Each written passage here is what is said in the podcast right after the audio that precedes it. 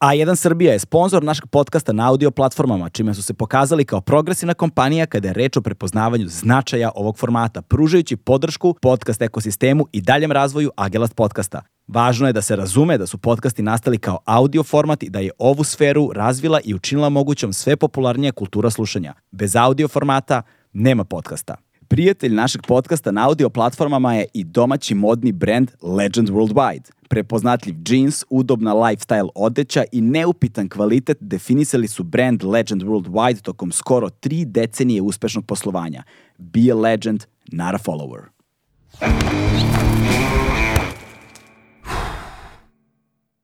Hmm.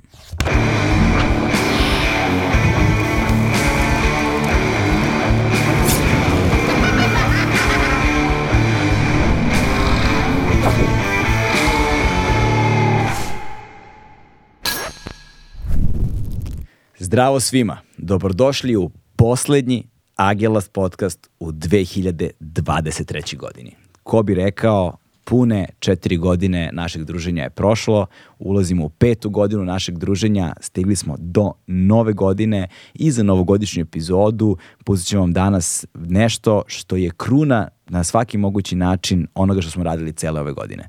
Cele ove godine smo zaista uradili puno nekakvih novih stvari, sessione smo doveli do jedne tačke kojom smo najzad zadovoljni, kojom se nadamo će nastaviti dalje da živi kako treba. Pokrenuli smo novi projekat koji nosi naziv Tamo daleko. Snimili smo prvu epizodu kada smo išli na Arktik, odnosno na polarni krug.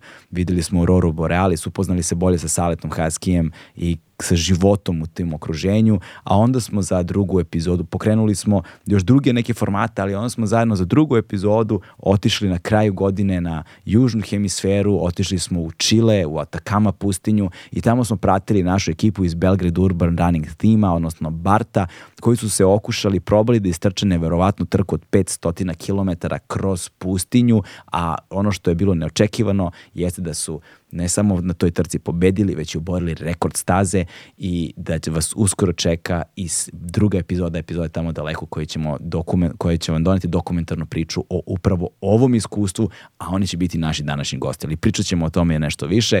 Pred svega želim dakle da vam poželim a, srećne praznike, da vam se zahvalim što ste sa nama sve ovo vreme, što nas pratite, što nam pružate podršku, jer bez vas ne bi bilo ni nas. Ovoga puta govorimo o jedinstvu ljudi koji su, zahvaljujući izuzetnoj logistici, zahvaljujući izuzetnoj posvećenosti, zahvaljujući izuzetnom prijateljstvu i požrtvovanosti, uradili nešto što je van svakog očekivanja. Ne samo što su uspeli da pretrče 500 km kroz pustinju u, na drugom kraju sveta, već što su u tokom tog trčanja uspeli da pređu elevaciju, odnosno nadmorsku visinu od 0 do 3600 metara u jednoj od najsurovijih mesta na planeti Zemlji, jednoj od najsurovijih pustinja, to je Atakama pustinja u Čileu, gde su izdržali sa elementarne nepogode, gde su izdržali velike temperaturne razlike u toku dana, izuzetno su vazduh, izuzetno jake vetrove i izuzetno jaku konkurenciju. A to su uspeli upravo zbog tog jedinstva koje imaju.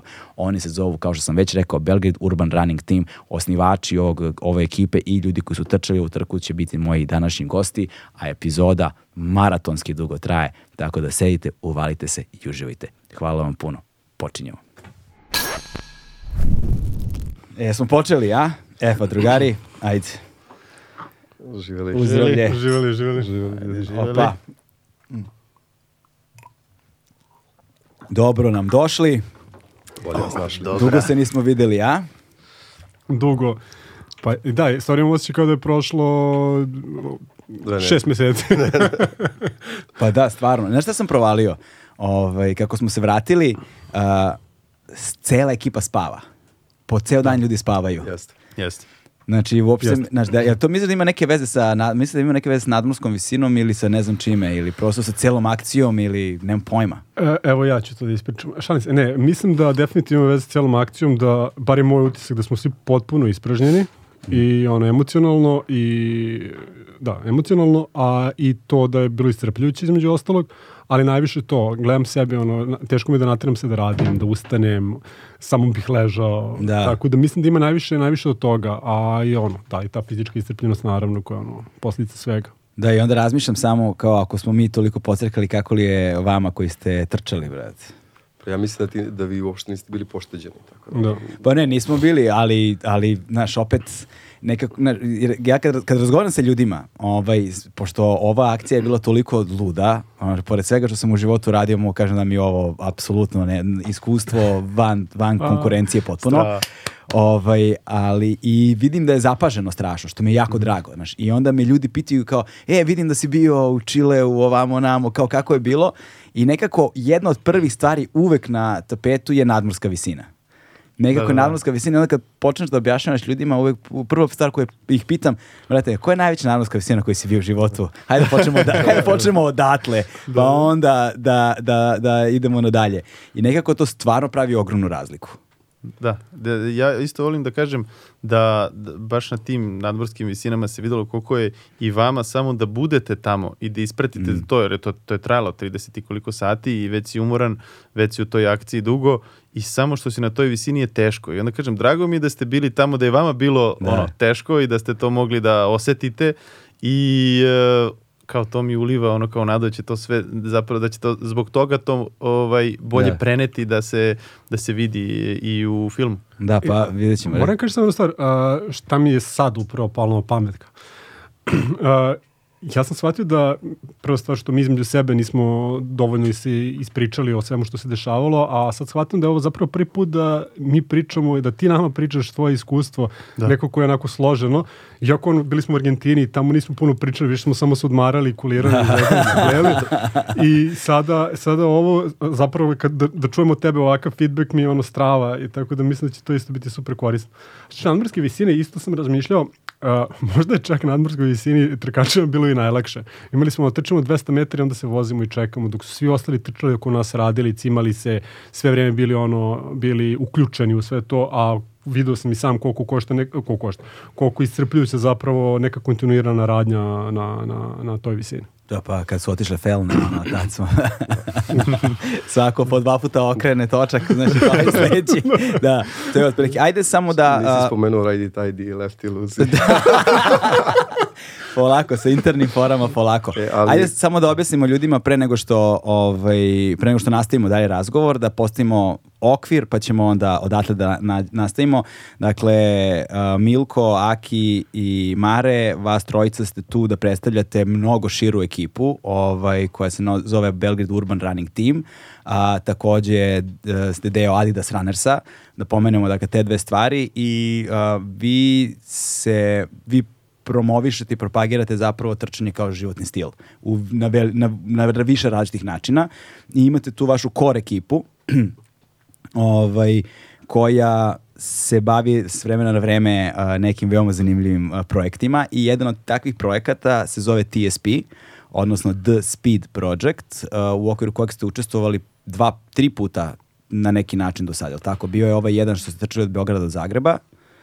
Koliko Od ima? Zagreba do Beograda. Od Zagreba do Beograda, Da. pa koliko to kilometara ima? Bilo je, ovaj taj u povratku, taj TSP što je bio, bio 400, a pre toga smo mi radili našu štafetu koja je bila, na, na, nabuli smo je da bude 442 km. Da, zato što ste imali saradnju sa ekipom iz Zagreba, Zagreb Runners, ili tako? Zagreb Runners, da. I ta vaša saradnja se zove 442. Krug, 442 da. krug. 442 krug. Znamo da nema toliko kilometara. znamo- Nema veze, ali svi znamo i Bajaginu pesmu, tako da i svi znamo mit. Da, pa mit je da važan, zapravo svemu tome nije uh, ono, ta priča o, o, o nečemu viš je važnija nego zapravo ta istina u tom trenutku, činjenica kakva god da je. Ali definitivno 442 predstavlja tu neku, Da. predstavljalo je tu razdaljenu između Beograda i Zagreba i zbog toga smo tako to nazvali. Stvari, prvi, kad spomene 442, prva, prva asocijacija je Zagreb, Beograd. Ili ti to, ili, da, ili kod nas je najčešće asocijacija, nije to razdaljina Da, da, tačka. da, tako da. Ali to si pomislio, Da, žao. to si, da, e, ovaj, ali pričat ćemo naravno o svemu tome, samo dajemo onako ono, jedan uh, krovni, krovni opis cele stvari i uh, zapravo sve to i uvod u, u no, zapravo vi ste posle, bio je taj Zagreb Beograd kad ste trčali, a onda ste radili dva TSP projekta, jel te bili su od uh, Los Angelesa do Las Vegasa, to Tako je je. nekih 500 km. 500 otprilike. Da, malo Tačno 500. Ima, ne, ne, ima i više. Da, ona prva Ođe ruta ruta. je bila 550, Aha. ali obzirom da ruta nije zakucana, nego ljudi mogu da traže prečice, ona se, kako negde pronađu neku prečicu i skrate, ona se polako smanjuje i sad je ona tu negde oko 500, ja mislim. E, i, ovaj, i kruna zapravo, razlog, glavni razlog u kojoj ste ovdje, ali ćemo pričati o svim ovim stvarima naravno, jeste a, TSP projekat koji se desio u Čileu pre nekoliko, pre dve nedelje. Fazon. Da. Čovječe, kako, kako skoro deluje, ono, kako je skoro bilo, deluje kao da je baš davno bilo. Dakle, pre dve nedelje se desio u Čileu, a, bila je desetogodišnjica a, TSP-a i oni su rešili da naprave nešto drugačije, nešto ekstremnije i ovaj, organizovali su trku a, od Iquiquea do grada, do grada San Pedro de Atacama, ovaj, što je otprilike oko 500 km takođe, s time da postoji mogućnost prečica, ali ćemo to sve objasniti, ali ovog puta kroz Atakama pustinju sa nadmorskom visinom koja je išla do 3600 metara, ali tako? 3400. 27, mislim da je bilo. Tako ne, dakle, Otprilike. otprilike. to i da napomenemo ljudima, Atakama je ono važi za najsuvlju pustinju na svetu, na velikoj nadmorskoj visini, sa ogromnim temperaturnim razlikama i kruna svega toga u toj trti ste ne samo pobedili, nego i oborili rekord staze. Dodamo da Otakam ima i vetra, što uopšte nismo očekivali. Da, Tako da. i to boga mi ozbiljnog vetra. I ističemo da je najsuvlja, a zapravo je, kako tamo oni kažu, najsurovija. Ne samo najsuvlja. Da, da, ovaj, e, imali smo sreće da budemo tamo s vama, ovaj, tako da mogu da potvrdim to što si rekao. Nemam baš puno iskustava sa pustinjama u životu, ali ono što sam osetio nije baš nešto što bih očekivao da doživim svakoga dana. Um, tako da, da stići ćemo jel te, do, do, same, do, sa- do samog Čilea, ali bih prvo da počnemo a, zapravo od samog burta, odnosno barta, pardon, pošto ovaj, znam da neki od vas su alergični kada se kaže burt. Pozdrav za Johnny. to je isto kao što ovi gejmeri, kada kažem igrica, zaboli i glava i onda moram da govorim igra. A, uf. Kompjuterske igre, ne igrice, molim te. E, ovaj, hajde da počnemo od Barta. Ovaj, a, kada i kako nastaje ta ideja zapravo o organizovanju nečega kao što je Belgrade Urban Running Team i zašto baš to? Znaš, ko će počne od vas? Samo Možemo, možemo ti i ja. Mislim, pazi, znaš kako, zato što kultura, kultura trčanja je danas stvarno rasprostranjena i već godinama unazad. Ali nije bilo tako do, ne znam, pre deseta godina recimo, znaš, a kada te vide u helankama da trčiš po gradu, vjerojatno će ti dobacuju. Da. Jeste. Da, da, pa to bilo je- je tih situacija na Jel početku. bilo, a? jeste. E, pa zato me zanima kako je to nastajalo baš u vreme pre nego što je ta kultura razvijena na tom nivou. Evo, počet ću ja pa su bacio. da.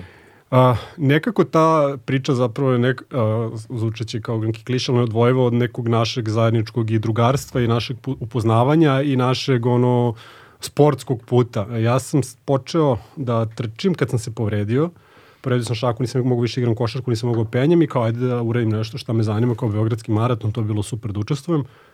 I krenuo se pripremam za polutku 2013. godine e, kao ajde hoću da uradim i sretnem na trci Milka koji isto tako na istu ideju došao da uradi jednostavno smo po, ono tu Bez su operacije. da bez operacije da znamo zbog čega Da. neki pozdrav je krenuo da dobije rekao tako da će ga skinuti Da. e, i bilo Na polumaratonu. da. E, i stvarno, a Milko smo ja smo se znali sa nekih drugih treninga pre toga i ništa, jednostavno smo tako krenuli da trčimo. Trčali smo opet i sledeće godine, umeđu vremenu ja sam pozvao i Marka pa sam ga isreo na nekoj trka, ali to sada manje, manje više nije bitno.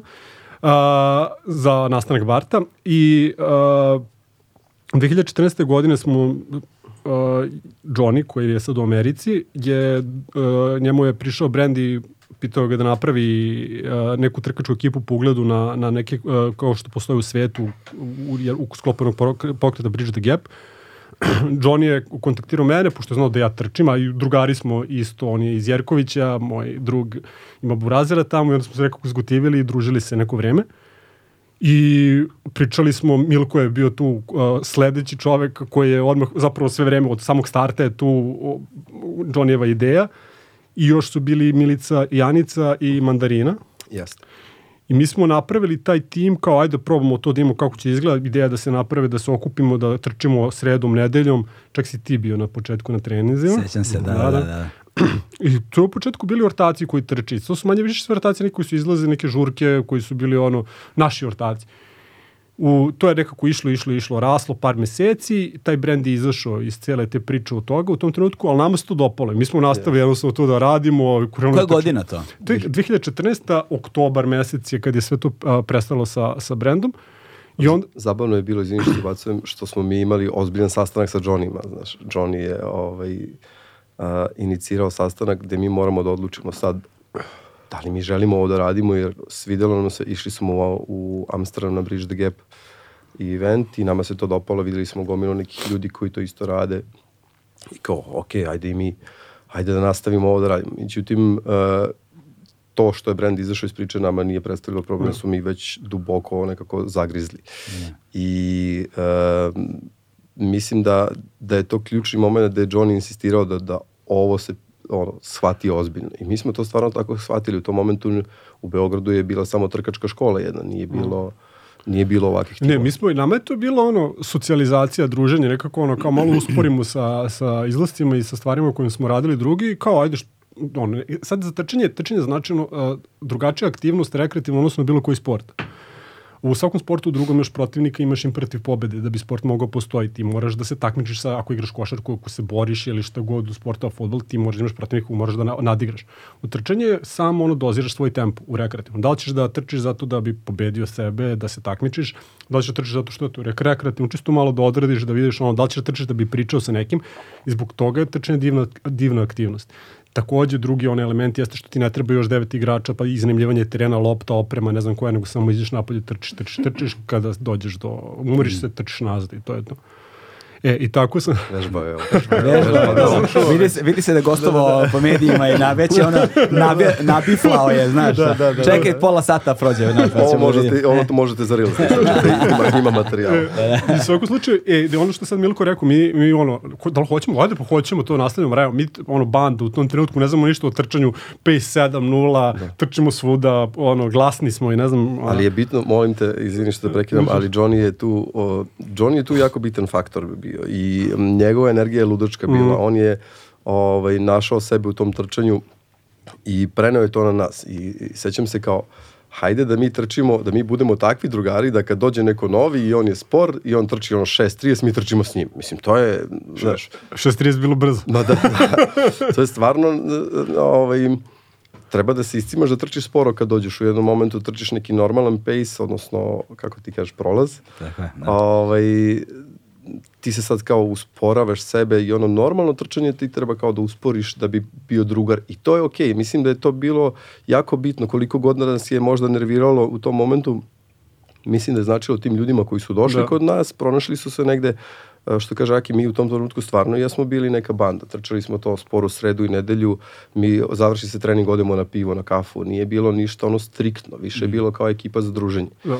I dopalo nam se to i to je samo vremenom raslo. Dole, e, super je stvar što smo svi iz različitih delova grada i svi smo privukli neku svoju ekipu. I nisam iz različitih delova grada i različitih manje više ono, a, profila i obrazovanja i zanimanja, ono, svi smo, da, manje više različiti. I Na taj način smo zapravo doveli različite ljude kojima je, vidio si sam sad u Čileu, svi ljudi su ti zapravo različiti koji imaju jednu stvar koja ih zanima, jeste trčanje, ispostavit će, svi su oni dobronamerni, super i bilo je nikad ono, bilo je vrhunsko druženje. Danas nije samo za Bart. I tad, ono, kad je izašao brand, mi krećemo to da radimo i mi nastavljamo, trčimo, ekipa raste i raste i raste i odlazimo u Berlin. Se, ti, ti, ti sećaš Berlina, da? Da, dobro, to je već bilo 2015. 15. da, neka e, proleće. Berlin i onda posle toga pravimo Beogradski A šta je maraton. bio. Berlin, berlinski maraton? Ne, berlinski Polumaraton. u martu koju smo 2015. godine. Otišli kao, ajde idemo prvi put neku trku malo grupnije i bilo ludo putovanje, nas Koliko vas je 15 bilo? otišlo. 15 da. Ma, mislim, to znaš kako zezanje je bilo, ono, mi smo imali gajbu, dosta gotivna gajba, Mm. o, svi su bili nekim drugim delovima grada, potpuno svi drugačije iskustva i dopadne nam se. Posle meseci i po dana Beogradski nama dođu neki stranci i tu, ono, stvarno, to je to, kao tim je porastao i ovo ćemo nastaviti da radimo. Tako Da, da, je, da. to je, to je ono početak Barta, recimo, ako i hoćeš da dodaš nešto slobodno, nisi sigurno Ne, sam- mislim, sve si rekao u principu. Meni je fascinantan taj fenomen jer ja eto spletom okolnosti po, poznajem atletiku kao sport i poznajem dosta atletičara i onda postojalo je, postojalo je trčanje među ono, ljudima koji se bavili atletikom. A, vrlo mali procenat ljudi je van toga trčao, obično ljudi koji su imali neki konkretan cilj, znaš, da li su želeli da se bave kardijom da bi pospešili neku drugu vrstu treninga, da li su ljudi koji su imali ono b- živjeli u- želeli da smršaju ne znam šta ali, ali obično su vodili račun o tome da to rade ne znam na trakama u teretani ili na primjer ako su atletičari oni će da gledati što mekšu podlogu na kojoj će da trče. Ako trče napolju trče će ono u šumi nekoj na zemlji na to ali kao ceo taj koncept urbanog trčanja kao trčanja po ulicama grada ovaj, je nekako u to vreme, sećam se ja kad sam dolazio kod vas, bio mi je malo čudan, bio sam ono kao, prate, saobraćaj, automobili, kao trotoari, tamo neki prolaznici, ljudi. Ja znam da to iz današnjeg ugla delo je a, možda malo naivno i bez veze, ali to je stvarno bilo tako tada, Jeste, znaš. se. Dve stvari su tu bitne. Prva je da smo mi želeli nekako da budemo primećeni da naša ideja od početka bila kao um, da, da trčanje bude sport za sve Mm. i da ljudi, ljudi su dobrodošli da dođu i da trče sa nama. I m, tr, bili, nismo bili toliko, toliko velika grupa kao sada i e, mogli smo da odemo da trčimo kroz Knez po gradu do Manježa. Nije Kroz, problem kroz da- železničku stanicu. Da, nije problem da, da kao, jer možeš da kontrolišeš tako malu grupu. Danas nemamo priliku da trčimo po gradu, s obzirom na to da nas je preko 100 na treningu. Jednostavno, Napravite haos. prođete. haos na pešačkom. Izvini, ima ne- onaj, nije ima, onaj snimak neki, on, onaj viralni, znaš, kad su neki crossfiteri protočali pored kafića i izazvali paniku, da, Da, su da, svi da, krenuli da, da, da. beže. Ste vidjeli to? To je E, a doslovno šta sam tako. htio da kažem, da se vratim na ovo, recimo to, e, to je nekako i naš utisak bio, ono što si ispričao malo pre da je mali broj ljudi trčao. I moj, naš utisak je zapravo se mali broj ljudi u Srbiji zaista bavi rekreativnim sportom, odnosno rekreacijom. Ako se bave nekim sportom, imaju ono principe profesionalnog sporta u, u rekreaciji, to je takmičenje, to je uneka, ono, povređivanje i nije re, zapravo rekreacija to neko gde treba zapravo da se oporavljaš znam, ponovo kreiraš ili kako god se to, što je značila rekreacija, već je, već je ono takmičenje i to je to. A kad, te, kad trčiš ili bilo šta koji drugi sport, aha, jel si pobedio, aha, aha, kao zašto dobiješ neke pare, jel ovo, znači toga uopšte nema. Iako mi kao važimo da kao za neku sportsku naciju, da, ali ako im jedino u vrhunskom sportu, ako imamo dobre rezultate i to je to ostalo, u, suprotnom ti ne treba se baviš tim. I to je nekako narativ koji je ono dominantan kod nas i, i kroz ovu, kroz ovu našu ekipu i za trčanje, kroz našu ideju jeste nekako ideja da se ta svest o trčanju kao s- najboljoj rekreaciji po nama, zapravo podigne svest u rekreativnom sportu, prvenstveno u Beogradu, zato smo odatle i onda jednostavno, ono kao, možeš da se baviš sportom, a da, da ne budeš dobar u tome. Da, to je Samo- okej. I samo ovo, to što si spomenuo, ko je, ko je trčao tada 2014. je nama u tom trenutku nekako išlo na korist i jako nam je bilo zgodno u jednoj prilici kada smo kao tim otišli na jednu trku na Adi koja se trčala u krug i tamo se pojavilo nas, ne znam, 30-40 koliko nas je tada došlo ono u nekim našim majicama i nekako smo odskakali od tog proseka ljudi koji inače dolaze na trke tog tipa. To su onako bivši neki rekreativci ili onako već ljudi u nekim o, ono, kasnim godinama e, i Kasnim godinama za profesionalni sport. Da, da, da, za, za, za sport generalno. Znači, onda misliš, Ovaj, onda, onda misliš bivši, bivši profesionalni sportisti. da, da, da, ovaj, ili, ili, bi- ili baš bivši rekreativci. Pa, bukvalno ljudi koji su već onako u nekim ono, godinama za ono, u penziji ili Da. tako dalje. Marko, I, jako se treba bude korektan. da, da, trudi vidi se, vidi se koliko se trudi. ali- jeste, jeste, da. Ovaj, ali e, Kažeš vremešniji. tada e, na takvoj jednoj trci nas je primetio e, Salaški, trener koji je atletski trener i koji je dolazio na, na te trke i zna koga tu očekuje. Jedan put sada vidi ono 30-40 mladih i na, ta, prišao nam je nakon te jedne trke kao ko ste vi, kao šta, šta, odakle vi ovde sada, šta radite?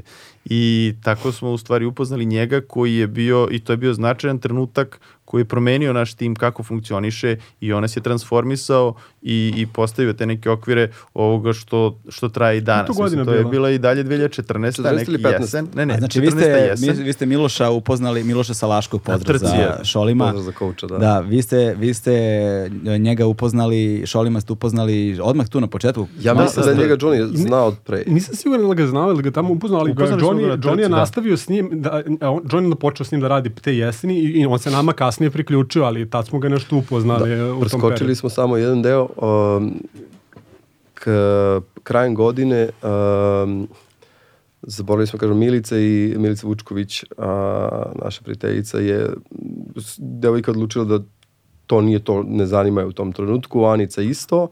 I njih dve su se povukle, jako bitno, jer e, ja sam e, se pre, prebacivao poslom u Zagreb i e, John je bio u fazonu ljudi, malo nas je, tim raste, ne možemo samo ovo Aki i ja da radimo. A, Marko je tu sa nama bio i jednostavno se nametnuo kvalitetom kao osoba pre svega a, da sposoban je i kao može Marko da nam pomogne. Pokazivao inicijativu, jedan Tako od je. retih koji zapravo pokazivao inicijativu za da pre, i da preuzme odgovornost za, za bilo što što radi. Tako je. I onda smo rekli, ok, hajde da uključimo Marka da bude, da bude sa nama. Tako da to je bilo posle par meseci od početka osnivanja tima, ali faktički da, Marko nije osnivač tima, ali je Marko... ali Morate Marko da- morate da Seća- naglasite. Ne, ne. Sećaju se, sećaju se kad sam došao. ali želim da je ljudi naglasim... koji se sećaju kad je došao. Ne, ali želim da naglasim da je to bilo jako brzo i, i nakon što smo osnovali tim i Marko je ono jednostavno neizostavan deo tima. Da, da. Mislim da sve ovo što smo danas uradili, dobar deo zasluga ide njemu. Da, slažem se apsolutno s tim. Tako da O. nije, nije nužno što da bude osnivač. si- kako si došao na prvi trening? Pa ja sam, ono, trčao sam, volao sam da trčim i pre toga, ja sam, mislim, prvu trku istrčao 2008. ili 9. prvi polumaraton. I, e, Ti si isto bio košarkaš. da, i sam trenirao basket dugo. I, e, onako, polako sam krenuo da trčim, vidio sam da tu distancu polumaratona mogu da istrčim, da mi treba ono kao malo da se spremim, čisto igrao sam neke možda baskete rekreativno i kao to mi je dovoljno da mogu to da uradim. Međutim, kad sam teo da istrčim maraton, znao sam da treba mnogo više da se spremim. I onda sam tu hteo da pronađem nekoga, da trčim zajedno sa njim, da mi to ne bude dosadno, da me motiviše, da se jednostavno zajedno guramo. I video sam, znao sam Aleksu i Dareta e, i još neke iz, iz ekipe koje su tada trčali i onda sam im pisao, rekao, ajde, kao, da im šta se dešava, da Da. dođem ja da trčim sa njima i to je bio, mislim da je tim krenuo od juna, da je osnovan, a ja sam negde krajem jula, početkom avgusta krenuo da dolazim da, da trčim sa njima, da bi kapiten postao negde tamo u januaru, februaru Da, do kraja godine. 2015. Ok, e, sad, šta me zanima? Prvi maraton. Ja, imamo strava Uh. priča. Prvi mar- Pa, ali, ali ne prvi maraton kao možda vas kao Barta, znaš, nego pre, vaš individualni prvi maraton, znaš, ono, kada čovjek prvi put istrči 42 km i 195 Istrči. metara. Evo, Ok, skoro je bilo. Ne, pa ispričati moj prvi maraton. E, Znaš, to mi- je ipak i podvig sam za sebe, Da. znaš. To je, to je bilo odmah te jeseni 2014. Mi smo trčali to spora sreda kada pratimo najsporije koje je na tom treningu i imamo nedelju kada trčimo 7, 8 do 10 km onako malo brže. I jedne nedelje dolazi Johnny i kaže ja sam prijavio maraton za sledeću nedelju. E, ali, ali on je bio, te da, on je bio u Ljubljani pre toga sa Jacom i kaže, uh, prijavio se maraton, Jacu, hoćeš ti? Uh, može. I oni su se prijavili tamo, Da, i oni su došli na trening i kao nekoliko njih je prijavilo maraton. I Ja gledam, Gojko. Da, bio je Gojko, Jaca, ja razmišljam, rekao, ok, kao oni su tu negde slični, kao ajde da i ja prijavim da probam. Da, da. Trčalo se na Adi pet i po krugova i razmišljam, rekao, neću otići negde, trčim kroz neki grad, da stanem negde tamo u Zemunu ili ne znam, o, ako sam u Beogradu ili ko zna gde, ako sam u drugom gradu i onda ne znam šta da radim, nego tu sam na Adi, mogu u svakom trenutku da stanem, Ali kao Zemun sačekam, je referenca za daleko. daleko. Pa ne, kad ti su s ove zatvore- strane rekao, znaš. ok, ja koji sam ovde na Zvezdari, ako stanem tamo u Zemunu, nijem prevoz, ne radi, šta da radim? Znači, nemam, imam tri sata da stignem do kuće. I kao tu sam na Adi, u svakom trenutku mogu da stanem, sačekam onaj vozić da me prebaci do parkinga i idem kući, baš me briga. Da. Kao probaću. I Mislim, onaj traktor sa... vo, Tra- vozi. tra- traktor sa prikolicama. prikolicama. to, to, to. I tako da sam ovaj, krenuo u taj prvi maraton, trčao sam sve vreme sa Gojkom baš e, i nas dvojica polako istrčali smo ga za 4,5 sata i ono kao vidiš da i to može. Da, pet sati je limit, jel tako da, dobro. Šest. Šest, Šest, pomerili su. Da, da. A znaš um, sad sve ove stvari koje, smo, koje smo mi radili, nadam se ćemo pomenuti deo njih u, ovde, uh, su... No Uh, pressure, galebe, dokle možeš da ostaneš. a, su e, nekako nama sjajno iskustvo koje, koje mi danas prenosimo drugim ljudima, jer mi stalno kažemo, niko od nas trojice nije trener, coach Salaški je bio trener dok nije otišao u Ameriku, posle toga su uključila Biljana Cijanović koja je trener i dan danas kod nas i u... A, ja, nekako nam je jako važno da napomenemo svima da to što smo mi uradili jeste kao luda glava, ali to baš nije pametno. Sa, sa aspekta, od, uradit ćeš uh, maraton, uh, prilično tešku endurance disciplinu, na 10 treninga je samoubistvo. Iza, mislim, možeš, svako to može pod uslovom da je zdrav. Svako može jednom. Da, ali Pa Jaca, Jaca, izgubit ćeš izvini što te prekinem, Jaca imala stres frakturu stopala, Stopala, posla. tako je. Šta je stres fraktura?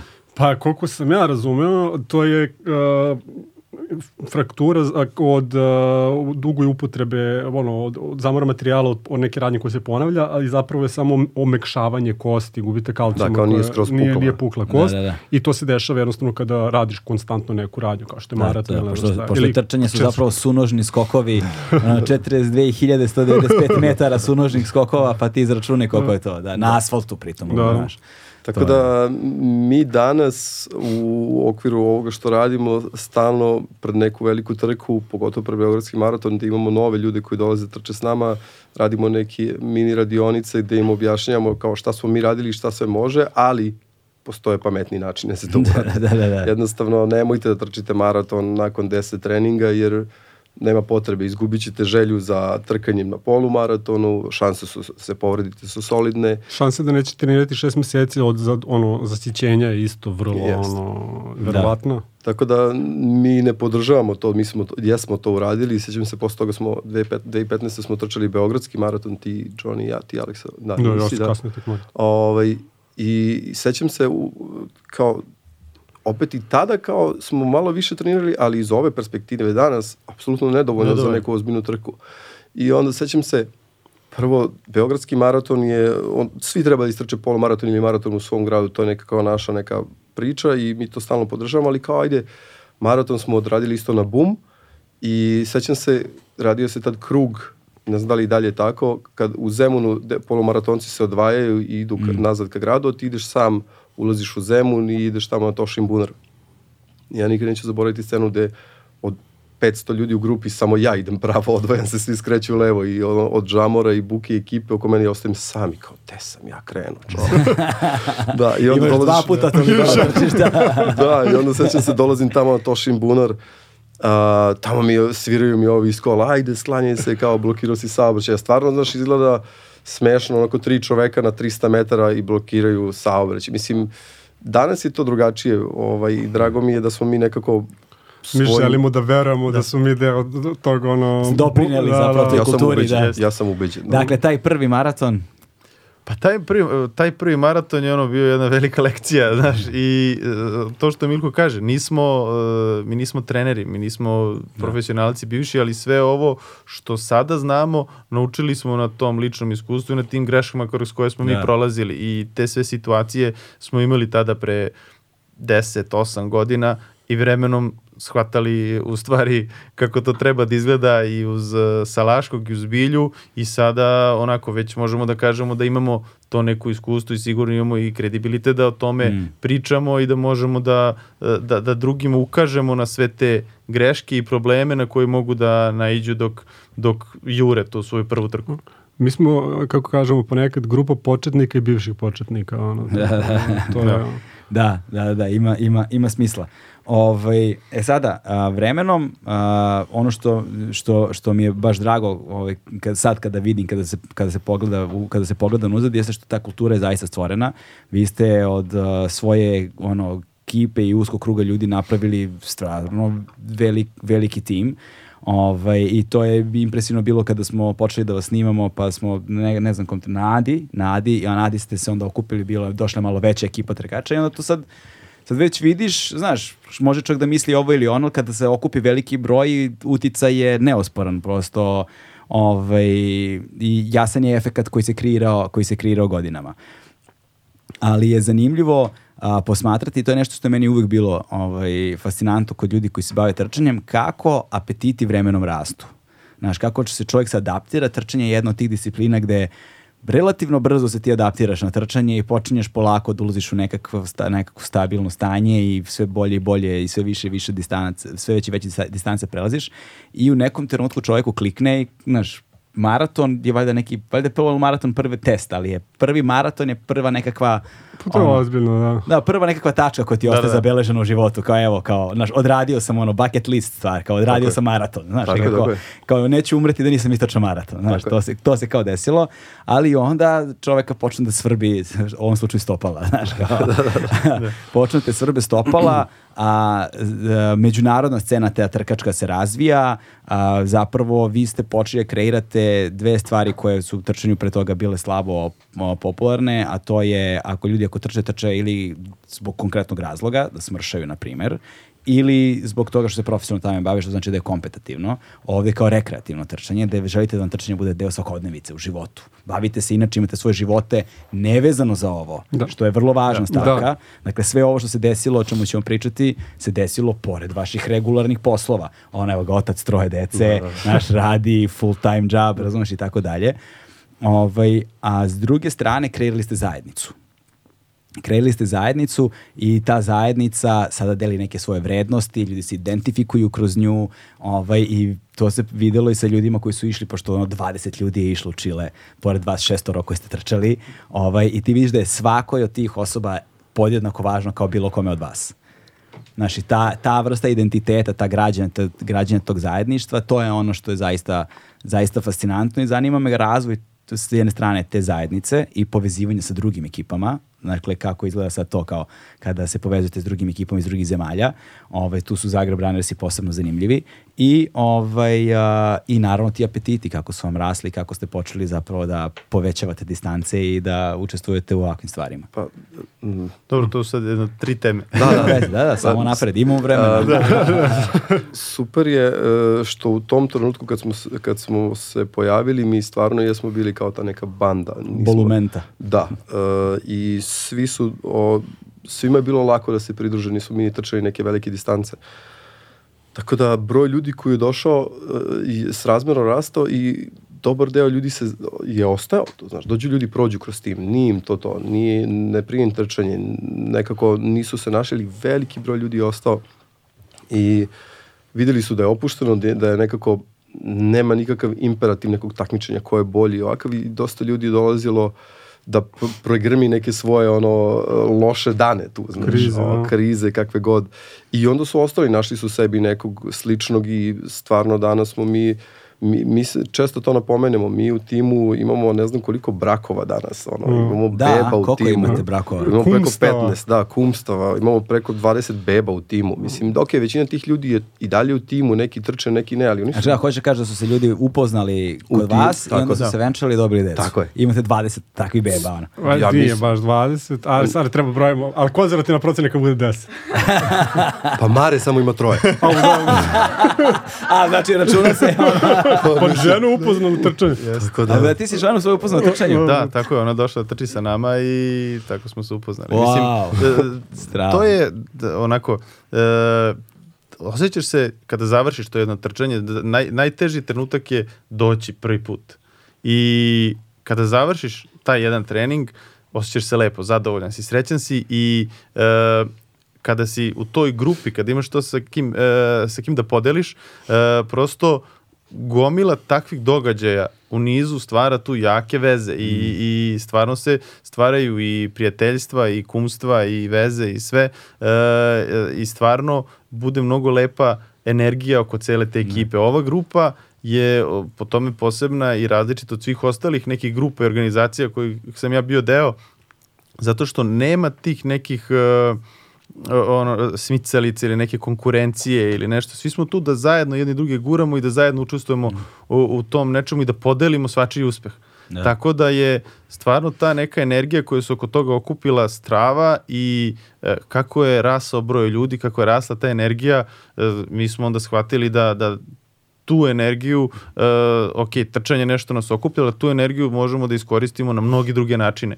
I zato je uh, kod nas trčanje i sam taj rezultat ili brzina potpuno sporedna stvar. Ima mesta za svakoga. Koliko god da si ti brz ili spor i koji god da ti je motiv da si došao na, na tr, da, da trčiš, da li da smršaš, da li da, ne znam, se družiš samo, da li da, ne znam, se poboljšaš u podlažemo. nečemu, to ti je, ok, kao imaš mesto tu za sebe. Da, I da. sigurno ćeš imati sporije, sigurno ćeš imati i brže od sebe, sigurno ćeš imati i one koje dele iste te ove, Ko je najviše napredovao? Ono, li neko ko je došao užasno spori kao sada je... U, pa imamo neki sada u Adidas trenercima koji su trkački da su napredovali jako, a da ih ne spominjem po imenu, po imenu ne znam, a, bili su ljudi koji su izgubili kilažu i baš napredovali, baš oni sad se neki baš lože, što je i okej u nekoj početnoj fazi. Tako da ima raznih ljudi. Ja samo htio sam da kažem nešto za, za ovo kad smo bili na početku kao banda. Nam je došao onda coach Miloš Salaški da nam bude trener i a, ono iz našeg iskustva atletičari su u, o, ili ljudi koji su do tad trčali ti neki vremešni rekreativci, kako Marko kaže, svi su neko nekako uh, ljubomorno čuvali tu zajednicu, onako, uh, Amerika, ono, Sekta. Amerikanci imaju dobar izraz, ono gatekeepovanje, gate, Da, da, da. E, kao čuvaju kapiju da niko ne može da uđe. A, dok je Čuvari coach- dveri. da, bukvalno. ali coach je bio a, potpuno jedan, to je jedno od naj, on ne zna, nikad mu to nisam rekao, rekao sam u emisiji e, na radiju bio, ali on je jedan od najstrpljivijih a, osoba koje poznajem i osoba koja spreman da uči sve vreme. Da. Njemu je bilo teško da prilagodi program gomili ljudi, da bude program, da treninzi budu takvi da svako može nekako da napreduje samo u tome. Bilja je sad to preuzela isto jako dobro. I on je tako nekako sve to napravio, uobličio nas da možemo da imamo neku trkačku strukturu vrlo kvalitetnu zapravo i trkačke treninge koji će, koji će ljudima dati ra, dodatne razloge da, da dolaze. Naša ideja nekako od starta jeste da mi ljude, da trčanje uvek bude besplatno svako ko dođe, trčanje je besplatna aktivnost, ne možeš da naplaćujem kao, e, da, sad će trčiš samo, mi sada mi ti imamo ovaj program i ti ćeš onda tako najbolje napraviš, tako ćeš onda, pošto trčimo po gradu i ti moraš da platiš, ne, ono, trčiš po svom gradu, tvoj grad, koristi kako hoćeš. Možda rekao čudno, ali ne osuđujemo to. Ima ljudi koji, Da. koji Naplaćuju. Koji naplaćuju, ali to je okej. Ima ljudi koji sebe motivišu tako što odu da, Da, plate da trening. commitment Tako da- imaš, ti kad platiš Da, da. nešto imaš obavezu da doleš, nemam ništa problem, Tako je, tako ali je, to je da. naša, naša filozofija. Tako je. Ovaj, i, i, ko, I u svakom slučaju, šta sam htio kažem sada, da, da, ne, da. nema veze, ne, i... Za coacha. Da, e, i, da, pričao sam. Nema veze, nema veze, vratit ćemo Vratit se još ćemo milion se, puta dobro, na zašto Vratit ćemo se. Nije Aleksi problem da Da. upadne u reč. Sad, sad, sad, imam drugo nešto. Zašto možemo, zašto možemo da kažemo isto strava? A, mi možda ne pratimo toliko koliko, je- koliko se ko unapredio trkački, ali recimo primećujemo koliko, koliko su ljudi napredovali. Na drugim poljima. Tako je. A, imamo ljude koji do momenta dok mi nismo krenuli da putujemo Beograd-Zagreb, nisu imali pasoš, znaš. Nije im palo na pamet da odu u u Zagreb, tamo neki grad s kojim smo mi ratovali, znaš. Da, da, da. Ili, ili su im roditelji preneli to kao šta ćeš tamo, znaš to. Da, da, da. da. I onda nekako sad vidimo te iste ljude koji ono sami odu kolima ili busom odu u Zagreb, vide prijatelje, odu na vikend, vrate se. Tako da meni je to, meni je to sjajno. O, Ovaj, od, od, od tuda bridge the gap. da. Da, to make Pa a jeste. connection where there is a great difference. To sam sad da kažem. Da. Ove, ajde sad da poč, ajde sad da se pozabavimo time. Dakle, kada vi kako se upoznate zapravo uopšte sa drugim ekipama? Kako saznajete za druge ekipe? Kako To- šta, kao googlam e, druge ekipe koje trče u ovom Ne, gradu? ne, ali... Znaš, ne, ne, ozbiljno. Evo, da, daću ti primjer, i bilo je i to, ali a, prvo mi smo... Mi smo Gde ste googlali, kao otišao sam, koji ste, kao, znaš, da li neko trči od... Ne, ne, nego, evo, e, ajde da počnemo prvo od ovog kad smo pomenuli da smo otišli na prvi Bridge the Gap, the Gap, Bridge the Gap event u Amsterdamu. To je 2014. Da, oktobar. Mi smo tu upoznali preko 10-15 timova iz uh, čitave Evrope. Amsterdamski maraton je vrlo popularan, uh, maraton i polumaraton u istom danu i veliki broj ljudi trči trku i dosta timova je došlo. I mi smo upoznali ekipu iz Berlina, iz Kelna, Iz Amsterdama, Da, Hamburga. Da, da, da, baš ekipu. Idu kao, tu su ti neki isti ljudi, znaš, sve isto radi. Kako ste ih upoznali, šta? Pa, Ništa- uh, Bridge the Gap, hoćeš ti? Ti ćeš. Izvini. Bridge the Gap uh, kao pokret je datira još ono pre 20 godina ekipa koja je osnovala Bridge the Gap, Bridge Runners iz Njujorka, oni su ceo taj pokret um, aktivirali i mislim traje, znaš, kao to je leg, ozbiljan legacy danas, 20 godina, ali imali su par centralnih gradova u Evropi i u svetu i kad se, kada je trka i maraton u tom gradu, taj grad ima Bridge the Gap event i onda dolaze svi. Aha, okej, dakle, samo da ako se da razumem. Dakle, Bridge the Gap je neka ekipa iz Njurka, Ne, ne, Bridge the Gap je movement, e, pokret. ali iz A- Njurka. A, Bridge Runners su Počeo je iz Njurka. Aha, znači, da, znači, to je ekipa koja zove Bridge Runnersi, Tako je. koji su vratno oko na šta, Brooklyn Bridge-a, Tako je, tako nešto. tako je. Nije, da. oko svih mostova. svih mostova Svih mostova u Njujorku. Da, Da. trče preko mosta u To Njurku. im je fora. Svaki, svako trčanje im ide preko nekog mosta u Njujorku. Ok, ok, i oni su se nazvali Bridge Runners. Tako je. I onda su oni napravili pokret koji se zove Bridge Bridge, Gap. Gap, odnosno premosti razliku. Da, Pa- ideja je da se te razlike koje postoje između različitih kultura kroz trčanje upoznaju i premoste. Premoste. Dobra da, metafora kao i distance premostavljaš, Da, da, da. pre- preliš most. Da, da, da, dobra je metafora, svako dobro ime, sviđa da. mi se, da, Da. da, dobra je I fora. onda imaš ekipe i, koji su osnivači, ajde, iz Pariza, Londona, Njurka. A, znači to je internacionalni pokret, Bridge Tako. the Gap je međunarodni da, pokret. da. A, Da, ja mislim- sam kapirao to samo neka ekipa iz Njurka koja se Ne, Bridge ne, ne, Bridge Runners, upuzno si ih, Da, upoznao ono Cedrika i ovog Španca sam upoznao. Nađe, da, oni su iz Bridge Vaje, Runnersa. Da, kako se već zove, da. Mislim, e, m, ono što nikad nismo dokazali, je mi duboko verujemo da je to projekat brenda Undercover e, e, i da je to po, počeo sa Bridge Runnersima, oni su našli podršku u brendu, aktivirali su još pet gradova, bio je Hong Kong, e, Harbor Runners, Oh, bravo. e, Mislim da je bio Amsterdam, London A, Amsterdam, London, Kopenhagen, Kopenhagen, bravo. i Berlin i Paris. i Paris. I to su kao bili BTG gradovi. I kad se radi, kada je trka u tom gradu, imamo event tamo i s- oni naprave mini program za taj vikend. Ma vikend, ono, dođeš tipa u petak, imaš welcome drinks, subota je neka pasta party, druženje. Shakeout run. I shakeout run, ono, pre trku da se rastrčiš malo, i u nedelju trka i posle trke žurka. I nama su I svi žur- čekaju žurku. Nama su te žurke odgovarale. tu smo mogli da se pokažemo. Kao što trkački rizor. Ne, Imali smo scene različite na tim žurkama. ne, znaš šta, To mi mislim, reci. video si ti, znaš, mi kad, uh, mi smo, samo iz vrlo smo, Kopenhagena da ispričam Može, da, situaciju. da, da, Bila je žurka u Kopenhagenu, to je, to je bio Bridge the Gap event na kojim smo otišli prvi zajedno sa Zagrebčanima i gde smo 13. septembar 2015. 2015. i tu smo zapravo odatle je krenuo i 442 crew. E, tu smo nekako objavili Da, imali zajedno premijerku. svima, da. I bila je ta žurka i mi smo bili ono svi maksimalno raspoloženi i onda smo krenuli, oni imaju neke fore da krenu da skidaju majice tokom, tokom trke. Kopen- ovi iz Kopenhagena. Ovi iz Kopenhagena. Svi su, oni su uglavnom bivši profesionalci, svi su ultra brzi, ono, građeni, svi Izgledaju spremni, sve, da, da, da. Kao to su, a modeli. ultra brzi, to su 2.30 maratoni. To, Da, da, toliko da, da. brzi. Da, mislim, a, a rekreativci su ljudi- poslove, razumiješ? Mi smo došli oni kao imate pace grupe, kao da pejsujete na polumaratu i oni kao imamo 1.15, 1.20, 1.25. A mi kao, znaš, E, pa okej, Mi nemamo kao ne- nikoga ko trči. Ništa, mi ćemo, mi ćemo sami. Kao. nema veze. E, u Pa ne, ne trčimo uopšte. da, da, da, ovaj, uh, pa mene tamo za ispod 1.30 Pejsovo lik koji ima ono kao 50 i kusur godina, ima 2 metra i 130 kila, kao aj kao ti ove spore na 1.30, znaš. Tako da, uh, ej, bila je ta žurka i oni mi tu neke fore kao da u nekom trenutku krenu da skidaju majice i mi krenemo da idemo kroz, uh, Da, mi kroz smo masu. pritom doneli, doneli smo rakiju, svima davali rakiju. Da, svi doneli smo 16 litara rakije. A, smo da, da, da, znaš, to Znači, u principu Zato svako... imamo sad rakiju ovde. Da, Svako ko krene ponese ono flašu rakije u koferu koliko može da ponese i onda to tamo tokom vikenda onako na taj način se malo i nameće. Tro, trošite. Da, da, da. I uh, oni skinu majice i sad gore su bili neki oni stari lusteri što imaju, znaš, onako s onim kristalima i, i uh, mi krenemo da im uzimamo majice i bacamo gore da se kače na luster koji je na 3 metra, 3,5 metra, shvataš i više. I oni koji su skinuli majice, odjedan put ostaju svi bez majice, ne mogu više da ih, dota, da ih dohvate. A Marko je uzeo jedinu motku koja je bila išao kroz onu masu kao Mojsije i tražio da mu plate da skine Da, majicu. da, ja sam uzeo motku jedinu koja može da ih dohvati i sada svi oni moraju da priđu da me zamole da im skine majicu.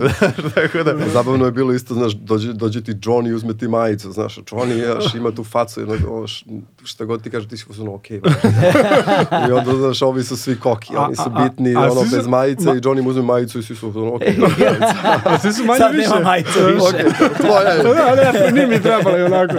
Ali ja, da. pritom mi smo svi poprilično... A to je septembar u Kopenhagenu, tako? Da. da. da. Znači nije baš ni toplo. Nije toplo, nije toplo. E, ali, hoćeš da, si te da naglaš ovo kako smo svi... Zna, to, da, ajde, ne, ne, izvoli. Ne, a nisam siguran da li je to to, ali svi smo visoki, ogromni smo i glasni, užasno. Da. I onda vrlo smo padljivi samim tim. Da, pa mislim, ti danci su ono, prosek 172, 3, 65 kila, da. znaš, mi imamo svi 190 i 80, 90 bez kila i prvo naš atletski uopšte ne izgledamo kao neki trkači više kao mm. neki košarkaši ali u odnosu na njih. I ne.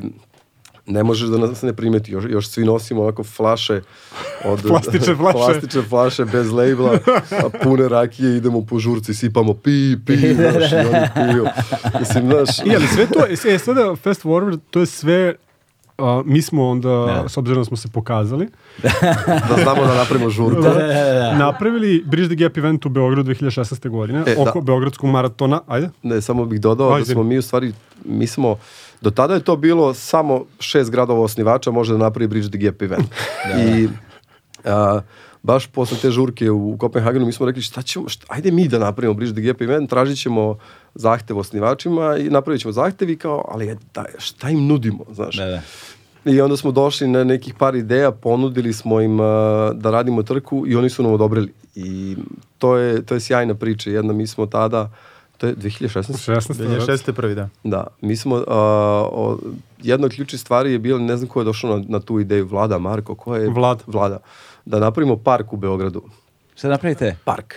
I mi smo, Zasadimo drveće. da, mi, Aha, da, mi okej. smo um, sad tu mesecima, znaš i sam kako ide birokratija u Srbiji, um, mesecima smo jurili gde da mi zasadimo to silno drveće. Koliko, de- koliko stabala ste Uh, da se... pa, mi smo, 20 i- 22 je, mislim, ili 21. Mi smo se dogovorili da svaki tim koji dolazi kod nas, na naš Bridge Gap, uh, dobija svoje drvo. Ok.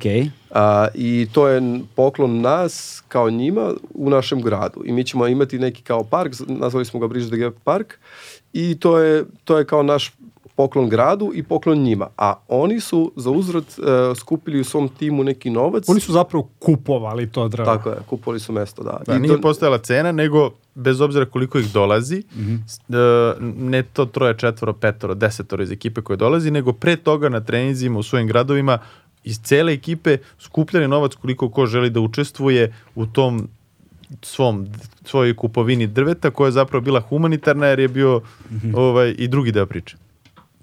Aha, Što ćutiš? Nastavi, da. Samo nastavi da, napred. i mi smo, mi smo se dogovorili da sav novac koji skupimo a, doniramo svratištu u Krvskoj, da oni su tada, a, mi, mi smo smatrali da možemo da im pomognemo tim novcem, našli smo zajednički jezik sa njima da im renoviramo kupatila i a, da sredimo koliko možemo taj deo i to je super, bili su ljudi iz našeg tima išli, pratili, a, vodili su gra, ne, vod, vodili su gradilište, bili su tamo sa radnicima, Aha. sav novac, nekako smo, sve smo slikali, nekako ž- želeli smo da to bude transparentno, jer na kraju smo skupili dosta love, u tom trenutku Oko 5.000 5000 eura. E, Svratište u tom trenutku imalo a, jedno kupatilo za, za sve, za, pro, Za klince za klince i za vaspitače. Mi smo napravili d, a, muško i žensko kupatilo i još kupatilo za, Strava. za vaspitače. Da, I to je- nekako prvi put smo tad videli da, da mi kao pokret možemo stvarno mnogo. Znaš. Da. To je ono što je Marko rekao kao, ono, kad je krenuo da smo mi zapravo u jednom trenutku primetili imamo neku energiju koja je preko trčanja. I to je to, onda je to se nadogradilo kroz to skupljanje tog novca. Mi smo, oni su donali taj novac stranci, mi smo imali 5000 evra, što nismo očekivali možda i više malo. I brati sad, šta radiš tim parama? I nama je bio problem da te pare damo bilo koje. Mi smo uvjerili neke Tako je. organizacije damo. Organizacije nisu htjeli da uzimaju novac, pa mi imamo već saradnju s ovim, imamo ovo, pa šta je projekat? Jo, brate, samo hoćemo da vam damo novac. I onda smo shvatili- piši projekat, brate. I onda smo shvatili da je to zapravo propala, da je to zapravo nezgodna priča. Kontaktirali smo svratište, to je Centar za integraciju mladih. Rekli smo, može, šta, hoćete, kako, kako vi radite? Pa sad, sad nama frka već damo novac, sad se bojimo i zloupotrebe, već smo postali paranoični, kaže, pa mi, mi smo vam napravimo nešto. Može, treba nam krov ili kupatilo. Može kupatilo.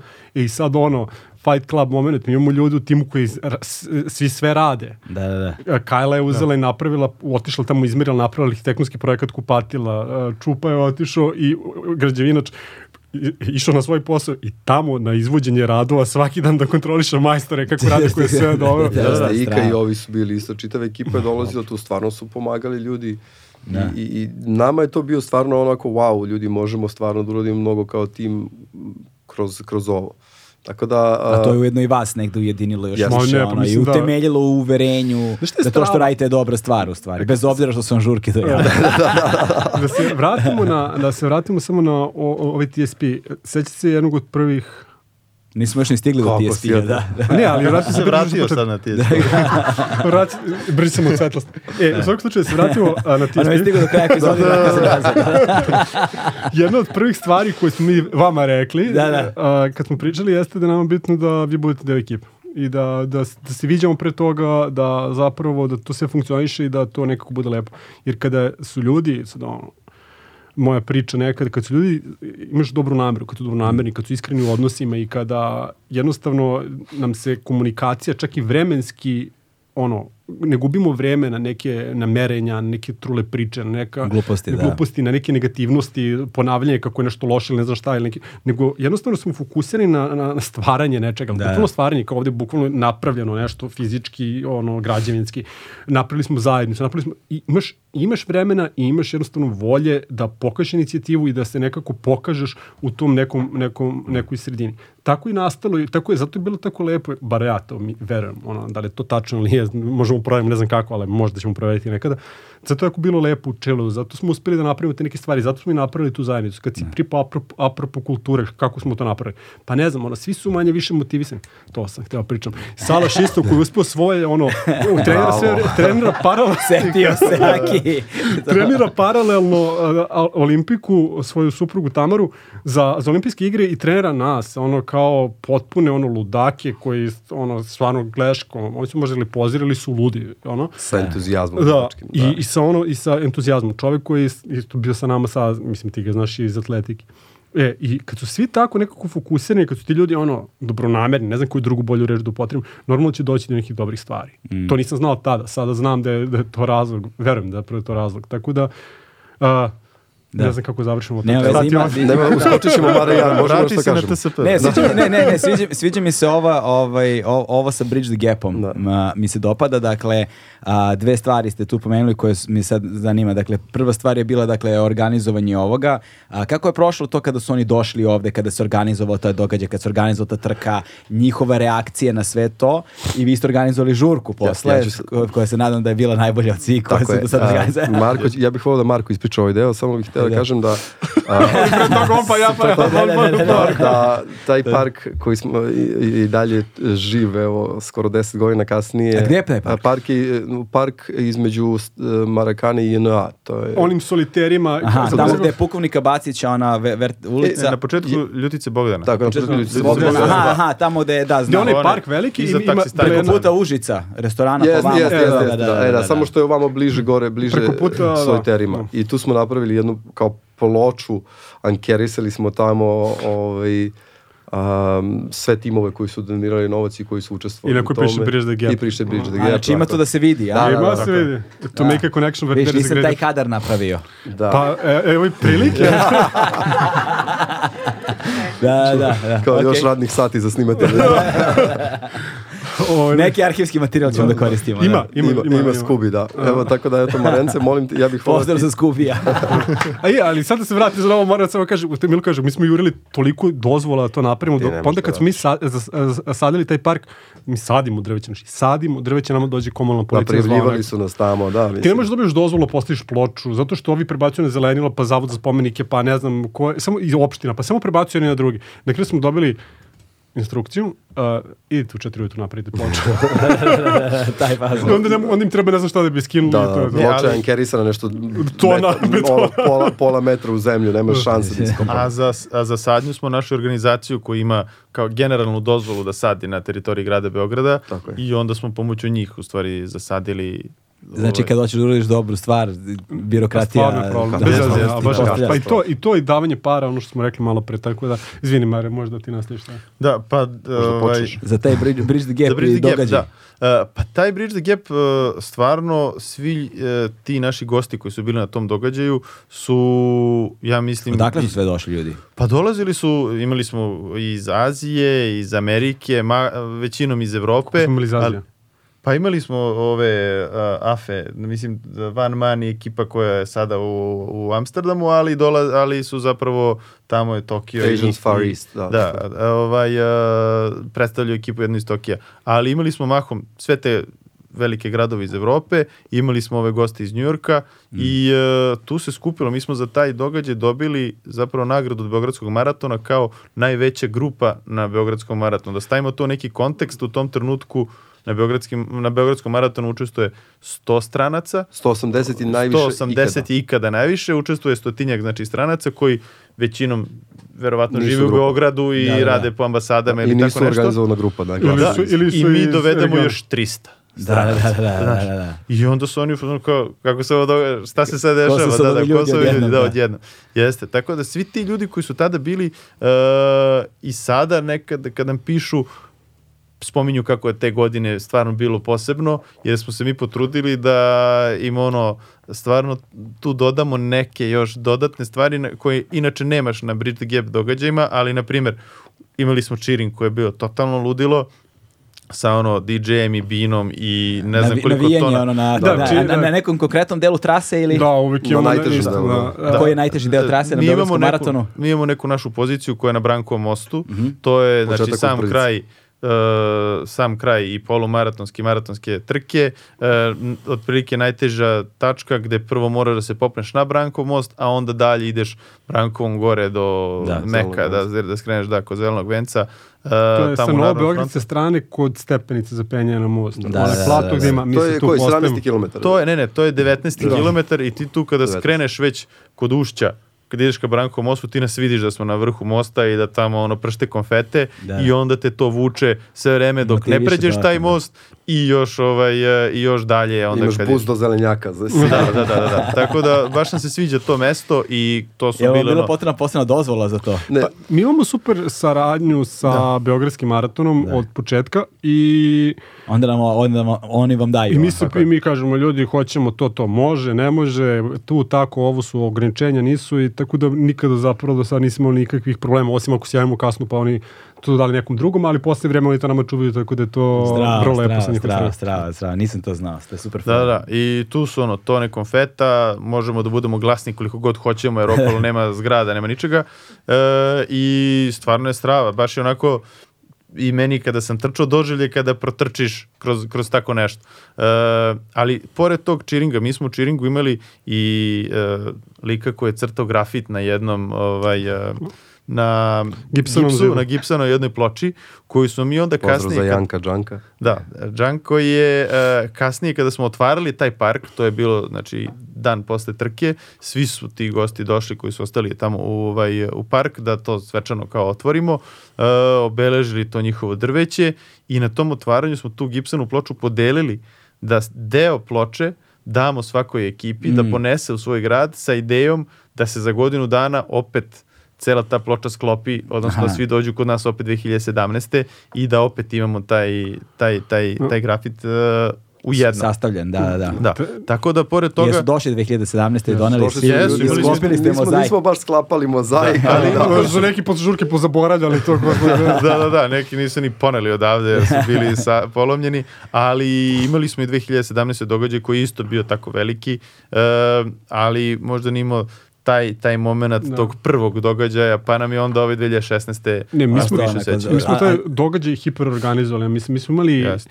mi smo imali uh, mini bus koji, Da, ne znam da, kako da, smo da, došli, da. koji je išao do aerodroma i to ljude. Capri je to išao. On je četvrtak i petak kad su oni svi sleteli u Beograd, e, mi smo im tražili da nam pošalju broj leta ili kako već dolaze i organizovali smo da jedan minibus stalno kruži od aerodroma do mesta gde, su, gde ih mi čekamo na nekom piću i on je dva dana bio u tom ovaj, e, minibusu Ko? Kap, Capri, Capri. Da, Capri, i dočekivao ih tamo na aerodromu. pozdrav za Da, Caprija, da, da, da, Capri koji je isto deo, Deo- deo, deo ekipe i bio da. deo podrške i koji je vozio čoveče trkače. Da, sve 30 vreme. 35 sati je vozio bez pre, prekida. Je napravio pauzu jednu da E, pređe u čekaj, sa- mesto. sa- samo pitanje, je, je li Jeep bio automatik ili manuelac? E, Jeep je bio automat. Dobro, da da se manuelac bio prva, druga, Da, da, da. 35 sati, poludeo. Mislim da bismo menjač- vratili auto i menjač posebno.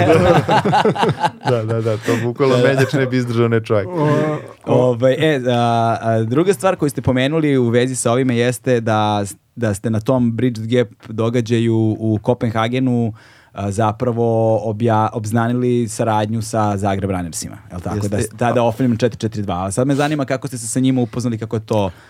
Na početku ti, što biste rekli, mi smo imali sreću da Milko ode u Zagreb. Ne, ali to ćete vi da ispričate. Ja bih samo dodao, a, ne bih, ne, je ne bih voleo da, ne bih voleo da ovo, da ovo ostane nezapaženo. A, žurka koju smo napravili tamo Ovo, u Beogradu bravo. bio je ovaj, ne postoji sad Place Monsoon se zvao. Monson, da. Mi smo doveli, ne, Iron je napravio line-up jer kao Iron stvarno ume da pušta muziku i odličan je DJ i pogotovo ume da napravi atmosferu nekako Voli muziku i objedi- zna, da, brate. i objedini nekako sve grupe ljudi, sve profile u našem timu. I sad, nas je tu već bilo 400 i nešto trkača, ljudi koji su došli s trkačima, podrška, naši ljudi odavde.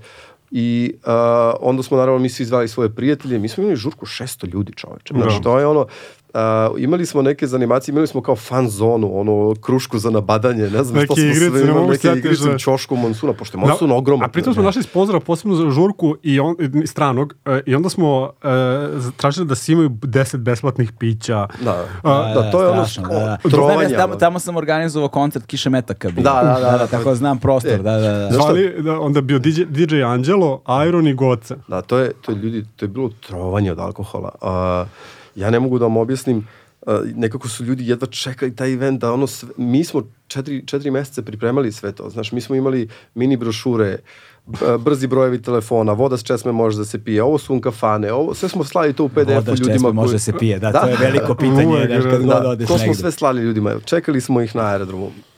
E, imali smo to welcome drinks, pa smo sutra pravili pasta party. Subotu je bila, bio maraton, pa žurka bila u subotu uveč. Bravo, bravo, da. Imali smo i pasta party u petak. Pasta party, ono, znaš, mi smo tada, to je 2015, imali bezglutensku pastu, ovo, vegane, vegetari, ono, izmišljali smo To, smo, to ono što smo videli kao u inostranstvu kako se radi, tako, Tako ćemo mi.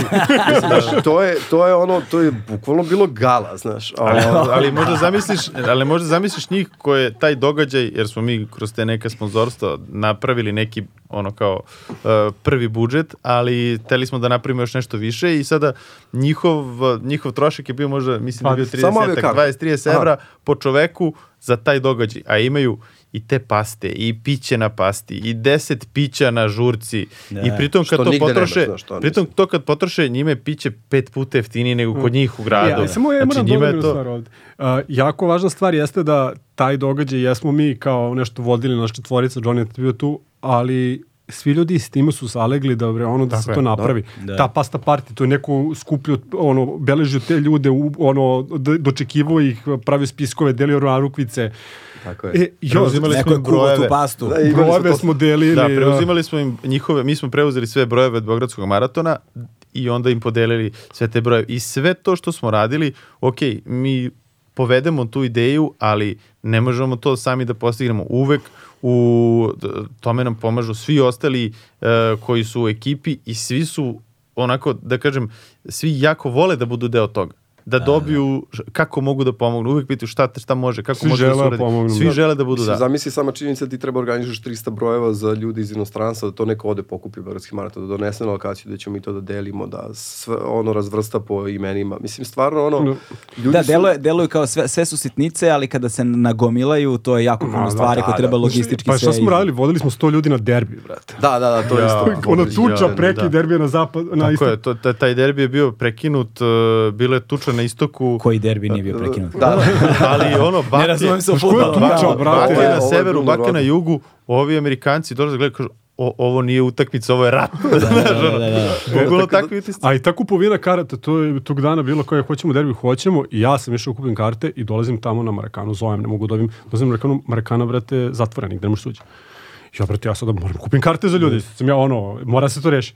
Ja ulazim, kako se zove, bilo je dan pred utakmicu, da li utakmica bila u nedelju, pa je to bila subota ili je to bio e, ono, petak pa subota. Ja se sećam, ja ulazim, idem od vrata do vrata, bukvalno, ali stvarno, u, u kancelariju fudbalskog kluba dolazim do ne, neke kancelarije, tad je onaj a, Radisavljević, Ravasavljević, kako se zove, bio sportski direktor, sećam ga se, Nemam čini mi se. Ja ulazim, brate, u jednu u prostoriju, kancelariju, oni jedu, brate, roštilj neki, krkaju, pričaju, ja došao da kupim karte za derbi. Kao, koliko ti treba karata? Pa sto. Treba, kao, pa idemo na ovu, kako se zove, kao, to je ekipa, hoćemo da idemo na derbi, objasnimo čemu se radi. Hm, pa šta, što ne radiš na Blageru? Pa ne radi Blagera. Pa koliko treba karata? Pa sto. Pa to, to je 120.000. Kover? Oj. Obriše, štampa? o, za ljude koji slušaju, obrisao je dlanove o pantalone, znaš.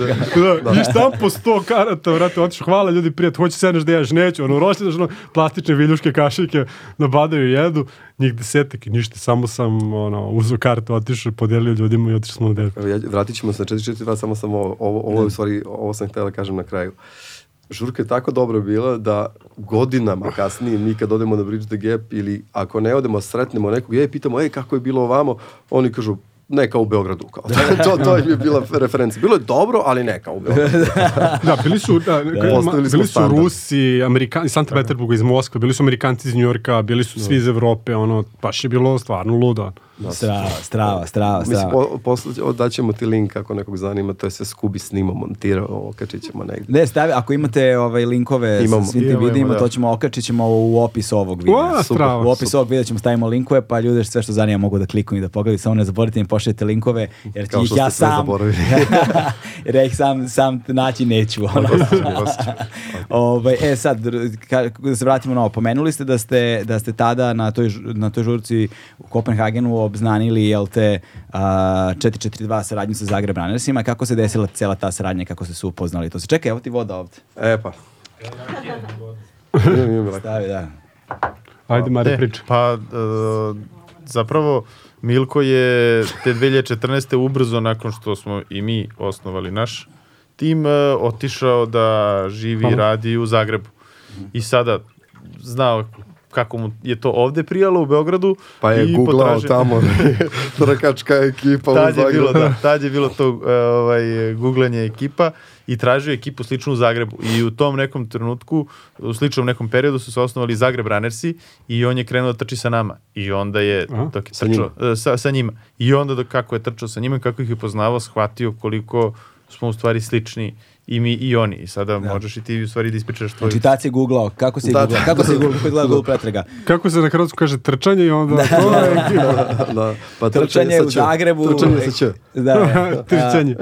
e- e- ekipa ili ne, momčad, skupina, znaš šta.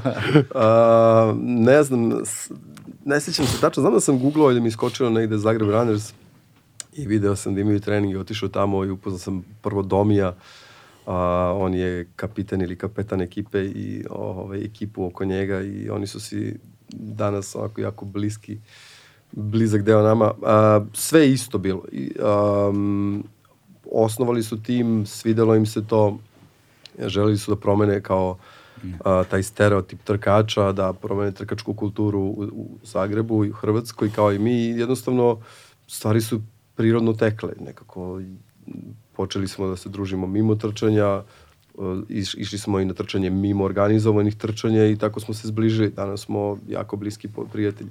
Da. E, sad e, nešto razmišljam o tome. a, mi smo recimo 10 godina nakon što je trčanje postalo popularno u svetu na taj način u, u kruovima, mi smo ovde osnovali kru, mi smo posle četiri godine došli na, na četvrti TSP smo došli i ove godine smo bili na, na prvom izdanju nekog TSP-a i to mi je nekako ono, ja sam kao klinac, ono, svi mi koji smo odrastali 90 manje više, bar ja, moj utisak da smo patili zbog toga što smo isključeni svih trendova, ono, svetskih, ono, i kulturnih, i e, socijalnih, i ono, ekonomskih, ajde, ekonomski manje više, jer je to, ono, ne zavisi samo od nas, i uvijek mi je to bilo žao da kaskamo za, za neče što se dešava, što je gotivno. I, ono, nama je to trčanje bilo de- 10 godina, sad smo nekako e, vremeno smanjivali, ja se zaista nadam da smo mi sada koliko toliko pozicionirani ono rame uz rame sa, sa svim aktualnim trkačkim dešavanjima u svetu. E, a znaš šta me zanima? Ovaj, se vratimo na Zagreb Runnerse. Ovaj, a to je, a, pošto kod nas postoji taj mit o pesmi 442. Znaš, jel taj mit posto, postojao ili postoji u Hrvatskoj? Nemam pojma, znaš. Ne znam, Njima koliko, ne znam koliko se Bajaga sluša, ovaj, koliko koliko se kao pesma 442 tumači na taj E, način. jedan fun Kada fact. ste im to ono saopštili, kom su fazonu bili? Ne, ne, njima je to isto bilo, e, glavna stvar je to je bila asocijacija, znaš, ti kad kažeš 442, svi kažu, a Beograd, Zagreb, bez obzira što to nema veze, ponavljamo sa kilometražom. da, da. Nekako je asocijacija Ali kao no- obostrana je ja asocijacija, mislim da da. jeste, ja se Da, ne da, sjećam da, toga. da. uopšte. E, samo jedna stvar, zanim, fun fact, a, ta pesma na, na ploči traje 4 minuta 42 sekunde. Da, da, da, da, da, da, da, da. Možda i to. Ali kada je ta ekipa, kada smo je osnivali, tu zajedničku, zajednički kru, uh, sećam se da smo ono sa njima komunicirali kao ajde da napravimo neki plan kada će oni da dođu kod nas, a kada ćemo mi da idemo kod njih. Da. Jer kao oni su bravo. tamo, mi smo ovde i kao ajde da vidimo kako će to da funkcioniše sada, jer postoji ta razdaljina između nas. I e, trudili smo se da se posećujemo, a e, nakon toga, nakon tih nekih prvih kontakata i kako se ta stvar razvila, sada je potpuno prirodno da neko maltene svaki drugi vikend je u Zagrebu ili, ili neko dolazi ovde, to su vrlo česte posete, ne samo e, kada je neki trkački događaj u pitanju, nego i ovako. Čekaj, ste tra, probali od da tražite prava za pesmu? Nismo. Nismo.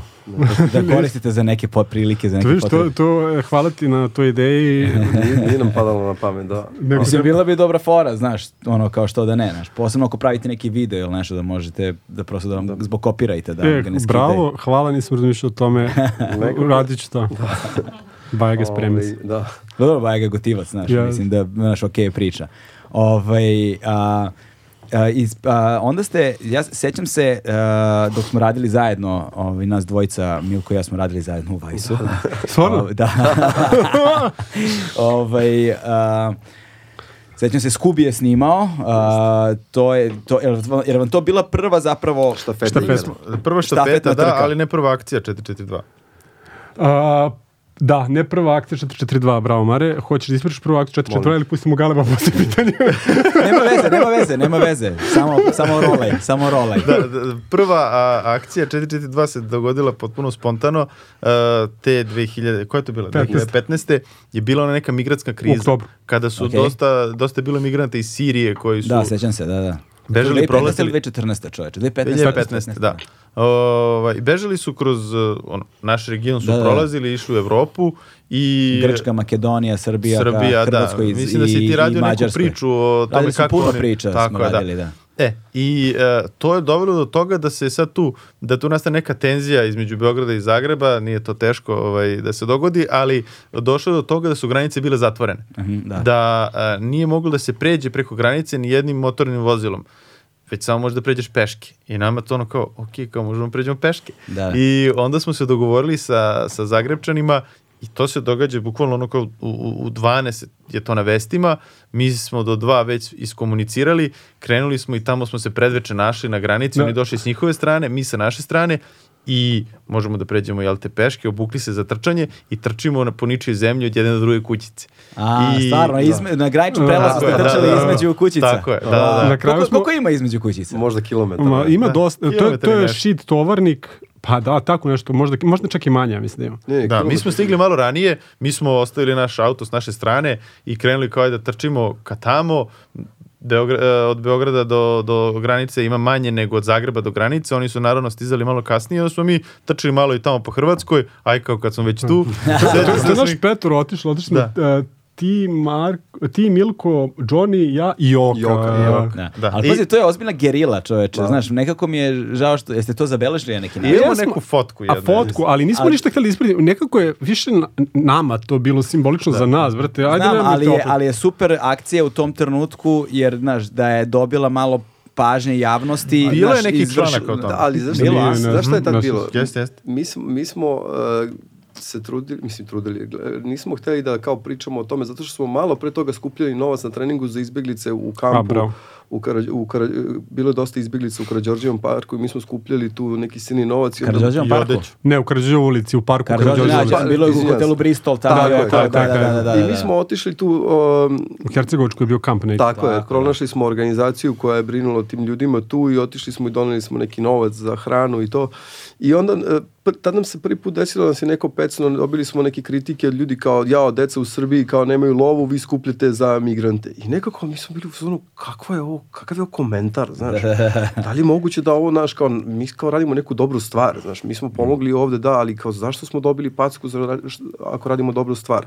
Zato ne čitaš komentare. Da, Da. i onda, da, istina. I onda smo o- ovaj, radili tu akciju i bili smo ono, brate, ne moramo sad da pričamo o ovome. Eto, viš, danas iz ove perspektive trebali smo, ali nekako smo ustuknuli uh, zbog glupe packe. Zato ne čitaš komentare. Da, da. Ponovit ću Da. još jednom. E, Da. ali, e, teo sam samo da kažem, kako znam da se to dogodilo pre, ovaj, pre te štafete koje smo trčali od Beograda do Zagreba. Mi smo pretrčali u Hrvatsku, trčali malo tamo i onda smo našli neku kafanicu koja je u tom trenutku jedina radila da, to da, veče. da, Da. kafanica je u tovarniku, Na kada se pređe rask- granica, jedina raskrsnica. Jedina raskrsnica, jedina kafanica. I mi kao aj tu ćemo sedemo i Posle čekamo jer ono kao ne, nećemo baš toliko da trčimo.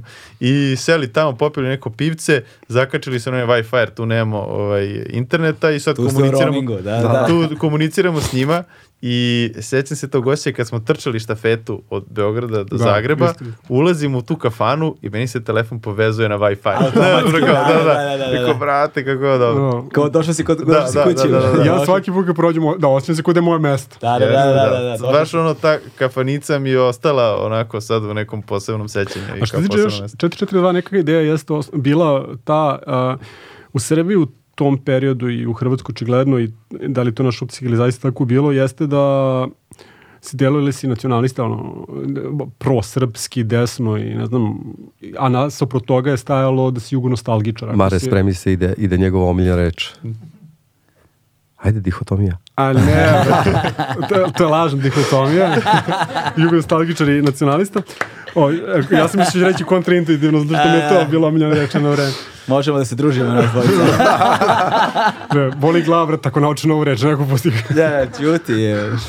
O, e, I u svakom slučaju, da. I, Izvini, ali stvarno, ne, izvini što sam prekida, samo mi je strava to poređenje, znaš, on uvek to poredi i onda kaže. Ne, jeste, zato što stvarno jeste. I onda nekako je, ono, ajde da imamo koja alternativa tome. Mislim, to su ljudi koji govore isti jezik, koji su tu blizu, koji su kontroverzni iz naše perspektive, jer je kao Hrvatska je ono, tradicionalno neprijatelj Srbiji, mislim, koliko to, kao šta god. I nekako je nama bilo, ajde da vidimo šta se dešava. I jednostavno, ti ljudi isto gledaju na svet, iste probleme imaju, s istim stvarima se susreću. Da, i super je to, bravo Aki, super Hvala. je da, da naglasimo, ovaj, mi uopšte nismo kao sad, mi smo, znaš, klinci smo u, u periodu stare Jugoslavije, tako da nemamo tu neku nos, ono, jugonostalgičarsku, um, uh, kako bih rekao, Pa nisi to ni osjetio, nemaš... ni, da, ni, da, ne, nemam tu nemaš emociju. A, iako, znaš, kao, da li ja smatram da je Jugoslavija bila sa, strava ili ne, to je kao lična Tvoja stvar. stvar, da. da, ali mi smo ovo uradili zašto su ti ljudi stvarno isti kao mi. Znaš, Ali- ono, i, Pa ti još pričaju isti jezik, je. da, Znaš, kao, i onda kao, pa sad isti, da li kao srpski ili hrvatski. kao tema za, za novih tri sata. Šalu na stranu. Ovaj, ne, Što stvarno, šalovi? i- isto se smeju, isto, znaš, iste je. su nam fore, sve isto. Jednostavno su bili u fazonu, ako ovo nije Bridge the Gap, ja ne znam šta je Bridge the Gap. Baš smo bili onako, wow. A ne, je- još jedna možda važna stvar koju nismo rekli. Svim tim putovanjima ti manje više ono putuješ kod tih ljudi ili otvoriš svoju kuću ili kod njihovu kuću. Ko- Dođu ti ljudi spavaju kod tebe na kauču, u tvom krevetu, na podu ili gde god. Da.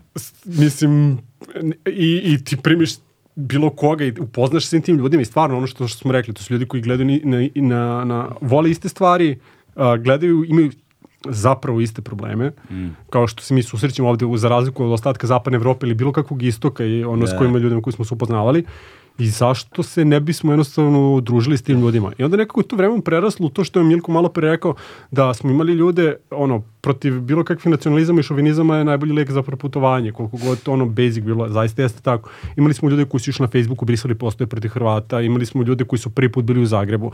Često smo pitanje dobijali kao, ja pa kada u Zagrebu, da li je to bezbedno sodi, da li ovako, da li onako. Mislim, svuda ima ono kretena gde možeš ti da, da nadrljaš i ako odeš u pogrešan kraj u Beogradu, malo je drugačije, jeste tamo zato što možda naletiš na nekog zaista, ali mi, ja bar nikada nisam imao nikakvu neprijatnu situaciju tamo. Da, ja sam živio tamo znači da godinu i po dana i, i, i ovaj, često sam se zezao sa njima, ovaj, uvek sam se u firmi javljao Bog, brate. Nekako mi je to bilo fuzija jedna i druga, ovaj, ali nikad nismo imali problema, ali mi je strava da, o, da se nadovežem na Akija, što danas ekip, ono, ljudi iz naše ekipe a, prvo pišu nekom od Zagreb Runnersa i su kod kuće da im osta, o, je- je- da dođu u goste ili ako ovi nisu kod kuće ostaje im ključeve. Mi sad više nemamo ono hotel, hostel, apartman. Airbnb. Be- nema toga, znaš, oni, i- znam Domi kad dolazi, ako ne dođe kod mene na ručak, moja majka se naljuti, ona se uvredi smrtno, znaš, što Da. Domi nije došao na ručak. Vo, vozio četiri sata, nije došao na ručak. I Tako da, svaki taj grad i svako to To brzo putovanje. vozi ako stigne za 4 sata. Znamo put kao. Zna prečice. Čuti, mislim da smo jednom stigli za 2.45. Da, da. A tebe znam kako voziš, tako da, znaš. E, ovaj, ali svaki taj grad... uh, Ali Mare si za- odmara tako vozi. Mare najviše voli duplu punu. Nije, nije tako. ovaj, uh, slušaj ovo ljudi. ne, ovaj, uh, svaki taj grad, kad odeš u Zagreb i kad zapravo imaš tamo neko ko će da te provede, koji, da, da ga vidiš uh, očima lika koji tu živi. Uh, I ne samo Zagreb, nego sve, svi ovi drugi gradovi. To je ono što je isto jako dobra stvar kroz ceo taj Bridge Gap uh, pokret, zato što uh, ti tamo kada dođeš nisi klasični turista, nećeš da odeš da gledaš, ne znam, Eiffelov toranj u Parizu, nego će to oni provući kroz mesta gde oni bleje, gde oni izlaze, nešto što je njima interesantno. Tako da, stvarno, taj, uh, taj pokret i to povezivanje sa tim drugim ekipama je stvarno jedan veliki kvalitet. E, moram da kažem još jednu stvar, pošto nisam rekao ništa dugo. Ovaj, ako se tiče mog zapažanja sa kroz 442 projekat koje nisam podelio javno, mislim ni sa kim, a možda sam vama pričao ovako. drum roll sad. Da, da, da. Ajde, Postoji, čuti. tako, Ekskluziva, postoji, postoji ekskluziva, takve da, stvari. da. znaš. Ekskluzivno. Ovaj, je moj, nešto, moj da. utisak, tebi će, sva, mislim, to biti zanimljivo. Mada verovatno znaš, intuitivno bar, ovaj, da naši ljudi koji su iz našeg tima bili ili su i dalje u timu, koji su malkice orijentisani desnije ili više koji su levo, više su se razumeli sa ljudima iz Zagreba koji su orijentisani desno, Da, da. nego sa nekim ljudima iz Beograda i Srbije koji su orijentisani levo politički. I to meni bio kao wow uvid koji ono potpuno propaštava bilo koje ideje o, o bar političkoj naciji ili bilo čemu. To mi je bilo baš baš onako super zanimljivo iz ove perspektive. To je tema za drugi razgovor. Znaš ga. Ali ne, nećemo, ali- nećemo ali- dozvolimo. Ali da- to smo naučili iz 44 Da, dana. da, da.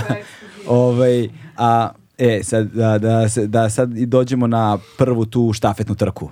Ovaj, Pošto treba stignemo do TSP-a. Da, ono što si pričao pre znaš. jedno 15 minuta. Da, da, da, nema Aj, veze, Mari, nema. Nema, nema veze, imamo vremena. Da. Ovaj, a, dakle, da, dakle, e, prvi put kada sam vas ja video zapravo na delu, da kažem, u, u, u ono kolokvijalno, jel te, a, kada govorimo o svim ovim stvarima, dakle, moja slika vas je bila malo preko Milka, malo preko Johnny-a, Ovaj, nisam znao da poznate Šolima uopšte, ono, u to vreme, ono, Šoli moj prijatelj celog života. Ovaj, a, I znao sam za Bart i otprilike šta to kako stoji i bilo je puno nekih tako ljudi iz grada koje sam znao viđenih koje sam zahvaljujući mre- mrežama sam viđao i to je otprilike to. Nisam znao više o tome.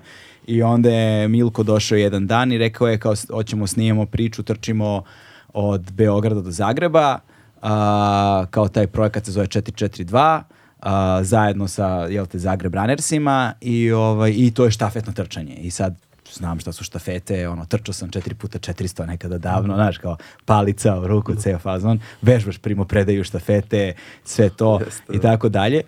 Ovaj, a, I sad mi je bilo zanimljivo, pri, prvi put čujem, tad sam prvi put u životu čuo za štafetno trčanje na ono Toliko razdaljinu, da, da. 442 km, Da, da, da. znaš, e, tako, znaš, e, ovaj, na toliko razdaljinu i bilo mi je, bilo mi je, bilo mi je zanimljivo kao koncept i onda, sam, i onda mi je bilo, bio sam fazon, ok, kako vi to sad logistički radite, koliko vas trči, um, kako spavate, da li spavate, da vas neko masira, da vas, kako vas masira, kako pijete vodu, šta jedete, šta radite i tako dalje. Znaš, sad je tu puno nepozna, nepoznanica za mene.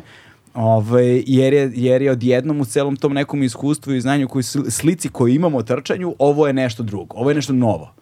Ovo je zapravo nešto, ovo je nešto novo. I mislim da je i dalje u iskustvima ljudi, u razum, ljudima kada, kada, kada ljudi razumijevaju koncept trčanja, štafetno trčanje na velikim distancama im je nešto ovaj, pa novo, znaš, nije toliko ovaj po- poznata stvar i ono sa sobom ima niz pratećih elemenata koji su strašno važni da se razumeju i da bi se razumeo i vaš uspeh u Čileu i onda nekako ovo je kao prva stanica na kojoj sad pričamo o tome. Ovaj, I naravno to je opet išlo sa jednom vrlo zanimljivom porukom koja je na tragu svega ovoga što, čemu smo govorili i trasa vam je bila tako organizovana, pa bih da pričate sad malo o tome. Ja sam bio u procesu jer, jer je Skubi snimao, jer se pravio film koji je išao na Vajsu, koji čoveče ne zna da ga ima i dalje. Ima, ima. Ima Ima, ga, da, da, Na Vajsu ga ima. Ne, da možemo Ima da okačimo link ako... Da, mislim da ima i kod Skubija na profilu. Da, da, ga, da, ne, što, da, ne, ne, nemam pojma gde ima taj video da se vidi ovaj, pošto je i Vajs ono, zaključao, stavio bra, ključ u bravu, pa nemam pojma šta Da. se sadržajem, da. Da, e, mi smo na ideju o toj trci došli da kažem, samo inicijativno, iako su tada e, već je postojao i The Speed Project kao koncept od LA do Vegasa, oni su postojali neke dve godine, ali mi nismo znali za to. Sada postoji mnogo takvih trka, ali naša ideja je bila da povežemo ta dva grada, da pokažemo da možemo to da spojimo i fizički kroz, kroz trčanje i e, da, da organizujemo koliko nam je ljudi dovoljno, razmišljali smo, e, razmišljali smo o toj trasi, e, razmišljali smo svim tim stvarima šta nam je potrebno da to uradimo, ali generalna ideja je bila da e, napravimo neku akciju koja će da skrene pažnju malo na ceo taj 442 pokret koji e, šta mi u stvari radimo i koje u stvari razlike želimo da povežemo. Tako da smo odlučili da imamo osam trkača iz Beograda, osam, igra, e, osam trkača iz Zagreba i da uvek trče zajedno. Jedan iz Beograda i jedan za, iz Zagreba, znači u paru trčimo i pravimo sada te A, neke da, smene. jeste, to je u paru bilo trčanje. Da, Da, da, da. da. da, Tako sam. da smo tu uvek imali jednog iz Beograda, jednog iz Zagreba. Nismo znali šta nam je lakše, šta nam je teže da, da, Pa nemate da uradimo. iskustva. Nemamo. Prvi put to radimo, došli smo na tu ideju kao ajde da probam. Sećam se da smo pokušali da organizujemo jedan kao minibus u kom bi mogli da odmaramo. Na kraju tog Koji smo i platili, a pojavio se kombi. Pojavio se kombi, da Da, da, da, da. da, ali se to posle ispostavilo dobro, zato što mi u tom kombiju koji je došao manji, nismo imali vremena, e, nismo imali vremena, nismo imali prostora ni svi da sednemo, ovi koji ne trče.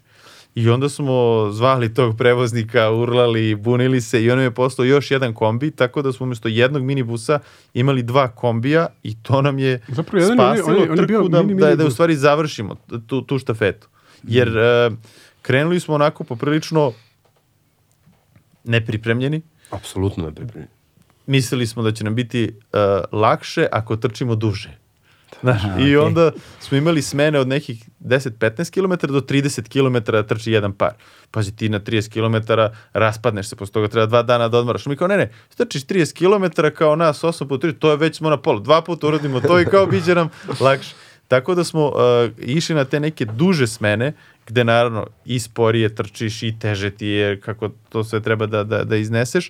Uh, ali ono što je još dodatno bilo nezgodno jeste što smo to radili početkom decembra, kada je bilo izuzetno hladno, pa smo onda zašli u neku noć kad, smo, kad je padala neka ledena kiša, Jeste. pa je dole bilo potpuna katastrofa od uslova uh, na koje nismo računali i mi smo bili jako blizu od toga da odustanemo, da to uopšte ne završimo, kao ok, ajde uradit ćemo ovo na proleć ili kao na leto, sad nije vreme.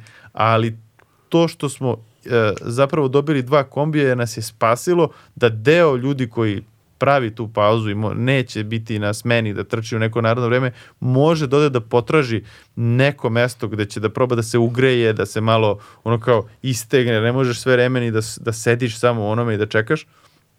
I našli smo neku kafanicu u Slavonskom brodu gde smo napravili neku bazu, pojeli nešto malo ono kao toplo i okrepili se, nekako smo se malo tu onako konsolidovali i rešili kao, ajde, završit ćemo ga sada.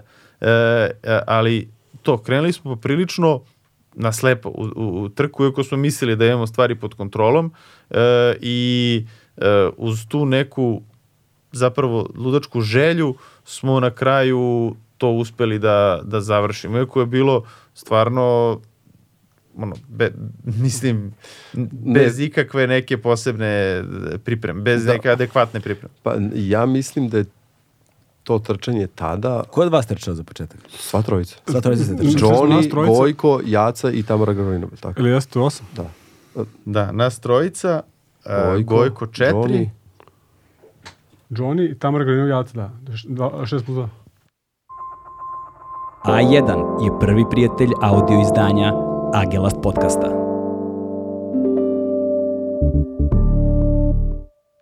Šest dva, okej. Da, okej. Kako, kakav rebus. Mogu da prepro... Ok, uh, da se vratimo na temu. Dakle, uh, štafetna trka je sad ono što je, š- on- ono što, uh, važno mi je da pominemo to iskustvo ovaj, i kasnije iskustvo zato što za, zapravo kroz ta iskustva koje ste imali ste gradili i kumulirali znanje Tako, je. koje vam je strahovito pomoglo u kreiranju uh, strategije i taktike i logistike i svega što je bilo neophodno za Čile. Da. Ovaj, I na taj način pra, gradimo ono okvir u kojem će Jasno, ljudi jasno, jasno. moći da razumeju kad dođemo do Čilea, jer uh, izbegavam da počnemo pričamo o Čileu i zato su ovi formati zahvalni, uh, zahvalni za ovakvu vrstu tema, jer kada bismo odmah počeli da pričamo o tome šta se desilo u Čileu, uh, ljudi nemaju sliku o tome šta se zapravo desilo i šta je to, to što se šta to zapravo znači. Ovaj, ovako im dajemo sav kontekst koji im je neophodan i onda kada dobiju Čile bit će im jasno, wow, jebote, ovo je stvarno, zato što bi, žao bi mi bilo uh, da, da, to, da to ne dobiju i ono što mi je uvek žao kad god govorimo o snimanju, moj, naj- moje najveća ovaj, najveća tragedija kada snimaš dokumentarno jeste što na snimcima nikad ne može da dočaraš temperaturu, ne može da dočaraš vetar, ne može da dočaraš miris, ne može da dočaraš ono suvoću vazduha, ne može da dočaraš emocionalno stanje. Znaš, ti možeš da ih prikažeš, ti, možeš da ih, ti možeš donekle da ih Opišeš. oslikaš, ali a, kako je zaista tom trenutku fizički tamo, ono, znaš, kad sam ušao kombi kod tebe i ono, umire mane, brate, na sedištu, razumeš? I onda ga vidim dva sata kasnije hajpuje, razumeš? Znaš, to, te, te promene, to je nešto što moraš da si prisutan da bi, da bi mogao da osetiš. Ovaj, I onda ovakvi razgovori stvarno pomažu. Ovaj, a, i šta sam, da- dakle, da se vratimo, dakle, vi trčite od Beograda do Zagreba, da, sa Zagreb Runnersima, a, trčite u paru, vas, u, znači 16 ukupno, dve Tako je. ekipe, dve ekipe po osmoro, Da. dakle zapravo osam parova sve vreme trči. Ovaj, strategija vam kažeš nije bila baš dobra. Trčali ste, ko- kako ste se rasporedili da trčite, po koliko? Pa išlo je od 15 do 30 km su bili ti A legovi. 30 je bilo Samo jedan. improvizovano, improvizovano, mikro je... Mikro je tražio, njemu će tako biti lakše, oni su trčali 30 km, većinom smo trčali e, tih 15, možda smo kasnije skratili na 10. Jesmo, Moram jesmo samo da trkački, ja kažem, logika je bila ta, to je mikro predlog bio, mikro je trener u, tamo kod njih. Uh, Trener Zagreb Runners. Da, za Granersa. Uh, ideja mu je bila da ako budemo se menjali na, tad, tad nismo ni razmišljali o kilometra izmenama ili kraćim, na kraće, na 5 km, znaš šta, do- dolazimo u situaciju da se, da se brzo hladimo, ispadamo iz tonusa, ulazimo u tonus i da ćemo se tako i poređivati i brže zamarati. U nekom trenutku je to nama zvučalo kao nešto što je logično i kao, ok, tako ćemo onda i mi smo cepali onda to. Parove, sećam, smo, da, parove da, smo napravili otprilike po, po brzini, da odgovaraju jedan, drugim, jedan drugom, da jedan ne koči drugog, nego koji su otprilike slični po brzini, oni trče zajedno. Nismo pravili neke posebne... Da, i onda smo kasnije, smo, tu smo i brzo naučili da zapravo ti planovi koje napravimo vrlo brzo padaju u vodu i da možeš da freestyliš, da budeš dovoljno prilagodljiv da... Ali je super iskustvo, uh, iako smo, uh, prošli smo kako smo prošli, nismo mi jurili neko vreme, ali nam je bilo bitno da... Jedini ste bili koji su išli. Da, pobedili smo, pobedili smo rekord rute. Mislim da držimo rekord. Ovaj, e, onda smo uh, malo posle Wow, toga... jedini smo koji smo išli. Da, malo posle Da, toga... to je, znaš, zanimljiv koncept. ono, Jedini ste koji ste išli. Da. E, za, za- ruta je zanimljiva. Jeste, išli smo... Da, nismo išli najkraćom rutom, nego smo, naravno, izbjegavali smo autoput, tu mislim da ima 398 km, a mi smo išli, Otprilike. a, a tu smo išli ovim lokalnim putem, znači išli smo prvo ka ovaj Zemun Batajnica tamo, Ka to- pa Stara Pazova, pa vamo Ruma, Sremska Mitrovica, Šid, prešli smo u Tovarnik, onda smo išli gore na, da prođemo kroz Vukovar, Mhm. E, to nam je taman napravilo da se da poraste ovaj ruta na 442 km i onda s Vukovara smo se opet spuštali da idemo bliže autoputu. Ja ne znam sad na pamet e, nazive svih tih manjih mesta, znam da smo prolazili Brod. kroz da, kroz Slavonski Brod, da je tu bila ona neka Novska, da Novska smo na kasnije, kraju došli Kutina je bila, da, Kutina, Novska, Dugo tako selo neka i mesta. Zagreb. Da, i na kraju to. D- Dugo selo i Zagreb. Ovo je vas dočekao neko u Zagrebu. Da, mi smo imali ceo autobus, jedan naših Što nismo znali? Da. Ja nisam znao. Nismo znali, kako nismo Ne, znali? pa sreli, Sreli sreli su su- sreli u Zagreb, pred Ne, ne. Zagreb su stali s Da, nama. da, ali smo znali da će ljudi, da, da jedan autobus ide iz Ja Beograda tamo. ne, Samo nismo nismo znali, znali bre. da, će- da, mi smo Ne sjećam očekivali da nas čekaju u centru Zagreba. Ne, nismo znali A to. oni su, kako nismo znali, Nismo čak znali smo 100%. i, i gledali ko sve, ko, za koga se ima mesta u tom autobusu. Kakva selekcija je pala, da, Kako ne, je ne bio poluprazan autobus, čovječe? Ne sjećam se. Ja se sećam kao Milku, ti se ne sećaš dobro. Ja mislim da, da, da smo organizovali ko će da vozi, vodi taj autobus i ljudi koji će vodio biti autobus? unutra. uh, vodili su ga, ja mislim, Capri i, i Vuk. Vuk i. Draško su vozili, ali... A, a, ostavili smo, bio je poluprazan, zašto smo trebali mi da se vratimo tim autobusom. Znači, Mm. bilo je praznih mesta da mi tim Nije baš autobusom dođemo poluprazan, nazad. ali da, prazan. Pa da, bilo je praznih mesta. Tako da smo odredili koliko tu ima mesta, koliko ljudi naši, ko, ko od naših zapravo ima mesta u tom. Naravno, svi ovi ostali su mogli da dođu kolima ako su želeli, e, ali taj autobus smo gledali kako da popunimo, koliko se sećam. Ja ne se nećemo uopšte, ali dobro. To ne, Ne, što se ja osta- ne sjećam, ostaće ne misterij. garancija. Da, ovaj, ali je super, super, dočekali su nas ljudi tamo i kao, wow, uradili smo nešto, nešto drugačije, nešto novo. I malo posle toga se, su se javili uh, italijani Red Snakes iz Milana, naši drugari. Kako su se oni javili? Oni su... Instagramom. Su, su- da, i- Ne, ne, mislim, kao Ne, ste se zna- znali zna- ne, ranije, znali da, smo, zna, znamo, upoznali ste se već, Da, da, da, da, Na nekom od ovih Bridge the Gapova, verovatno, da. da. Italijanska, i to je ekipa kao što smo mi u Beogradu, oni su imaju takvu ekipu u Milanu i zove se Red Snakes. Jeste. Okej. I zvali su nas i kao, ej ljudi videli smo da ste o, da su vam padale fiks ideje na pamet, imamo mi jednu ovaj, sličnu, zove se The Speed Project. Da. Mm, Pacer Mike, odnosno jedan od njihovih osnivača je dobio poziv preko brenda da prisustvuje trci i kao "Mm, ja ne mogu da skupim Snakese, ali hajde da uradimo mi Zagreb Runnersi kao vi, da uradimo trku uh, ovamo. I mi kao, ok, jel možemo? Vi ste zapravili za tu, napravili za tu priliku poseban logo. U, da, Jeste, evo, da. Milko imaš da pokažeš. Ja, ja sam ga i tetovirao ovaj, Da, da, da, kraju. Da, e, zvali smo se 442 Snakes ovaj, i a, super je logo, uradili smo onu Titovu štafetu Aha. koja se nosila. Jednu od, uh, sa rukama koje Dve se ruke, da. dodiraju, ne se koje tu godine. Bile su valjda dve, tri takve i jedna od tih je bila kao inspiracija sa zmijom okolo i šti, Ne, zmija je na ruci i 442 na prstima. E, tako I je, kao, znaš, o, ima bini baklju i kao to je bila štafeta. I onda to nam je bio logo i to je u stvari bio naš prvi susret sa TSP-om. Da, Ok. To je četvrta godina TSP-a 2018. Znači Milko ubrzo sada dve godine preskočio. Nema veze, nema, ve, nema ali, veze. ali možemo da samo zaokružimo ovu priču sa 4-2 štafetom, da kažemo da kada smo završili tu štafetu, bili smo naravno ono kao puni te neke energije, hajpa oko toga da smo to uspeli da uradimo. Imali smo ideje da od toga napravimo i mi neki kao godišnji kao event gde ćemo pozivati druge ekipe ili čak kao razmišljali smo da mi iz 442 napravimo našu štafetu, a svi ovi drugi gradovi da skupe jednu štafetu i onda da se potrkamo mi protiv, da kažemo, ostatka Bridge the Gapa iz Evrope koji se skupa. Aha, jasno. Takav neki koncept smo Sam to razmišljali. zaboravio. skoro. Imali smo takav... ja isto, a sad ovi poznat. Kakav si Mare A, sad sam vas arhivator. podsjetio. Da, ali si, ali, ali si smo autobus razmišljali, pogrešno spomenuo. da, ali smo, ali smo razmišljali kako da od toga napravimo ovaj, eh, neku trku, neki događaj gde možemo i drugima da pokažemo koliko je u stvari zanimljivo trčati tu dugačku štafetu i da to bude nešto kako ćemo opet dalje da skrećemo pažnju na 442. S time da ste ne nosite bukvalno štafetu, da kažemo. Ne, ljudima. Ne, ne, da, ne, da, da, da. dovoljno je da ono, da, high five. baciš klapu. Za svaki to je to. slučaj, znaš, ko zna šta ljudi pomisle, znaš. Da. Ništa Da. se ne podrazumeva, brate. I da, Tako je, jeste, da, ideja kad se trči to da uvek postoji jedan trkač, odnosno ili dvoje u paru, pošto smo evo trčali tako, jedan trkač koji trči, ostali se voze nekim prevoznim sredstvom, kolima, kombijem, busom ili šta god, i kada istrči ovaj to jest ovaj se odveze koliko god je traje ta jedna izmena, recimo 10 km u ovom slučaju prvom, i tu čeka, baci kosku, ovaj uđe u autobus, autobus, to jest auto ide dalje 10 km, ovaj trči tih 10 i tako dalje i tako dalje. I To je- tako se smenjuju. I tako Lupe smeniš- pet i nastavljaju da, dalje. uvek da. jedan mora da bude na stazi, i da trči ili da hoda ili da radi šta hoće i to je to. Strava.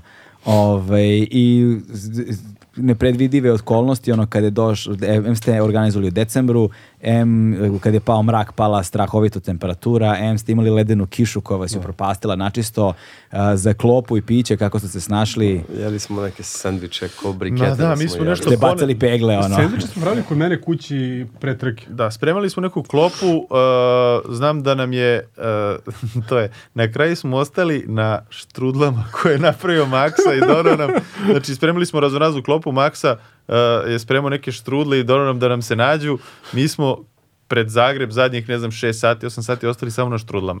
Znači, i Štrudlom i raki. Šta to znači? To znači da ste sve pojeli ili da ste... Pa, Sve smo pojeli. pojeli, pogubili i to se ono Ili, zatrpalo ili, tim ili, ili vam je stvarima. bilo gadno, niste li jedete, nego daj samo šećer. brate. Pa ne, svega, ne, ovo smo, ja mislim, i pogubili. Da smo Da. sa tim stvarima zatrpali, ali nije bilo prostora na kraju smo našli, bilo je mislim i neke paprike ostalo, tako nekih stvari, ali jedino paprika. jestivo, Gde ćeš da, paprike da jedeš kad trčiš, A brate, ne, da. svako, svako ima svoje, nemoj, pusti.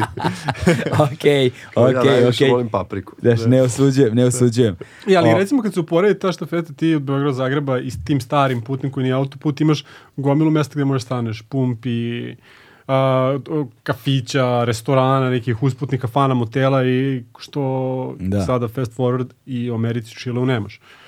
Slobodno možeš ponovno postaviš pitanje. da, da, to, to, to. Ovaj, e sada, a, dakle, javljaju, javlja se ekipa iz Milana, Red Snakes, a, oformljujete ekipu nešto poput, z- zapravo zajedno sa Zagreb Runnersima, dakle čet, vi i Zagreb Runnersi 442, zajedno sad sa Red Snakesom, dakle to su tri ekipe u je. suštini, oformljujete ekipu 442 Snakes, Tako je. jel tako? Samo za tu trku. Da. E, za, samo za jednu posebnu trku za koju vi tad prvi put čujete. Mi smo čuli tada, ali nisu, toliko nam je daleko bilo, jer prvih 4-5 godina TSP je imao samo invite only. E pa ajde samo objasnite prvo šta je E. TSP, ajde počnemo od toga, da bi ljudi razumeli kontekst. Evo ovako, ja ću to da... Ko su ti ljudi, otkud oni, šta je to, E, zašto su oni Project, relevantni da, uopšte? E, o, to organizuje jedan lik i, iz Nemačke koji živi u Los Angelesu, Nils Arendt se zove. I njegova filozofija za toga jeste bila da on je kasno počeo isto tako da trči, kad je došao u Los Angeles i nije go dobro govori jezik, nije mogo snađen da samo trčao, trčao, trčao i onda je to, to je nešto što mu postala aktivnost. I kad je učestvovao na trkama, shvatio je da su trke zapravo, ono, da je trkačka zajednica i trke koje, na kojem imaš priliku da učestvuje su hiperorganizovane, imaš gomilu pravila, zna se šta kad mora, kako ide, u koliko kad startuje, kad će biti, kao, šta treba da radiš, ruta je jedna ista. I oni ideja je bila kao da se organizuje neka gotivna trka.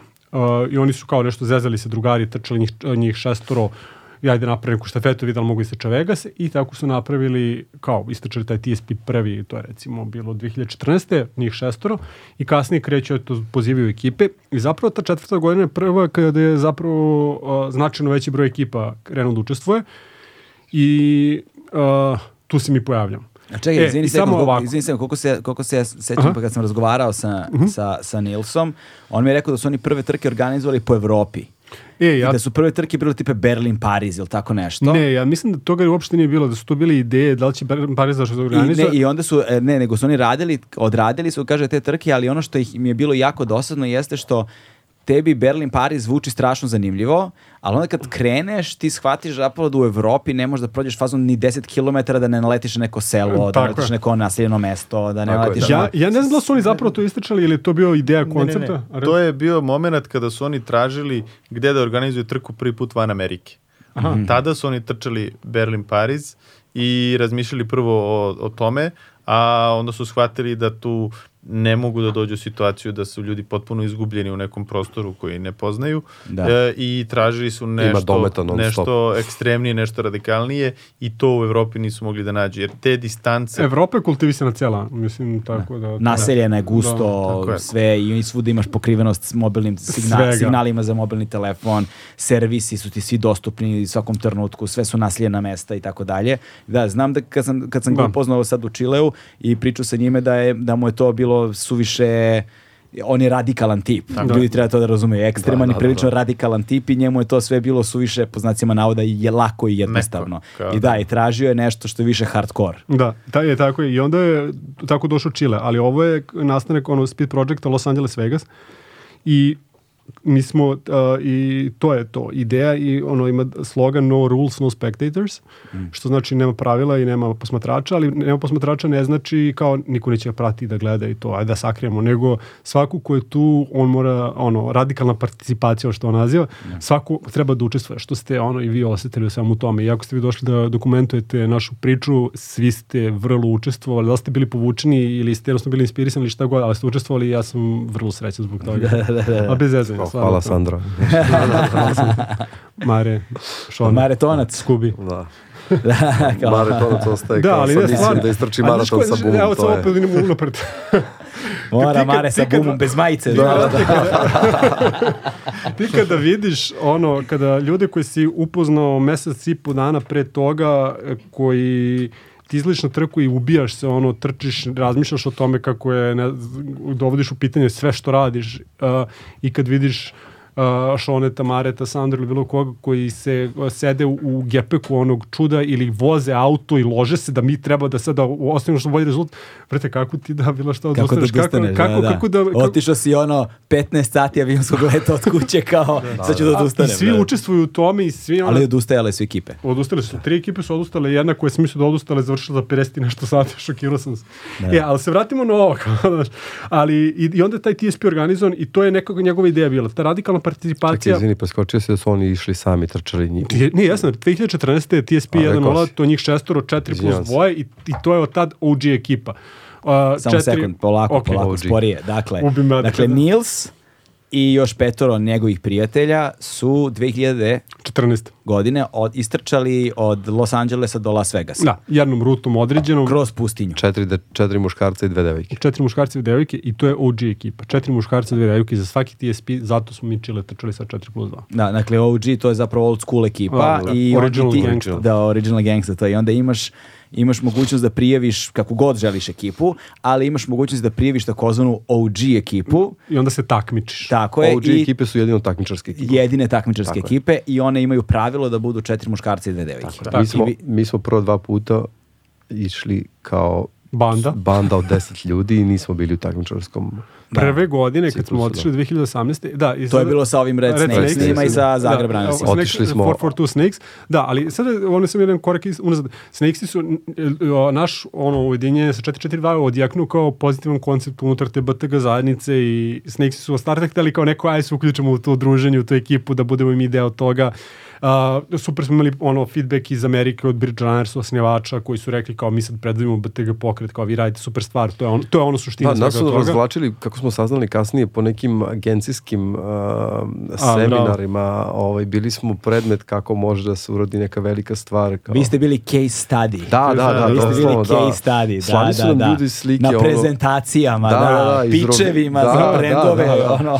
Ne, jeste, bili smo u Rovinju. Organic, uh, grassroot, Bla, bla, bla, bottom bla, bla, bla, bla. Stvarno su nas svuda razvlačili. Mislim, mi nismo ni znali, ok, super, drago nam je da smo kao napravili ovaj, taj, taj korak, ali uh, i to što su Snakes isteli da se pridruže ekipa iz Makedonije isto imala tu ideju. Uh, naši drugari iz Makedonije? 091 crew, ovaj, to su naši drugari iz Makedonije. Nekako mi, Pozdrav za Makedoniju. pozdrav da, za ekipu, um, ni, nekako bili smo u fazonu, nećemo sad da Ja, čekaj, znam, tu je i ova hardcore ekipa, Da, bre, bre, Slomogram, čoveče, da. smut, Smut, bre, tako i je. pozdrav za smut, hardcore, da, bre. Bravo, pa bili smo na, Kako na ono ne, kako prvi put ovaj, Da, smo u domu omladine. Tako je, Da, da. da, Tako svirao u objašnjavali. 442 mari, majici. Da, Da, svirao. vodio sam vas ja na metal. Da, brate, da. da. Da, mi smo došli na metal, svi sa pisi, kao ne, pisa. Sad sam se setio, sad sam Bola se me uši, setio, da, da. četiri dana posle toga prvi put u životu. Čoveče, po, to su sve, mi to sve izvetralo iz glave. Da, se. da, To je ono da, što ti pominjao. Bravo, bravo, bravo, bravo. Ovaj, i, i, I nekako nismo hteli kao sad da mi to uz dužan respekt svima nismo želeli to da nekako razvodnimo. Mi smo bili u fazonu, evo, ovo je ovo je, neka bude vama vodilja da vi uradite to sa nekim, znaš, tako da, evo, oni to sad mogu sa Grcima da urade, to je fora. Mislim, ja sam to trebao da kažem. Severna i Južna Makedonija. Da, da. I u svakom Mislim, slučaju... Ne, ne, ne, ovaj, sko, Skopje, Atina. Da. Koliko ima od Skopja do Atine? Mare, koliko ima Skopja do Atine? tamo, kažem. da. Ajde, pričajte vi, reći na Mare. Mare, daj ti mikrofon. 750. E. E, u svakom slučaju... 750. Znači, reći na Mare, 760. reći na Mare, šta, ovaj, ovaj statističar ovdje, pogađa. Bolesno. I u svakom slučaju nastavite da dalje šta se dešava i ja mislim da je nama je zapravo ta 442 priča i donela i sa Snakesima, ja mislim, zato sam napravio ovo, taj poziv od njih da napravimo tu ekipu za, za taj 2018. TSP 4.0 Los Angeles, Las Vegas. Mhm. I mi uobraženi malo, da smo već radili to od Zagreba, od Beograda do Zagreba, odlazimo na tu trku. Iz Beograda odlazimo nas trojica, Marko, iz, ne, koji je razlog? bio što Marko nije mogao da... Uh, Dobio je jedno od deteta. no. Da, da, e, prve godine, da, nisam mogao da... Da, znam da je nešto bilo Dobio si nisi mogao i uskočio je... Ovaj, Pa na- ne, to je bilo 2018. Tad, sam, tad je već stara bila drugo dete. Ja, Ne, ne znam što se desilo, ali znam da Marko nije mogao da ide i naš večiti džoker Fabris, ovaj, O, pozdrav za Fabio. Ja, vrat. ovaj, Danilo Fabris je ovaj, deo tima od, faktički od početka i on je čovek koji uvek za akciju. o, Fabris je stvarno džoker. Fabris je, ta, da, bukvalno. Možemo samo mini digresiju da napravimo sad kad smo završili Čile, okočio Fabris a, a, u grupu otišao čovjek da skina 2800 kao evo me na skijanju i neko iz grupe mu odgovorio 2000, km, 2000 metara manje nego što si, niže nego što si vozio auto. Tako da, Ja, Fabri živi život filmske zvezde 60. godina, tako da... Da, da, da, pozdrav, kažem za Fabrisa, legenda.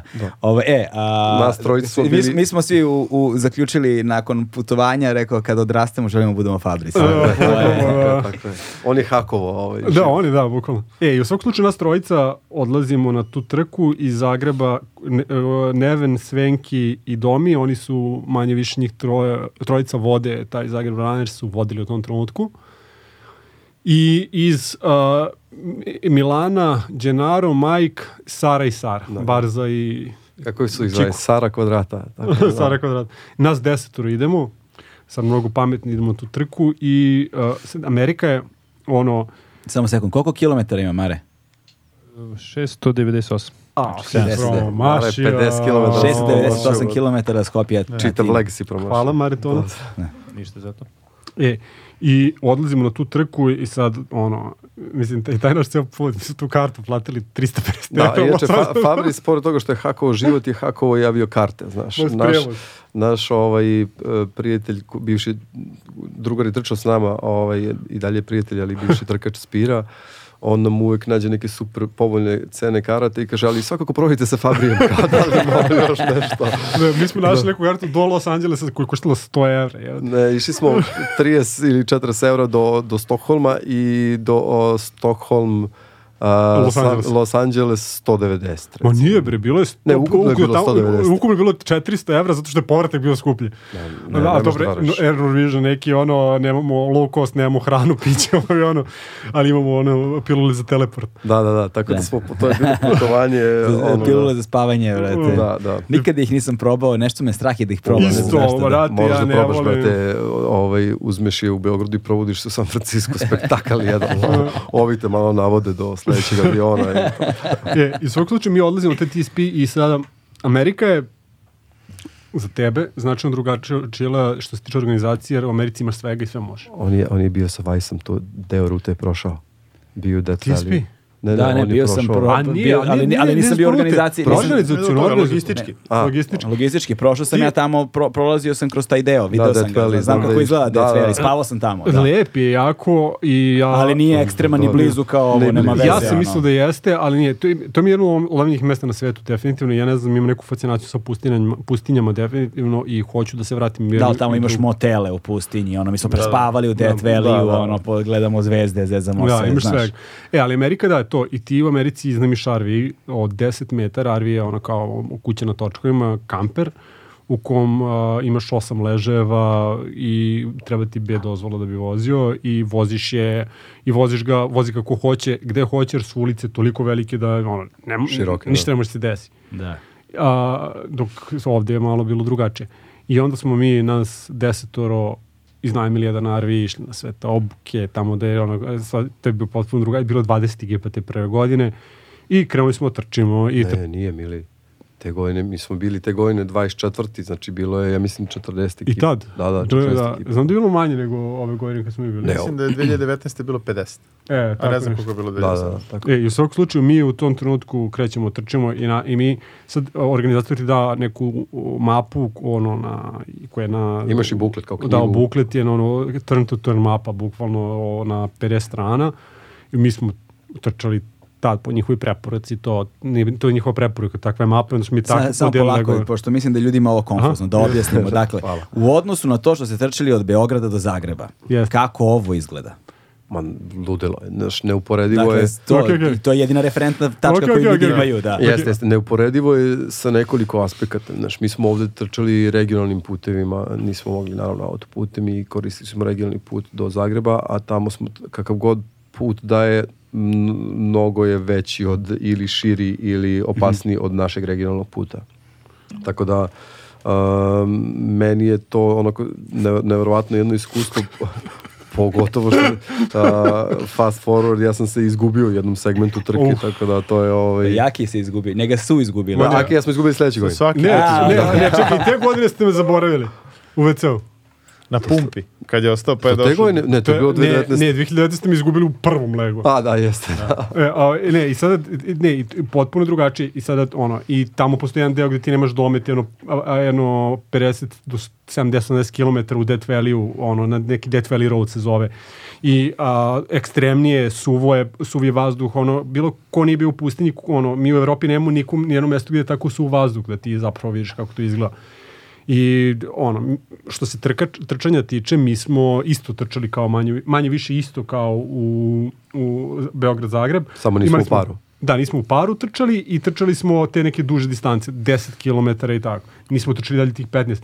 Mislim smo to pametno. Mari hoće kaže. Da, ono što se tamo dešava jeste dobije se znači taj buklet, odnosno knjiga sa preporučenom rutom od organizatora. Ta ruta je ruta kojom su trčali pobednici e, prethodne godine ili oni koji drže rekord, ako nije bilo prethodno, onda pre, pre dve godine. I e, oni otprilike na jednu stranicu mogu da smeste oko 6 milja te rute. I mi smo to shvatili, ok, jedan leg je 6 milja, Da. mi to treba da pratimo. I, A, uh, I ok. onda smo tamo opet trčali te legove od nekih 6 milja, odnosno desetak kilometara i pratili kao svako trči po jednu stranu. A zapravo samo oni mogli to tako da spakuju. Ne, ne, ne. To, Da. da, Nije- mi smo to nije- Nije, to, nije to bilo preporuka za izmenu, Tako je. nego je- samo to ko moglo da stane Da, fizički na tako je, Da, da, da. E, u svakom slučaju, mi smo te godine, 2018. ono, išli s tim jednim RV-em, svi trkači su se menjali da voze i, i svi smo sve sami radili. I onda smo Bio je i Skubi s nama koji je i snimao. Skubi to. i, i kako se zove, Ne, italijani su Johnny imali neku, Carano. da, da, imali su neku fotografu. Da, e, i u svakom slučaju, o, mi smo to, tu trku završili kako smo završili, bili smo jako srećni, to je bilo jako lepo iskustvo. A ja se sjećam svog osjećaja kad sam ja prvi put čuo za TSP, to je bilo nešto pre nego što smo otišli 2018. i rekao, jebote, kako mi to izgleda nemoguće, ću ja ikada videti Death Valley, a kamoli trčati kroz njega, to je trčati kroz Death Valley. Ovaj, onda sam sledeće godine otišao u Death Valley, pa sam i trčao naredne. Uh, I kad smo završili tu trku, ja sam pomislio da je nama mesto kao timu da na ovakvim događajima. I meni je to bila jedna ono ideja koja je mene ono gonila bukvalno od, od samog početka. Zato što je to, ja, ja, ja sam imao tako lepo iskustvo na tome da sam ja želeo to iskustvo da osjeti ceo, ceo tim u Beogradu koji smo mi imali. Ali, ali ono što mene zanima, kakvo je iskustvo, iskustvo tamo bilo za početak trčanje noću? Da, evo, ja sam Kako? baš teo da se nadovežem na to, ali sačekat ću, Kako sačekat je izgledalo, kako su izgledale temperaturne razlike? Kako je izgledalo kako su izgledale izmene, kako ste izgledali posle ono 300 km toga, znaš, kako ste se unapredili ili niste u odnosu na hranu E, i piće, znači to šta ste naučili to od to je- Beograda do Zagreba e, i primenili tamo i šta bi E, bio fail tamo? Zapravo, Tako je, da. 2018. ono što je evo, 442 Snakes bilo, je bilo isto manje više kao Beograd-Zagreb. Imali smo, po, poslali, pustili smo vegane da nam prave klopu, to smo shvatili To je da... takav mistake. Da. Ono, žene su predivne, mislim, mi i Sare stvarno volimo, ali žene su otišle u shopping i kupile gomilu humusa, riže i, I avokada. šargarepa i advoka, avokada i nijednu kocu. Da. Znate, a mi ono živimo na brzim šećerima. I tu smo, naučili, tu smo naučili da je, da, je, da je važno da za svaku trku svako ima ono što, u čemu uživa. Koliko god to možda ne bilo trkačko ili ne bilo za sve, ali je nešto što ono, u odnosu sa hranom ti treba ti to nešto prije da ti pričini neko zadovoljstvo, ne samo da ti napuni nutritivno, inače bi jeli svi kaše non stop. Da, ne, ne, ne, sama činjenica da te odradiš lega onako i ono, otvoriš neko piće koje ti se tom trenutku pije, a ne da maštaš da piješ to Da. piće, je ono ozbiljna razlika. E, znaš. želi smo, brate, Da kupovali, da kažem, paprika pusta. neko, neko voli. Neko da, da, voli da. u svakom papriku, jedi punjene paprike. u svakom slučaju mi, mi u tom trenutku a, Jel ih nosiš u avionu od kuće ili ih tamo spremaš? pa skineš znak, brate, ali i pečeš ih. E, I u svakom slučaju, mi smo u tom trenutku odlučujemo kao kad, ako idemo 2019. godine kako će to da izgleda i mi shvatimo da tu sa nama treba support, da nama treba ne znam šta i tu Da, se tek rađa ta ideja zapravo o, O podršci. o, Ono- dobrom organizovanju. Ali smo mi, Aki, imali par segmenta na toj trci koji baš nisu zabavni. 2018. sa svake, snakesima, da.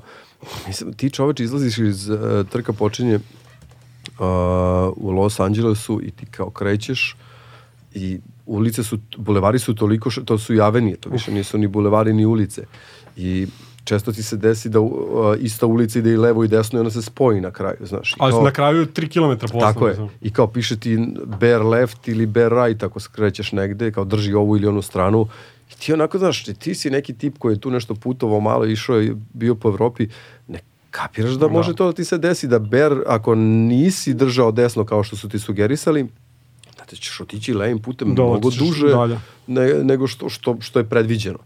I nama se to desilo u stanu, ono što wow, znaš, čekaš izmenu, nema čoveka gde je, da li je pogrešno skrenuo, i znaš, a, a nemaš logistički moment da proveriš gde je taj čovjek. I onda onako cupkoš u mestu i nadaš se da će onda se pojavi ili ona. Nadaš se komunikacija, a sada evo, ka- kad smo pokrenuli tu temu za kad smo tebe izgubili, a, te 2018. godine, a, ti, nema, ti ne znaš gde je trkač ako odeš 10 km napred, ti se nadaš da on zapamtio rutu i ne znam šta. I mi smo jedne te godine, bilo je baš sunce u Death Valley smo bili, izgubili smo Milka, a, tako što je Milko a, ulica išla pravo i, i bile raskrsnice koja zavija u desnu i ta neka ulica zvala ne znam kako Orhad, nemam pojma nešto, a, a ruta je išla pravo. Milko je zapamtio treba si je pravo i on je krenuo Orhad ulicu, misli da je to pravo. Tako je, ali to je bilo, ono, bilo je najgore sunce, bio sam znojav i umoran i, i vidio sam, ja znam da ide ulica daleko i vidim tri, dva ili tri uh, RV, odnosno kampera, koji skreću desno, ali ja nisam percipirao da ja u stvari tu treba da nastavim pravo i tu me oni čekaju. Ali sam ja negde tamo ono, u daljini video dva kampera, u stvari sam video neka dva kampera koji su ostavili svoje trkače i otišli na poziciju. Da, da. Ali nisu mogli tim putem, nego su otišli okolo. Iš kogod razloga da se Da. napunili šta god. I ja napravim grešku i Skreneš za kamperima. da, i čoveče, Samo da kažem, da su oni te godine imali samo jedan kamper. Da. Nisu imali ni jedno drugo vozilo koje je moglo da na toj raskrsnici sačeka trkača, kaže mu gde treba da skrene, Da. usmeri ga, proveri gde je otišao. Ili ako, samo, se, ili ako se odvoji da se vrati nazad, da, Da, proveri, tako, da ga potraži Tako, ili znači god. samo da. jedan kamper koji ostaje trkača, odu 10 km, čekamo te tamo i ono, mole, Nadamo se mole da- se da stigne. da, E, da. u svakom slučaju, mi... mi Prekrstiš prste i nadaš se najbolje. Da, da, da, da, se, da se shvati. A da ono se- šipak. Kao nadam se da moja majka neće da gleda ovo, žena će da svisne. Znaš, Ta, kao, ra- a ta raskrsnica je bila, to je u sred neke pustare, ne znam da li je već postala, jeste pustinja sigurno, ali ono, nema nigde ničega osim te jedne pumpe tu na ćošku i sad desno na nekim putu ima neko mesto ili šta god, ne mogu, se- ne znam šta si vi Ili našli. ono mesto ZZXXY, A, da, kako se da. već zove, čudno. Kao i mesto neko u,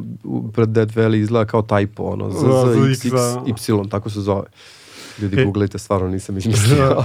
U svakom slučaju, mi, sada naša perspektiva, mi prolazimo tu raskrsnicu, stavimo posle kilometra i Milka nema, nema, nema, nema, treba da se pojavi. I mi, ha, ha, hi, hi, ja sam vozio i okrećemo, mi, mi pričamo sad unutra i vraćamo se rutom koju smo prošli, njega nema. Nama u tom trenutku ne pada na pamet da on otišao zapravo desno. Ili, mi prolazimo rutu i sada onako atmosfera opada, nekako mi prestajemo da govor, razgovaramo. Kasnije kad smo pričali, shvatili smo, manje više smo i razmišljali o istoj stvari. Mi smo mislili da je Milko udario auto, da, mu, da su ne svestio, da je pao pored puta. Mi u jednom trenutku usporavamo i krećemo, gledamo pored puta da li Milko gde je u nekom jendeku da leži. Ono, da, da, jeste, jeste. I u svakom slučaju mi nastavljamo i sad ono, i ti ne možeš da prepostaviš koliko on daleko otišao, to je možda da pretpostaviš, ali ne znaš gde je tačno, znaš ko, ko je to omaška. I mi nastavimo pravu rutom, e, vraćamo se, i nastavimo, produžavamo, možda smo ga propustili i srećemo neke likove koji kažu, e, kao tamo ima trkač neki koji ne zna gde ide, kao ne znam šta radi. Jeste, jeste, da. Ne zna gde A ja sam, ja sam došao u neko manje mesto i sad tu svi pričaju španski, našao sam neku ženu, tražio sam i telefon, da, ne znam kako se meni objasnio, ja sam se izgubio, ono iz grudnjaka vadi telefon i ja kao daj da se logujem, ne znam telefon, ja, ja i dan znam samo svoj telefon, ne znam ni jedan drugi. Kao kako da im javim? Da, da. I kao, okej, a, ajde da se logujem na Facebook i onako logujem se na Facebook i razmišljam, ja, ako sam uključio onaj tu faktor, a, a, to je to. Da, Magic- da, authentification, da možeš na mobilni da odgovoriš. Srećem tad to nisam imao uključeno i pošaljem poruku ljudi ja sam u nekom selu skrenuo sam desno i oni me nađu Mi smo i tad već imali informaciju u kom pravcu treba se krećemo i relativno brzo smo se našli na putu. Milko je izgledao grozno, imamo jednu fotku odatle.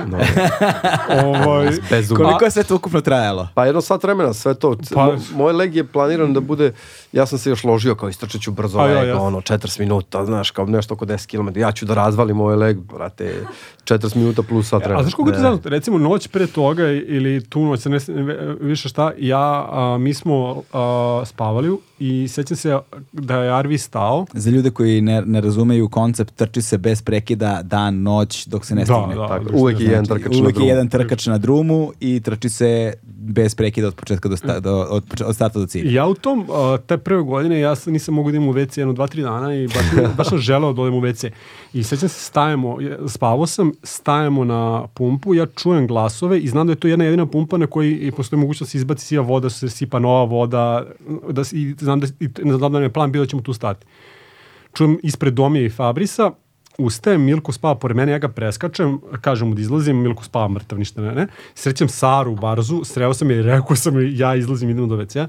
Ja u, u šorcu za trčanje, u japankama i majici, znači ništa ne nosim sa sobom jer mi ne treba, odlazim u WC, ništa se ne desi u WC, jedno 5-6 minuta, izlazim, brate, nema našeg Arvija. Sred noći, Death Valley Road ili tako neku glupost, nema našeg Arvija, ja ne znam šta da radim. Sreća, kao Nema što sam rekao, telefon, nema ništa. telefon, nemam pare, nemam ništa. Sreća, kao što sam rekao, to je ono pumpa gde, gde koji je jedina na ruti gde, gde može da se natankaju RV-evi sa vodom i da se izbaci voda. Ja ulazim u sledeći RV. Mi posle dva sata stižamo našu ekipu I ova, RV-evi su kamperi, za ljude Kamperi, koji ne da, znaju da. čemu pričamo, da, da. Recreational E, vehicle. re- Na engleskom recreational vehicle, da, da. I ova devojka što je vozila stiže, kako se zove, našeg vozača Fabris u tom trenutku. E, gde vam je Aleksić? Tak, gde je Aleksić? Tak, evo ga tamo, pa šta gde? Da Spava ljudi- dva sata već, on ne se pomerio. Da ljuti se Fabris. Kaže, ne, ne, mi smo ga pokupili. Molim, ja izlazim iz kola, oni u šoku, oni izvinjavaju se da su me zaboravili ili šta god. Ali u svakom slučaju, to je da, da, da sam negde drugde ostao, da nije bilo na toj pumpi, da oni ne primete dva sata Ćao. O, da. Ne, nema Akija više. Mala je, mala je šansa, ali je rizik ogroman ako se neko izgubi. Da, mislim, to je nešto što kada organizuješ ovakve stvari, kad se upuštaš ovakve stvari, moraš da ukalkulišeš. E, i, apropo toga, vidjet ćemo u Čileu, kad budemo pričali, pričat ćemo Da, da, da. nekom šta smo radili za to. Tri sata od sada. Nema veze, nema Ne, ne, veze. zato što su sve, sve te njihove greške, sve ti naši propusti kada smo trčali uh, Beograd, Zagreb i sve ovo što smo prošli i sledeće godine kad smo trčali samo kao Bart, uh, doveli do toga da se zapravo najbolje pripremimo za taj TSP. Tako da i ovo što smo Aleksu izgubili je ono kao imalo svoj uticaj na deo logistike Da. sada u Čileu. Da, da Milan štampa i vozači imaju magnetiće sa imenima Da. ljudi koji su u autu, da su, Da, mislim koliko da. god da si umoran da vidiš tablo sa magnetima i sa imenima ljudi koji su koji I treba kad da god, kad god startuješ auto i krećeš, prvo check lista ko je tu. Da, Proveriš tako je, ko je tu, imamo walkie-talkie da iskomuniciramo da su svi magneti, da su svi na magnetima negde u vozilima i možemo da idemo dalje. Da, da, to, zato što nema često Ti signala ne, za mobilni telefon. sad kad o, Fast Forward opet Chile, ti ne znaš da je bio jedan trenutak kada, ne znam da li ti Sandra pričala, kada smo, mi nismo znali gde ste vi. Zato što niste imali walkie talkie. Sećam se ja toga. Fabris isto rešio stvar. Da. Da, da, On znam, je se, uzeo od mene, jer mi još mene puti koliko ča se, se, se, Idem ja da ih tražim. E, ali meni je to bilo neverovatno što ste vi strašno brzo nestali. Dakle, San, pa San- to- Sandra je izašla iz vozila, prešla kod vas u vozilo, krenuli ste, minut nije prošao, ja sam je u fazonu, fuck, uh, uh, Motorola je kod Sandre ostala, Nego je Salaški uzeo ne, znači, otro, ostala je Motorola, ostala je Motorola kod Sandre i bili smo još jednu koja ne znam gde je bila i ovaj, kaže Salaške da je, da je Šolim uzeo i ovaj, a nema signala za mobilni telefon i znači jedan minut, A čekaj, ako je Marko minut, vozio, to je, to je i dosta jedan minut, znaš. nećam se ko je vozio, brate. Ko je vozio? Ja mislim ti vozio kod vas. Ako nas, ja ne, sam ne, bio, ne, ne, ja sam bio u Gepeku. A on je ležao ono, slomljen od virusa. i- Ja i- sam A njega Bibić pokušao da ubije. Ne, ne, mene Bibić posle, da, da, to je, polako stići ćemo do svega toga. Ovaj, a, a, ti si, Marko, počeo pričaš kako su zapravo sve ta iskustva koje su se desila vas naučila za, da se pripremite za dalje. Jeste, da sledeće godine nakon tog njihovog iskustva sa Red Snakesima i Zagrebčanima 2018. mi smo išli tamo kao Bart. Prvi put uh, smo na TSP išli sa našom ekipom, 10 naših trkača i tu smo imali uh, još, uh, mislim još pet ili šest njih iz Šest je sporta. bilo ukupno ljudi. Bila je Mina, uh, Marek, Skubi i još Iga, Bio je Johnny, bio je A Fabri. Fabrika vozač. Da, Fabri. a da, Fabri vozač, znači, da. da, da. Tako da je bilo još 5-6 ljudi koji su nam pomagali i mi smo u odnosu na te njihove greške tada opet prilagodili tu našu logistiku. Šta je, smo, novo, "Okej, šta je novo bilo sada? Novo što je tada bilo jeste ne može da ide jedan RV. Moramo da imamo jedno vozilo koje će biti uvek uz trkače, Mhm. koje neće dozvoljavati to da uh, ti 10 km budeš sam, nego će onako malo pratiti vozača da mu drži taj shoulder, što oni kažu, ili malo da ga brani od nekih vozila u nekim situacijama kada ima više saobraćaja na tom putu uh, i koje će uh, imati kod sebe na primjer, tri trkača i znamo da oni treba da trče tri puta po 10 km, to je 30 km, oni imaju svoju smenu, a svi ovi ostali u kamperu mogu da odu odmah 30 km dalje, da stanu i da se odmaraju kvalitetnije. I to je bila To je bila jedna, to je, to je, to je bila jedna stvar koja nam tu dakle olakšava, povećava nam taj neki nivo uh, luksuza i komfora uh, ovima koji odmaraju. I druga stvar jeste bilo jedno vozilo koje smo uveli, zvali smo ga vozilo za komunikaciju, Ne, bilo je, to je medija vozilo medija vozilo, a, koje, da, znači od, a to vozilo je služilo da odatle snimaju šta im treba, ali je zapravo bilo slobodno da ne mora da prati trkače ili ovi koji odmaraju, nego je moglo da non stop ide između njih. Da li nešto treba da prenese tamo ili treba da promeni lokaciju šta će da snimaju u tom trenutku slikaju. Imali smo dakle ta tri vozila. Jedno je bio kamper gde su ovi odmarali, jedno je bio džip, odnosno u tom t- slučaju je bio onaj Grand Caravan, kao veliki onaj monovolumen e, sa onim vratima što se otvaraju na, na kao klizaju Da, da. na, na klizače, da, e, tri reda sedišta i tu ima dovoljno prostora da ovi koji ne trče, a treba da trče mogu isto komforno da sede i ovo treće je bio neki džip koji e, je prevozio, znači je to kameru, Sa hranom da. niste napravili grešku sa veganima ponovo. Sa hranu smo isto unapredili, svako je otprilike e, rekao, to jest napravili smo, razgovarali smo više o tome, napravili smo neki konsenzus šta je to što nam treba tokom trke, znam da smo e, kuvali neke je kuvao tone pastu, paste koju smo nosili, imali smo avokado, imali smo tunjevinu, imali smo neke one suhomesnato, ono seckano, e, š- tada je hrana isto bila dosta bolja nego, nego godinu pre. I e, bili smo, zbog toga što smo bolje pripremljeni, bili smo fleksibilniji da se prilagodimo svim situacijama nekim nepredviđenim koje nam se dogode tokom trke.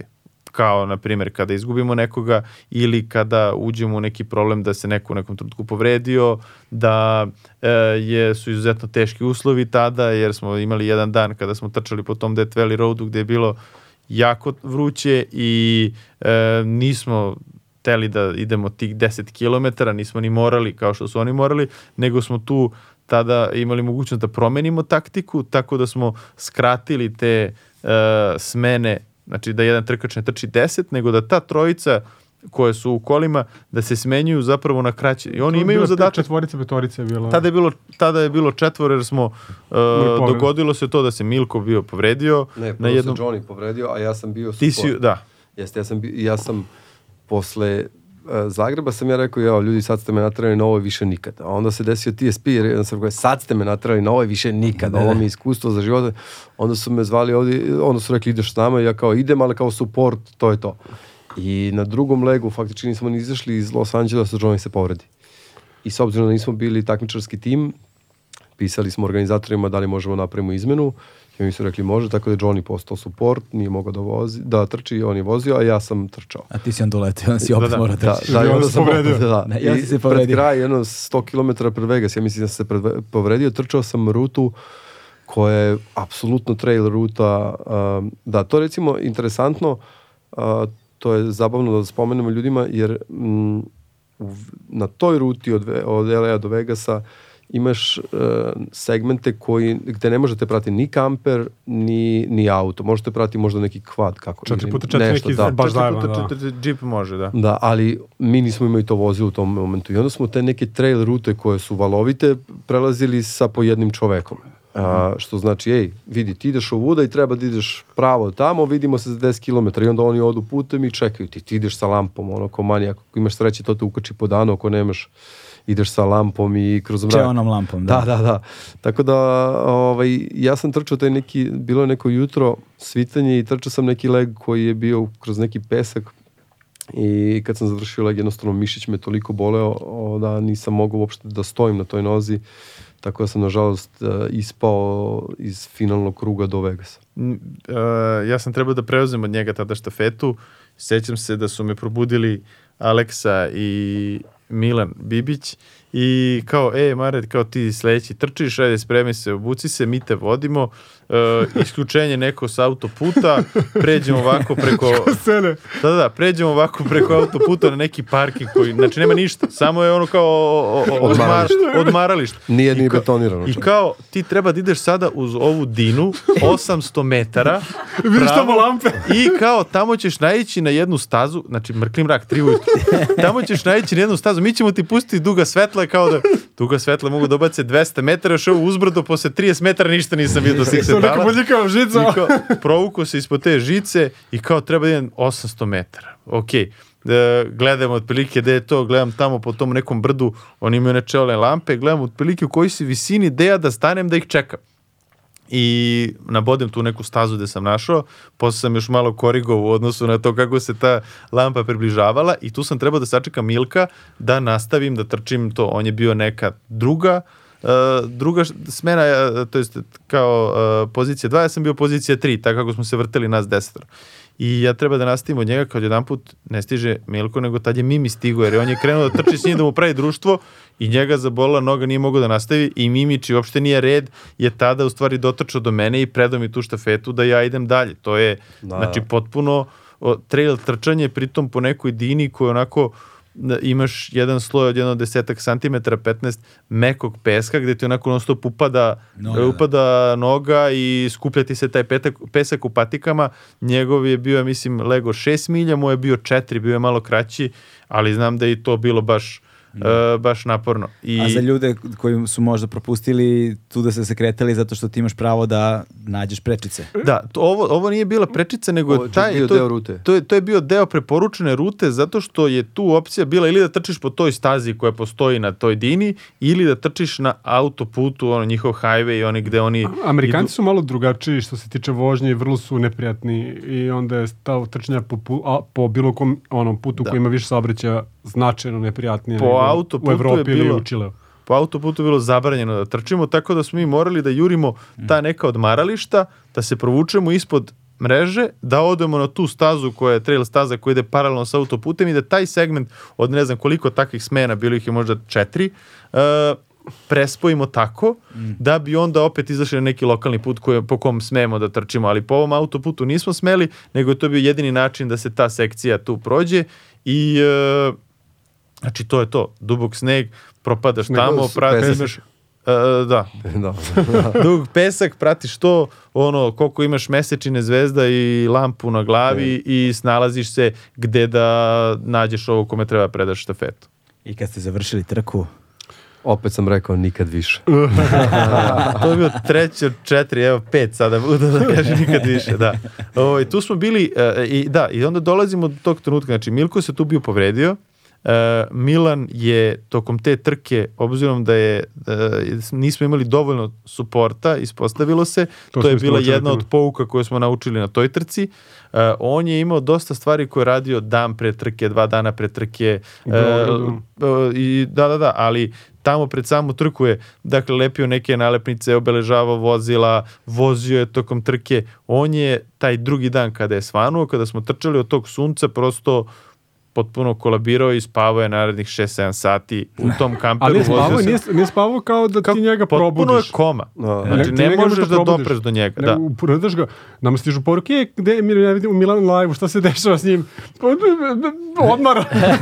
da. Tako da smo ostali bez Milka, ostali smo bez Milana, ostalo je nas osmoro, videli smo da je jako to sunce, da su uslovi stvarno loši i prilagodili smo taktiku i to nam isto bila jedna od pouka sa te trke, da a, zapravo umesto da imamo ta ti trkača koji će biti u tim vozil, tom vozilu za trkače i trčati po tih 10 km, ubacimo to još jednog, preostalih osmor.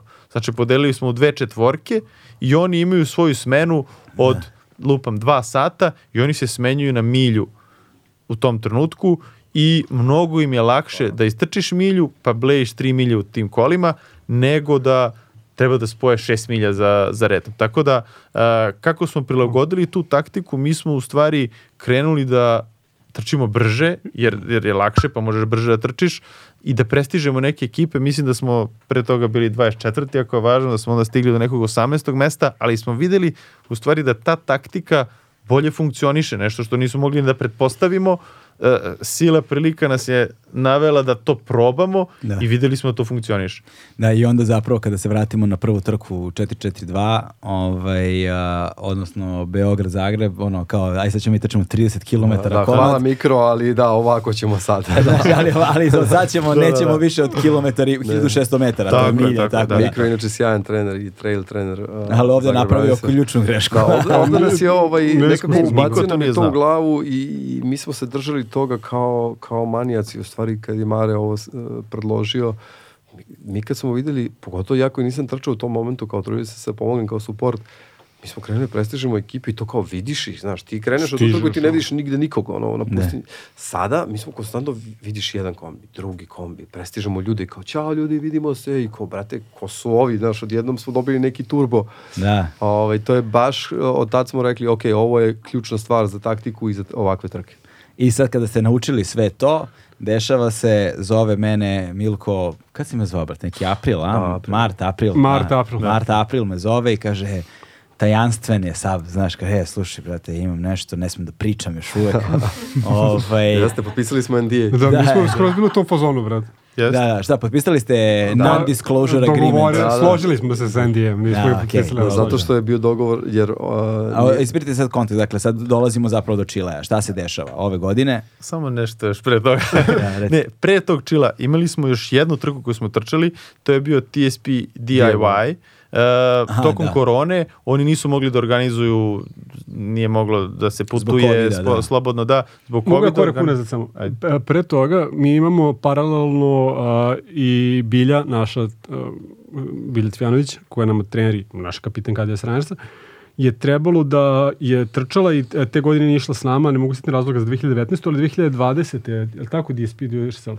Je trebalo da bude deo globalnog Adidas Runners tima koji bi trebao se koji, koji bi se trkao na, na ozbiljno na Los Angeles Vegas, znači ona ozbiljna trkačica i bila je spremana, spremala se za to i zbog covida Adidas odluči da ne, ne, učestvuje 2020. i onda je TSP do yourself 2021. je li tako? Ili, ili 2020. ne 2020 na jesen Da, Pritom. Adidas je tad napravio um, ono, krvnički tim. Ono, Ma, ko je, brate? likove iz čitavog sveta, Maraton 2.20, 2.15, ono, ubice i uh, slali su svoje ljude u Iten, a, u Keniju na pripreme, Bilja bila u, Keniji. Znači, da trčala sa Bekeleom, znaš, onako, wow. Evo mi je Da, da, narukvica da, da, ima. Da, da, da, da. Tako da, baš je bilo onako, pravio se veliki hajp oko toga, jer iako je Nils i dalje u fazonu da to kao nisu, nisu brand related trke, uvek su veliki brendovi ulazili a, na ovaj ili na onaj način. On kaže, ložilo ga je da se potrkaju dva velika, tri velika brenda na njegove trci, da ono, da bilo je fora. Tako da su brendovi tada pravili ekipe, nisu se zvali baš po brendu, osim nas kao Adidas Runners. On je, da, Ovi ostali brendovi su imali, ne znam, ili Brew, Ribbon ili Sun Chasers ili tako dalje. to su Tracksmith je bio. Tracksmith isto, je, da, da. I stvarno je bilo ono, wow, znaš, ti kao kad se nađeš u tom trenutku da trčiš s tim ljudima, znaš, pritom u, u svetu koji mi kao pratimo, ovaj, to rekreativno trčanje, znaš, pozicionirali su se neki ljudi koji nisu profesionalci, a jako dobro trče, znaš, taj, taj Embro iz Danske kod koji smo mi gostovali 2015.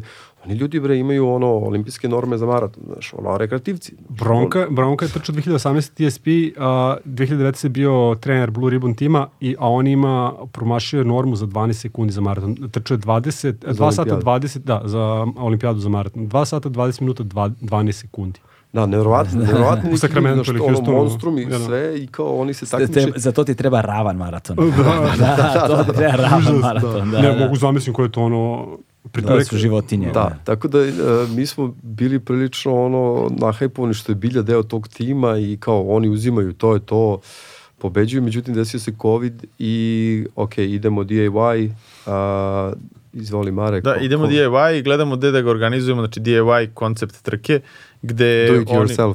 Do it yourself. DIY. Uradi sam, koncept- uradi da, sam. Tako je. Oni ne mogu da organizuju trku u Americi da dođu svi timovi, nego svi koji žele da trče mogu da organizuju gde god žele u svetu, nego, Mhm. negde kod sebe u regionu. I mi naravno šta ćemo, već smo trčali taj za, Beograd-Zagreb, ajde sad da trčimo Zagreb-Beograd. Znamo da ima oko 400 km, prespojit ćemo to, plus ostaće nam još prostora da ono, Da, da, istrčimo po, po Beogradu, da. A joj, prilike da organizujemo jednu dobru žurku u Da, Beogradu. da, da, da, Da. između ostalog. koja je da. bila potpuno ludilo. Da, tako da smo tu imali čak e, dve ekipe, jedna ekipi je bila Bilja sa onako kao bržim timom koji smo napravili iz Adidas Runnersa. Gde su bili vozavi Stefana. Tako je, da. su Fabris je trčao, Grave. Tako je, Da. Da, e, to je bila onako kao, da kažemo, jača ekipa e, sastavljena iz Adidas, od Adidas Runners trkača, a nas trojica smo opet sa trojicom Zagrebčana napravili sličnu tu foru kao što smo A imali, imali sa smo, 42 imali smo i žensku ekipu. crni. Imali smo žensku, imali smo, da. žensku ekipu koja je trčala u Srbiji. Okej. Oni su pravili krugove oko jezera, Bela nekog crkva. Bela crkva, samo krugove i tamo skupljali kilometre. Ali mi smo hteli da zadržimo to, uh, taj moment da znači putujemo, da nismo u jednom mestu, nego da opet spajamo neke gradove, neke lokacije i trčali smo da vidimo tada je bilo da se trči 31 sat i 15 minuta, nama je od Beograda do Zagreba bilo potrebno 44, ajde kao da probamo da stignemo to za tih 31 sat da stignemo, da, da pretrčimo. I tu smo e, zapravo testirali Čovječe, od Beograda do Zagreba za 44 sata, a? Koja je razlika? Da, I onda smo sad skratili za koliko? za 10 sati. Da. skratili smo ga, mi smo stigli to i za manje, za 28-9 sati smo mi stigli od Zagreba do Beograda. Adidas Runnersi, ne mi, mi smo stigli malo sporo. Ne, i mi smo tako nešto Mi smo stigli. Mi smo, kad smo Mi, tu oni su nastavili trče na Oni Keju. su, a mi smo došli samo do Keja prevoz. U svakom slučaju, uh, mi smo tu imali priliku da te ideje koje smo videli tamo u Death Valley-u, da je dobro skratiti i organizovati te legove kraće, da se podelimo u dve ekipe i dok jedni odmaraju drže smenu nekoliko sati, ovi drugi trče, uh, odnosno je obrnuto, ovi dok trče, ovi odmaraju. Uh, to smo imali priliku ovde da testiramo i videli smo da to radi. Da. da ti možeš da izdržiš svih 30 sati da funkcionišeš u tom režimu. Da imaš ekipu koja drži smenu i trči i smenjuje se kraće i može da drži taj tempo i imaće vremena posle da se oporavi, da to opet može da radi sledeći put. Sa tradicijom dugom skoro tri decenije, Legend Worldwide je prepoznatljiv domaći brend sa akcentom na jeans, pre svega, koji odlikuju bezvremenski, klasični modeli.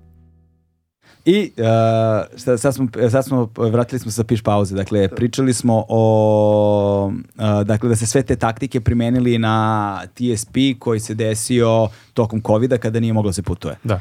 I ovaj, shvatili ste da neke od tih stvari, posebno sa kraćim distancama, su ključne i inkorporirali ste ih dalje u svoju, svoju taktiku. I je. sada dolazimo do Čilea. Čile, dolazimo u Čile. Dolazimo najzad do Čilea, do posljednje faze našeg razgovora i ključne faze našeg razgovora. Ovaj, dakle, Milko mene zove uh, negde rano proleće, pozno proleće, ne mogu setim otprilike, tajanstven je vrlo da mi saopšti da se dešava a, nešto veoma važno. Sad prepuštam vama da nastavite dalje. Dakle, šta se dešava Jeste. i zašto je to tako važno? Pa, e, e, desilo se to da je Aleksa, dok, sam, dok smo Mare i ja bili u fazonu, nismo baš sigurni da treba da idemo na 10 godina TSP-a u- e, na nekoj novoj lokaciji za koju se ne zna koja će biti. Da, TSP je to objavio da s- i stigo je poziv nama koji smo učesnici bili, svim ekipama vjerojatno koji su učesnici, objavio je e, novi TSP, nova lokacija, e, najekstremnije, još ekstremnije, najekstremnije do sada, ovo, meni oči uvolike, i, sad, ono. I još jedan drugar je tu, Miloš, koji na kraju nije otišao sa nama, je bio isto vrlo zainteresan za sve to. Da, a, ja se sećam, ja sam bio na maratonu u Tokiju i a, Aki, Aki koji, koji u fazonu, brate, aplicirali smo za TSP, ovo, ovo mora se desi, ovo je nešto sad najekstremnije. Ja kažem, da čoveče bre, četiri puta više, da nema šanse, ne idem. Ne, ne, idemo, vidit ću ja, ja i Grev ćemo popuniti to, smislit ćemo nešto. I kao, ajde da, da, da se pojavimo tamo. Ja kao šta god, stvarno mi nije bilo toliko bitno. Mare isto nije, nije želeo toliko, nije bio toliko lud da ode. Samo Aleksino ludilo je preovladalo.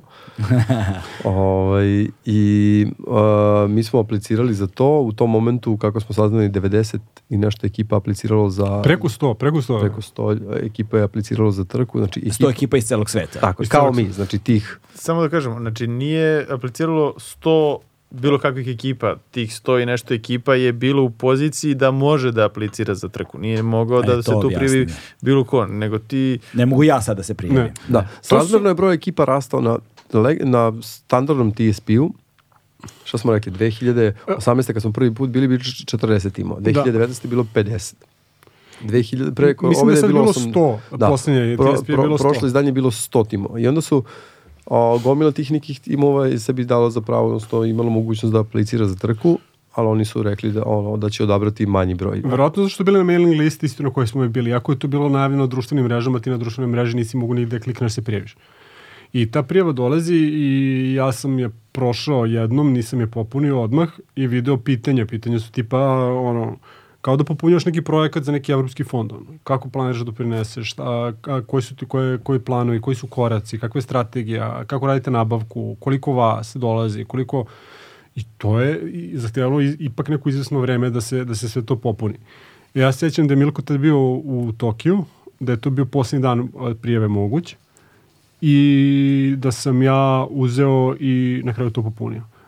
Na, kad su me pitali šta je to što je specijalno za nas, uh, rekao sam da smo mi jedina ekipa iz ovog regiona i da ćemo poneti rakiju. To sam Ali sam opisao, a manje više sam iskoristio sve ono što je moj Marko sada malo pregovorio, zapravo o, sve ono čemu smo i mi pričali oko naše taktike, kako će to izgledati, šta je to što treba se uredi, na koji način najbolje se uredi, sve to sam ja opisao kako će to izgledati, da bismo mi to obezbedili na najbolji mogući način. Ispostavilo se da je ovo kruna svega ovog što smo mi radili, mi sledeće godine slavimo 10 godina postojanja. Stalno naglašavamo da nama u timu, mi imamo jako brzi e, trkače u timu, ali to kod nas nije nešto bitno. Znaš, ti kad si brz, to, to je interesantno tebi i osobi koja to proživljava s tobom, tvoj trening i tvoje pripreme, ali malo šire od toga ne ide. Ne ide. Da. I stalno napominjamo to kako taj neki uh, šta si uradio za zajednicu, šta si uradio da ostaviš neki trag u, u tvom kraju, mislimo da je mnogo, mnogo bitnije od toga koliko si brz. I Ili za trkača do sebe, na kraju krajeva samo... Ispostavilo se da, da je i ljudima iz TSP-a ovo, ovo bilo prelom, prelomna stvar u sve ovo što je Aleksa obećao litra rakije. A, ovaj, bila je prelomna stvar da uzmu nas kao neki tim koji je stvarno drugačiji od timova i koji se stvarno uh, radi na sebi i na svom kao community. Mm -hmm. Da, i, i mi ni nismo otišli na taj TSP sa idejom da budemo tamo brzi da pucamo na, na tu pobedu, mi smo tražili najspremnije trkače u tom trenutku da bi preživeli tu trku. Tako je, Da, mi, da, da, mi, mi u timu imamo mnogo bržih trkača Čekaj, ali da li vi u tom trenutku još uvek ne znate... Tako je, to sam htio da sad da, kažem. Da, da, da, da. Mi, mi ne znamo i dalje gde E, idemo. Dihotomija. Kontraintuitivno.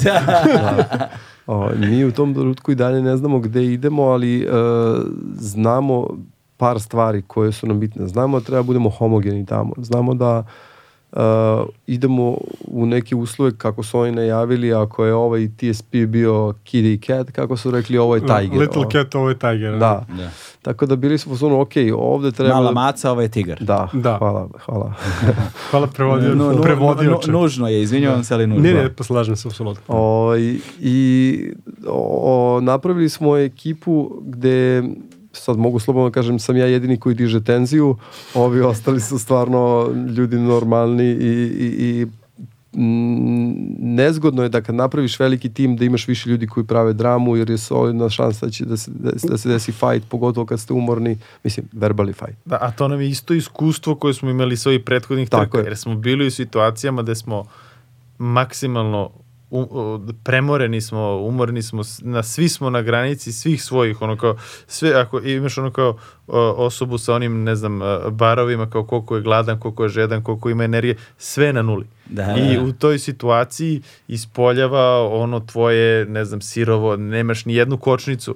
Da. E, I u tim najgorim situacijama treba ti neko u koga imaš maksimalno poverenje da će i tada biti neko ko ti odgovara. I Da, tako da. smo pravili ekipu. Da, samo to je, mi u to, to je prvi korak i mi smo podneli tu prijavu i dobili poziv. I krenuli smo već, mi smo već krenuli da ra- razgovaramo o timu i krenuli smo pravimo tim. I to je to, kad smo, taj korak pravljenja tima. Ja mislim da u tom trenutku kada, i onda mi dobijamo informaciju gde se trka događa, mm -hmm. Chile, Atakama, i onda smo bili u fazonu kako brate da odemo a tamo kako da odemo? Izazov, znači tim, ok, to se neko moralo je parno, kako da odemo, kako Financije. da... Kako, Ma, Mare je da. napravio sjajnu gradaciju, baš da smo bili na radiju kad si pričao, kao prvo nam je najteže Pa bilo to, da, to, da nas to. odaberu, pa su nas odabrali. Da, da. S- Svaki taj korak u toj našoj pripremi nam je predstavljao kao najteži korak. Ako ovo se dogodi, sve ostalo ćemo posle neko lako da, da uradimo. I onda kao prvo je bilo to da nas uopšte izaberu, Od- da od možemo da od 100 trčimo. ekipa da bude. Da. Da, da, na kraju je izabrano 16 ekipa. 16 ekipa, 15 plus lokalni. 15 ekipa je tamo trčalo uh, i samo to što smo mi izabrani u tih 15 ekipa od ne znam koliko ekipa O, izvini, tih stoji- čekaj, 15 ekipa je izabrano plus, Plus lokalna tim, ekipa. da. Da, 16, valjda. 16 mislim da ukupno. Ja mislim da je 16. 16. Imam leaderboard negde, možemo da. pogledamo. Mislim da je 16, 16 ukupno, da. Mi smo E, gledali samo ove I to što blizu smo nas. odabrani u 16 ekipa nam je bila već neka pobeda, neka čast, ne, ne privilegija da možemo tu da budemo i to smo videli kao najteži korak jer na to ne, ne utičemo, ne, može, ne odlučujemo mi. E, kad se to dogodilo, kao, ok, kao, kad se to dogodi, sve će ostalo ćemo lakše. E onda kad se dogodilo, izabrani smo i sad treba da ovaj, saznajemo da treba da idemo u Čile, koliko, koliko će to da košta čoveče, kako da stignemo do tamo da sve to organizujemo, mm, ogromno je novac u pitanju, ne možemo sami to da... Zovemo Spiru u tom trenutku i Spira ovaj, za karte što, što ga Milko malo prepominjao, naš drugar i trkač bivši. Spira kaže, pa Čile vam je najnedostupnija zemlja ako dolazite odavde. Rekao, ja strava. E, i samo još jedna stvar, mi smo uspeli nađemo karte koje su bile relativno povoljne. Pogodite ko je od naše ekspedicije našo jeftiniju kartu iz Evrope. Fabri, brate. da, tako je. Ovaj, E, i onda Ko, bili... koliko je on para našo kartu? Pa ne, Pa, mi smo, 750. mi smo Zvao naš- me poludeo, poludeo zato što je morao čekao još jedan dan da je kupi, onda je otišlo na 750, znači je bila 710. Da, a mi smo, pr- primjera radi, mi smo preko Amerike putovali zato što je jeftinije i košta 1200 eura. 1280. Da, Fabri našao za 750. Tako da A mi koji nismo imali američke vize, 1800. E, i onda nam je bio kao, ok, u zapravo kao sada najteži korak nam je da pronađemo sredstva. Da to može da se dogodi uopšte. I tu smo onda dobili podršku Adidasa koji je pokrio maltene sve troškove puta. E, ali da to- bismo to dobili, mi smo morali da nađemo nešto na koji način da to stvarno bude nešto za kvalitetno. Da, i, i drum rolls again. Ali beskreno stva, ovaj, hvala Tijani, uh, ona je u tom trenutku bila brand manager Adidasa i ona je I žena, dalje, pa kad se bude emitovala emisija, ne znam, da, ne znam da li će biti da, ali uh, svojom odlukom. A, mm, jednostavno žena je od uvek verovala u to što mi radimo i a, stvarno beskreno je hvala zbog toga sve, sve prepustili smo je sve i žena je našla budžet i beskreno je hvala sa da se nje Da. Naš Bez- odnos, Tijana je možda najbolji menadžer s kojim se radio, uh, ona toliko ima poverenja u nas, uh, toliko nam dozvolja da imamo svoje inicijative, a opet usmerava nekako stvari i mi osjećamo uvek, svaki put što ga radimo, osjećamo veliku odgovornost da, da doprinesemo na koji god način i da izvedemo ono što smo rekli da ćemo raditi i stvarno bez je, ona je jedna od ključnih ne mogu kažem bez nje se ovo ne bi desilo, jer bez svih ljudi koji su zapravo učestvovali u ovome, se ovo ne bi desilo. Ne bi se desilo ni bez vas, iako možda to vama ne, ne izgleda tako. Ali se, ono, sve, sve se sklopilo tako da, da smo uspeli to da na kraju izvedemo. Da. E, ja se izvinjam sada. Ne, što ne, sam sve ovako- okej, da. Ne, ne, sve Da, okej. da, sve- Da, da, I onda dakle, kada smo dobili taj budžet, onda smo imali sad i dodatnu odgovornost prema tome da imamo odgovornost i prema Adidasu i, i ovaj onda smo birali, shvatili da treba da odaberemo jako pametno taj tim, koji to sigurno može da istrči, da preživi te uslove i onda smo došli do toga, ok, sad je jednu ovo stvar. zapravo da nismo ni znali najteži korak da u stvari od toliko ljudi koliko imamo u timu odaberemo samo šestoro koji će trčati, a svi žele da trče. E, da, to se nije desilo baš tako hronološki odvojeno, Da, e da. ovo, ovo, nego je nekako sve išlo paralelno kako smo mi pravili, ali su ali je na kraju odluka o timu bila malo kasnije nakon, nakon tog budžeta. On, ono što je važno, čini mi se da se napomene, jeste da a, u jednom trenutku ste u toku, tokom ovog razgovora a, pomenuli da sve ekipe koje su učestvovale su samo učestvovale radi iskustva. Jedine ekipe koje su takmičarski mogle da učestvuju su takozvane OG ekipe na osnovu ovih koji su prvi trčali, Da. na osnovu formata ekipe koja je prva trčala, a to su četiri muškarci i dve devojke. I ukoliko ste želeli da se prigavite na takmičarski deo, to je mo- trebalo, morala da bude OG Da. ekipa, Tako je. četiri muškarca, dve devojke. Samo Da. A, stvari- Tako da, tako, izvini, tu se onda razlikuje od onoga da ste imali, da je, je bilo desetoro prošli Tako je. put, je, ne znam, 16, šestnestoro, je, je. e, Da. izmene, e, ovaj se povredio i menjamo, toga više nema. Nema. Tako je. Nema. Nema. Idemo uh, na najekstremniju trku i idemo u najmanjem broju do sada. Trkača. I ovdje je bilo uslov za ove TSP-ate, bilo da bude šest trkača i da bude 4 plus 2, to je bio uslov za sve ekipe. Što volite skraćenice, sve TSP, pa TSP, TSP ATA, The Speed dakle, Project Atacama, Atacama. tako je, brate. Ali e, i ovde smo ok- okusili stvarno sve moguće e, ovaj, em, ukuse ovog ludila, red, O. da kažemo to tako, jel, lirički, ja?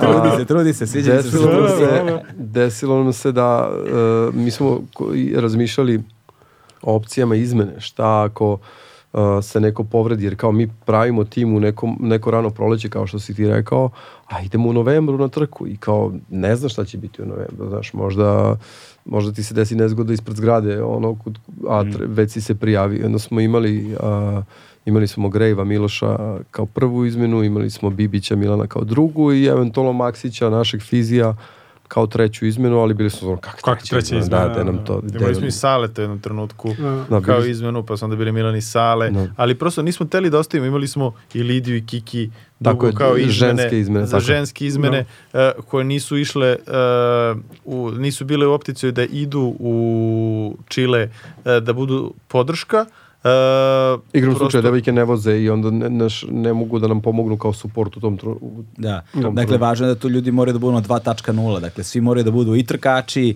i da imaju vozačke dozvole i recimo kad kažeš fizio misliš na masera, u stvari Tako je. Maksa, je- Ma- Maksa je maser u ekipi, dakle i da bude znači, neko ko je maser, treba bude, a kada kažete izmena, to znači ne u toku trke. Ne, Ne, pretrek. Znači ono do početka trke izmene koje unesete uneli ste kad trka počne gotovo Tako je, je, nema izmena izmena. više nema. Ja sam bio ubeđen da nam izmena neće biti potrebna, ali to je neka druga tema sad. E, a meni samo zanima jedno pitanje za tebe. Šta je to bilo kada je tebe Milko pozvao i kakva je tvoja perspektiva i tvoj osjećaj bio u tom trenutku? Pa nije bio ništa posebno, nisam imao pojma o čemu se radi. Znaš, Hvala ti nisam, nisam, imao, nisam imao pojma o čemu se radi, nego smo se nas dvojica našli posle na klopi i onda me i na ručku rekao da se dešava ta takama trka. Ovaj, ali problem je u tome što Milko kad priča stvari, njemu se puno toga podrazumeva. I onda on tebi kaže nešto, ti imaš sad sedminu informacije na osnovu koje jedina stvar koja meni nije bila jasna jeste da se trči u Atakama pustinji. Ništa drugo ja nisam razumeo. Niti šta je The Speed Project, niti da je to nešto što ste vi radine radili, niti koji su uslovi učestvovanja, niti ništa, apsolutno. A Sandra ništa. se javila nekom trenutku, e, Galeb nije najbolje razumeo o čemu se radi. Dakle, da. Apsolutno. Jeste, da, I ja što nisam najgore od svega, ja nikad na kraja nisam razumio. Ja sam sad saznao neke stvari koje nisam znao. Zato si ti napravio ovaj podcast. Razumeš, znači, Falilo majke, mi je pa- malo, ne mogu Sandor da ispitujem. Znači, kuće, znači da. re- recimo sad sam saznao da su jedine takmičarske ekipe OG ekipe. Da, to da, sam da. sad saznao. Pa, poslali smo taj materijal, to je sada već, on, ja sam slao sve, sam materijal koji si mu tamo to pisalo. vrat. Znaš, tako da, ovaj, Da branim sva, sva, sva- svak- svakom koraku po nešto saznajem, znaš. Ovaj, a, tako da, tak, tako zapravo, zapravo a, odnos naš prema tome se isto tako gradio vremenom. Jer a, iz, iz ličnog iskustva, pošto sam kao snimao puno različitog dokumentarnog sadržaja, posebno kada je snimanje dokumentarnog sadržaja koji uključuje nekakvu vrstu putovanja. Ti čim imaš inostranstvo, tebi su troškovi odmah puta deset Jeste. ovaj, a, raspoloživost ljudi je odmah podeljeno sa 10.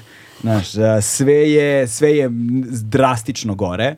Ovaj, posebno što su ti potrebne od lokacijskih dozvola, pa ne znam, osiguranja, a, ata karneti, bla, bla, bla, svašta nešto, pa onda smeštaj, dnevnice, klopa, bla, mislim, tona toga. Samo krenuti uopšte, bez obzira kakav god da ti je finalni proizvod, ti si već u ogromnom problemu. Ovaj, to je nešto što ljudi kada gledaju uopšte ne razmišljaju o Da. tome, ne računaju s time, nije nešto što gledalac jedan treba prosječno da uzme u obzir, ali ako razmišljaš o tome zašto je toliko, zašto je takvog sadržaja prakti, zašto takav sadržaj praktično ne postoji na našim prostorima, znači ima ga nula, ovaj, to su razlozi, što je to užasno skupo. Tako je, pa mi smo prve godine isto skupili novac za, e, 2018. kad smo išli kao Bard. 19. 19. jedva smo skupili neke pare, ni, ni blizu, to smo sami plaćali. Pa da, znači, Tako ljudi da- ne mogu shvatiti koliko su ove stvari skupe. I Tako je. sada kada pričamo sa ljudima koji nisu toliko bliski timu, da, li su to neki kolege, prijatelji, oni ih pitaju kao, ko vam je organizovao to putovanje, ko vam je organizovao te letove, ko vam je Da. organizovao gde ćete da spavate ili kako će to da izgleda. Sve to sam organizuješ. Da. A da, pa Hvala Sandra. apropo, apropo putovanja isto o, i nama i, i naša organizacija tog putovanja. Karta košta kada ideš vas dvoje je jedna cena, kada ide vas 12 istim letom to je opa, idemo u gore cene. Da, kada hvala. si ide 20 znaš, to je, e, ali šta je sad fora? I onda, e, iz iskustva, s obzirom da su te stvari, znači te stvari su u Republici Srbiji na granici nemogućeg. Znači, one postaju moguće samo onog trenutka kada si ti spreman da se žrtvuješ i da uđeš u finansijski minus i da apsolutno zaboraviš na bilo kakvu dobit. Tako je. to je jedini način kada ta stvar postane potencijalno moguća za eventualnu realizaciju možda nekada u budućnosti. Znači, bukvalno jeste, znaš, i onda ti imaš, ja imam ono, ja mogu sad da ti izvadim ono tefterče sa 70.000 tema koje bih uradio u životu, od kojih 60, ono, sed- 69.999 neću nikad, a ovu jednu ću možda nekad negde, pa kad nju precetaš onda razmišljaš o nekoj sledeći. Jasno. I onda nemaš visoka očekivanja.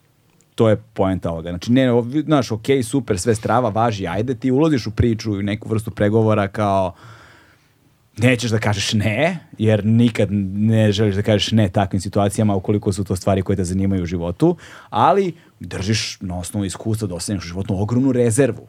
Da. Pod ručnom kočnicom si stalno, jer ne želiš niti da se razočaraš, niti da obećavaš svojim ljudima nešto što ne možeš da ispuniš i tako dalje. Jer to je uvek kada je organizacija, kada je više ljudi puno pokretnih delova u mehanizmu, ne želiš da napraviš taj domino efekat i da ispadneš neko ko je zajebo ljude, koji izneveri očekivanje, ljudi koji su se napravili planove, otkazali obaveze, la, la, i on ti kaže, ej, jebi ga, nema ništa. Znaš, u posljednjem trenutku. I onda ti tu, tu anticipaciju gradiš zapravo malo po malo. Ali, ali sve ono, Znaš. u startu si krenuo otvoreno sa tim. Kreneš otvoreno, kreneš ono što otvoreno, ne zatvaraš vrata, to je prvi korak, je ne, ne zatvaram vrata, Tako ali je. da li će se desi, vidjet ćemo.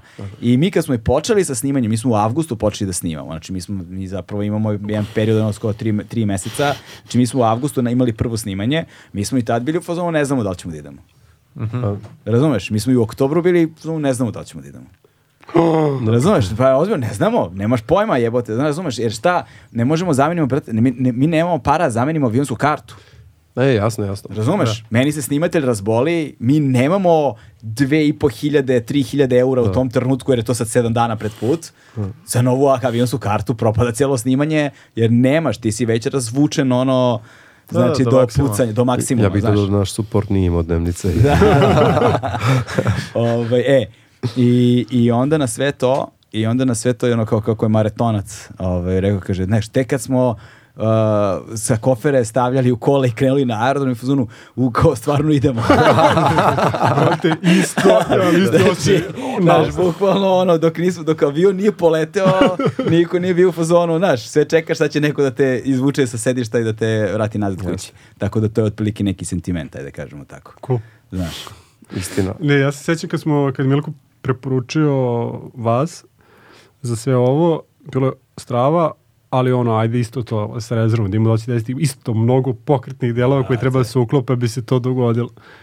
I onda je pomenuto serijal tamo daleko i meni je to bilo, opa, evo, to je to, znači dešava se. Da, da, da. I to je meni bio utisak da sada ja, tre, mi, ne ja, mi sad treba sve da uradimo, da samo uradimo ono što smo rekli da ćemo uraditi da bi se, da bi se ta stvar dogodila. I ja sam ono bio toliko zagrižen za to, toliko da, bilo, da sam bio vrlo neprijatan prema nekim ljudima, koji možda čak sede ovde, a možda i jo- još šire. Ne. Tako da ono, i onda sam jednu truku samo pustio i rekao kao, brate, ne možeš da, da se trudiš da imaš uvid u sve i ovi ljudi svi znaju šta rade, opusti se čovjek. Kako smo zakuvali ovo. Ajde sad, brate, da se, da, da se, da se, da se, da pozabavimo, da se, da da pozabavimo trkom. Ovaj, a, I sada vi saznajete da je to Atakama. A, ovde Mare sad postaje ključan lik zbog logistike, zbog svega što je strašno zanimljivo.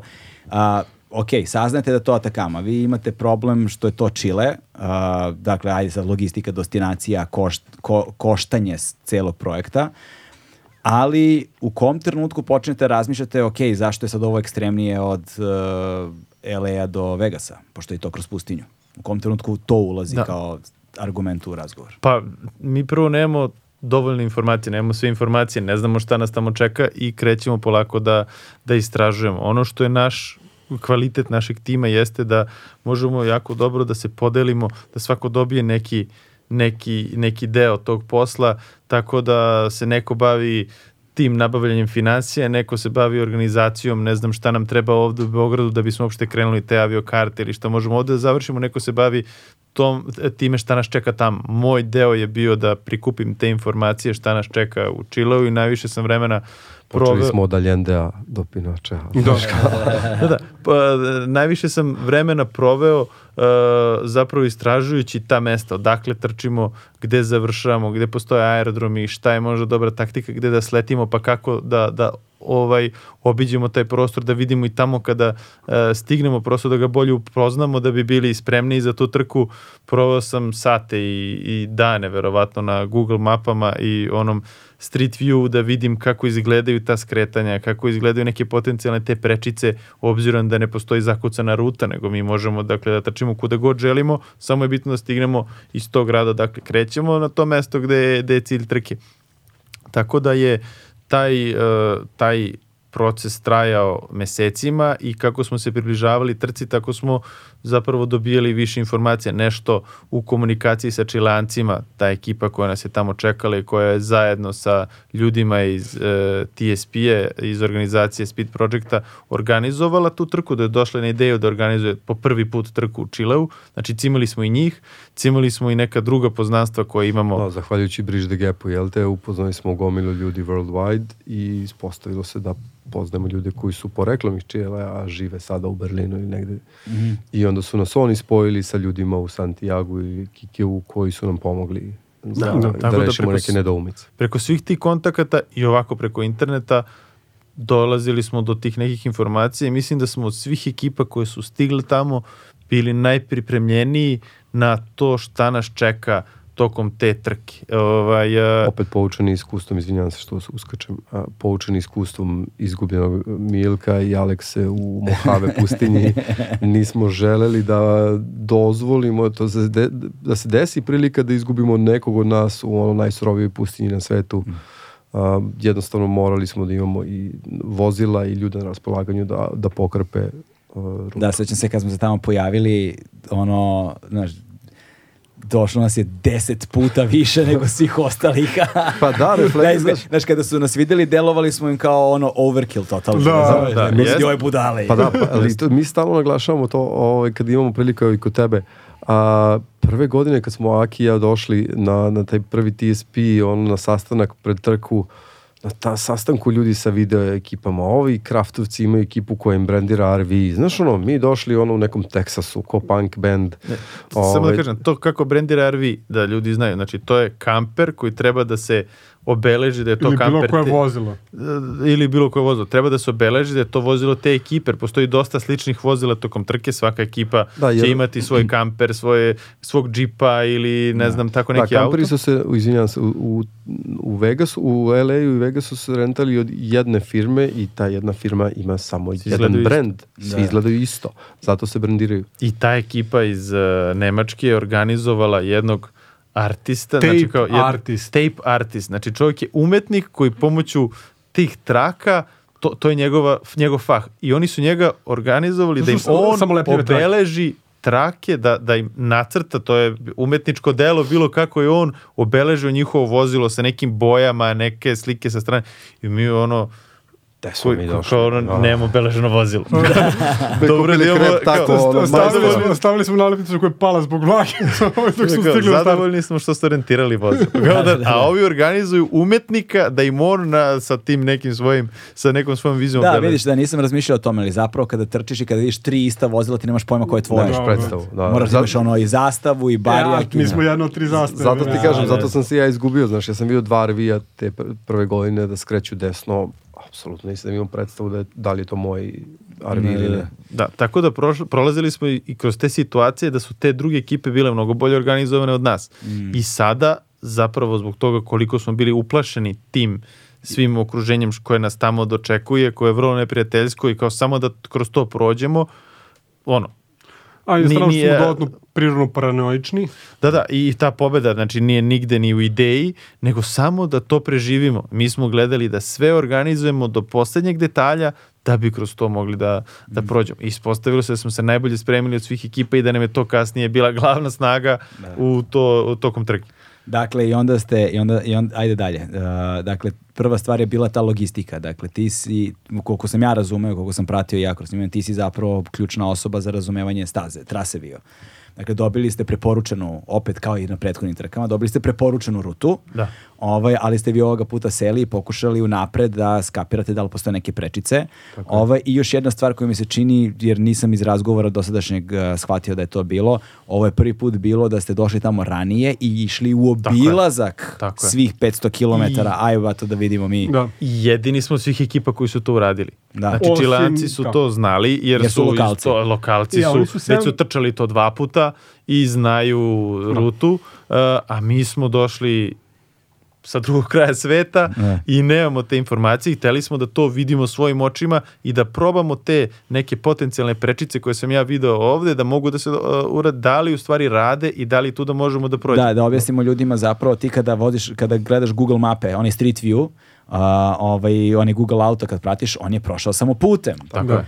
I nije on išao nekim sporednim i ti zapravo samo vidiš sa kamere nešto što možda može bude put ili ne mora Tako da je. bude, ali ti zapravo fizički kad dođeš tamo moraš da odeš i da vidiš A nama što to liči. Se da je ta zapravo takama puna a, tih nekih servisnih puteva koji služe da se stigne do nekog, nekog Rudnika. objekta ili čega god koji se Da, nalazi na rudnika. sred. Tamo rudnika puno. Da, je, da. da. rudnik je bilo s onih a, Solarnih ih, a, elektrana. elektrana. Solarnih, pa, solarnih Pa bile farmi. su i one, Farmi, farmi i su, da. one kako se zove, vetrenjače. Vetrenjače. znači, Da. E, i to, i to, je, to su stvari i, i postoje servisni putevi koji su kao paralelni putevi sa glavnim putem, zato što u slučaju da se radi glavni put, da može tu da jednostavno neko da, Da. prođe. Samo što je važno da objasnimo ljudima, oni nisu asfaltirani. Nisu, on, ne, ne, to je daleko od tog, znaš, to je put, ono, Da. starom narodskom e, značenju put. ono. Da, tako da. je. Utabana staza. Da, utabana Da, staza. Nama je- bilo važno da bude utabana staza, da ne bude taj pesak, jer po tome ne možemo da trčimo, ne možemo da nadoknađujemo vreme u stvari. Ako budemo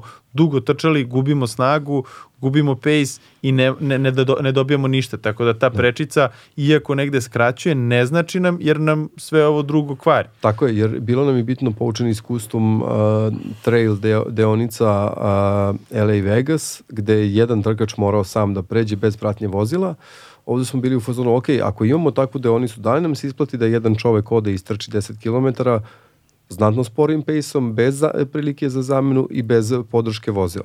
Sa malo većim rizikom da se izgubi. Tako je. I onda smo rekli, ok, ako ne može da prođe vozilo sa trkačima, ne koristimo te prečice, to znači da ili dubok pesak, ili je neprijateljski teren, e, Tehnički zahtevan. tehnički zahtevan. Tako je da i tu je Šolim ili ti coach imao bitnu ulogu u, saradnji naravno sa Maretom da prelomi da li ćemo da koristiti sve te prečice koje smo našli ili ne.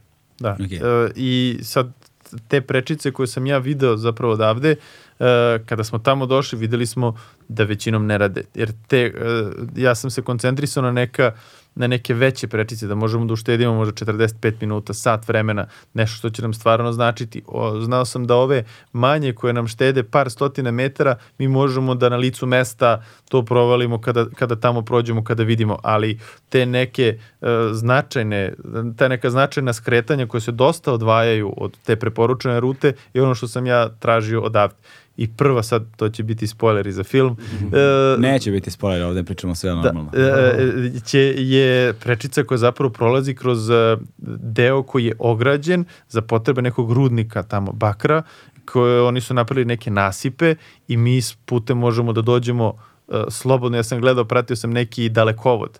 E, možemo da idemo ispod dalekovoda, tim servisnim putem za dalekovod i onda ćemo naići na te nasipe gde ne možemo da idemo dalje. E, čak smo se tamo raspitivali kod one žene u restoranu da pitamo šta se nalazi, da li možemo da prebacimo jednog trkača da to između dva nasipa pretrči to što je ograđeno, ali ona rekla da je to privatan posed za tog rudnika i da tu čak postoje i ljudi koji su nekada naoruženi da čuvaju taj deo. Da. Tako da smo od te Not prečice fun. jedne Ne odustali. želiš baš u Čileu naoružani čuvari da, da, navataju noću u pustinji. ono. da, da. Pritom imali smo situaciju da uh, u Legu kada smo trčali Stefana Maksa i ja uh, prošli smo blizu miniranja jednog rudnika.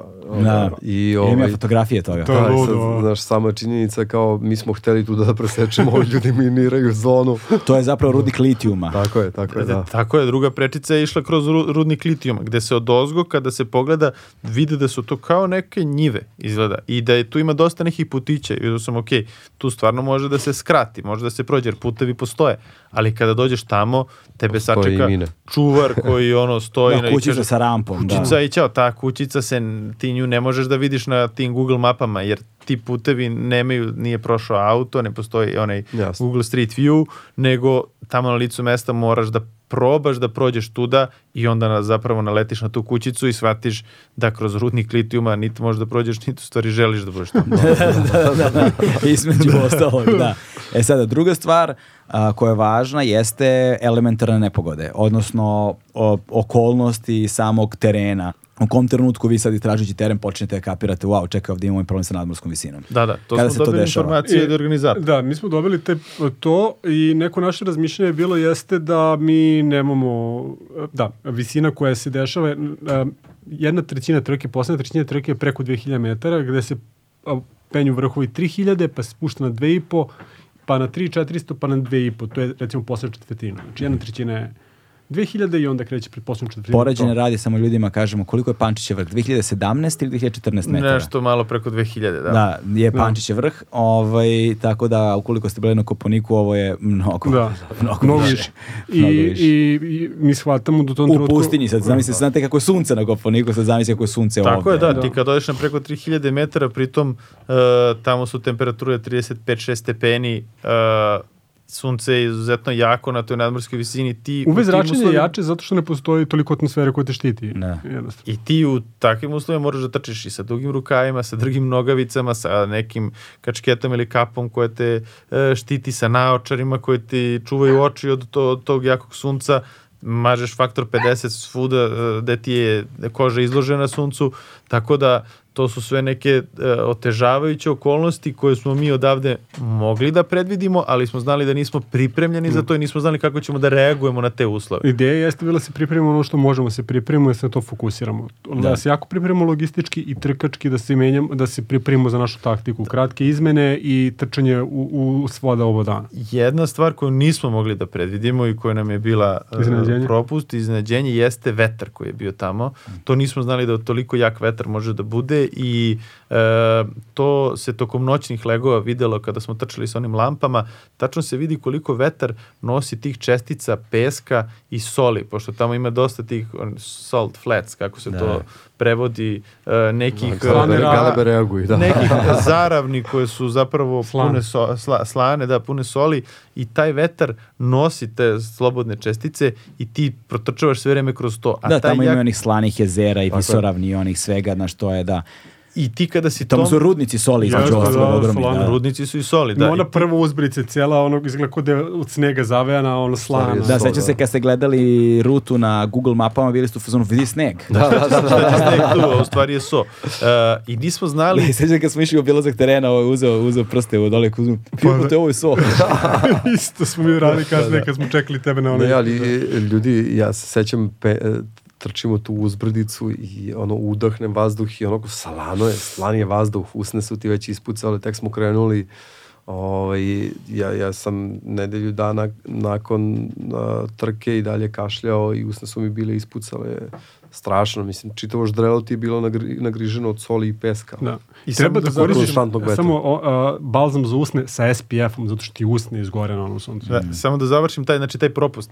Mi smo imali iskustvo iz uh, Mohave pustinje, ali ovde su uslovi 3-4 puta gori zbog tog vetra i svi, sve, toga što on nosi, tebi sva sluzokoža se jako brzo sasuši. Za, za minut ti je već suva.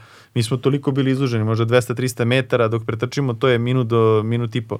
Smo bili izloženi tome, tebi se sve stegne u nosu i u ustima i ti kada probaš da pomeriš malo nos ili da, da, da, da nešto udahneš ili da raširiš nozdrve, ti imaš male pukotine u, u suzokoži e, koje ne može čak meni nos, e, ni, meni, meni nije curila krv iz nosa dok sam trčao, jer i ta krv koja želi da, da curi i, to se sasuši, ali kad uđeš u auto, kad se hidraš, kad se malo oporaviš, kad dođe ta smena od 3 sata da možeš da, Da. odmaraš i hoćeš da istreseš nos, tebi maramica bude puna krvi. Jeste. Da, da. Zato što ti je sve u nosu zapravo popucalo i to je nešto što nismo mogli da pretpostavimo da smo mogli nečime da, da, da prskamo nešto, na primjer u onim vozilima Fiziološki. Da, nešto, u da. onim vozilima, u tom vozilu za trkača, to bi nam sigurno tamo pomoglo napravilo možda malo da nam bude lakše, jer tebi nos kao da ti je ono, Kao da je Skamenjen. Da, da. Baš je čudan osjećaj. Da, da, pa mislim, svi smo to imali, kamoli, Da. kamoli vi koji ste trčali, ono. Znači, ja sam do pre pet dana,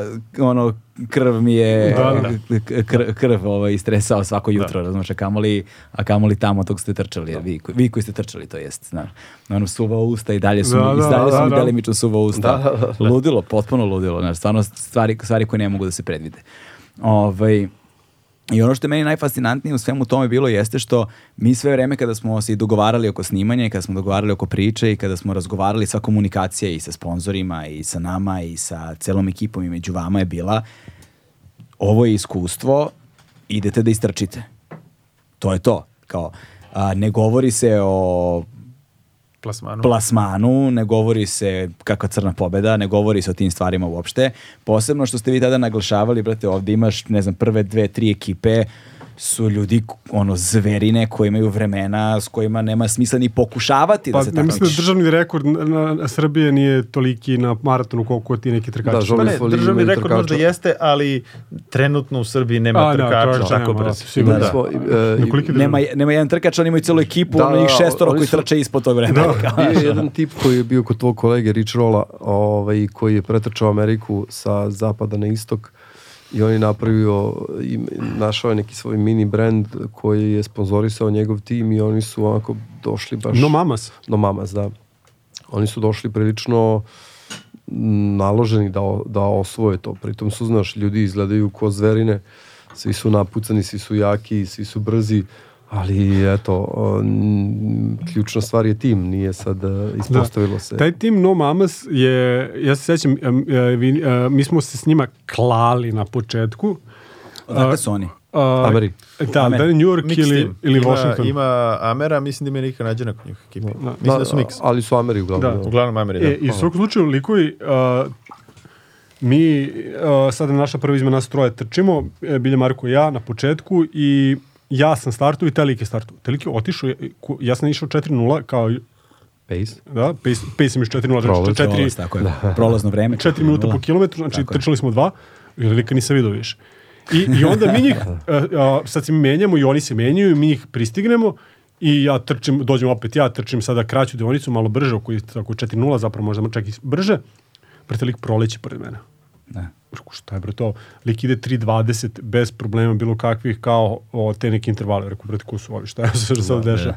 Kasnije, naravno, ne može on sam i ne može toliko dugo da trči, toliko, takav pace.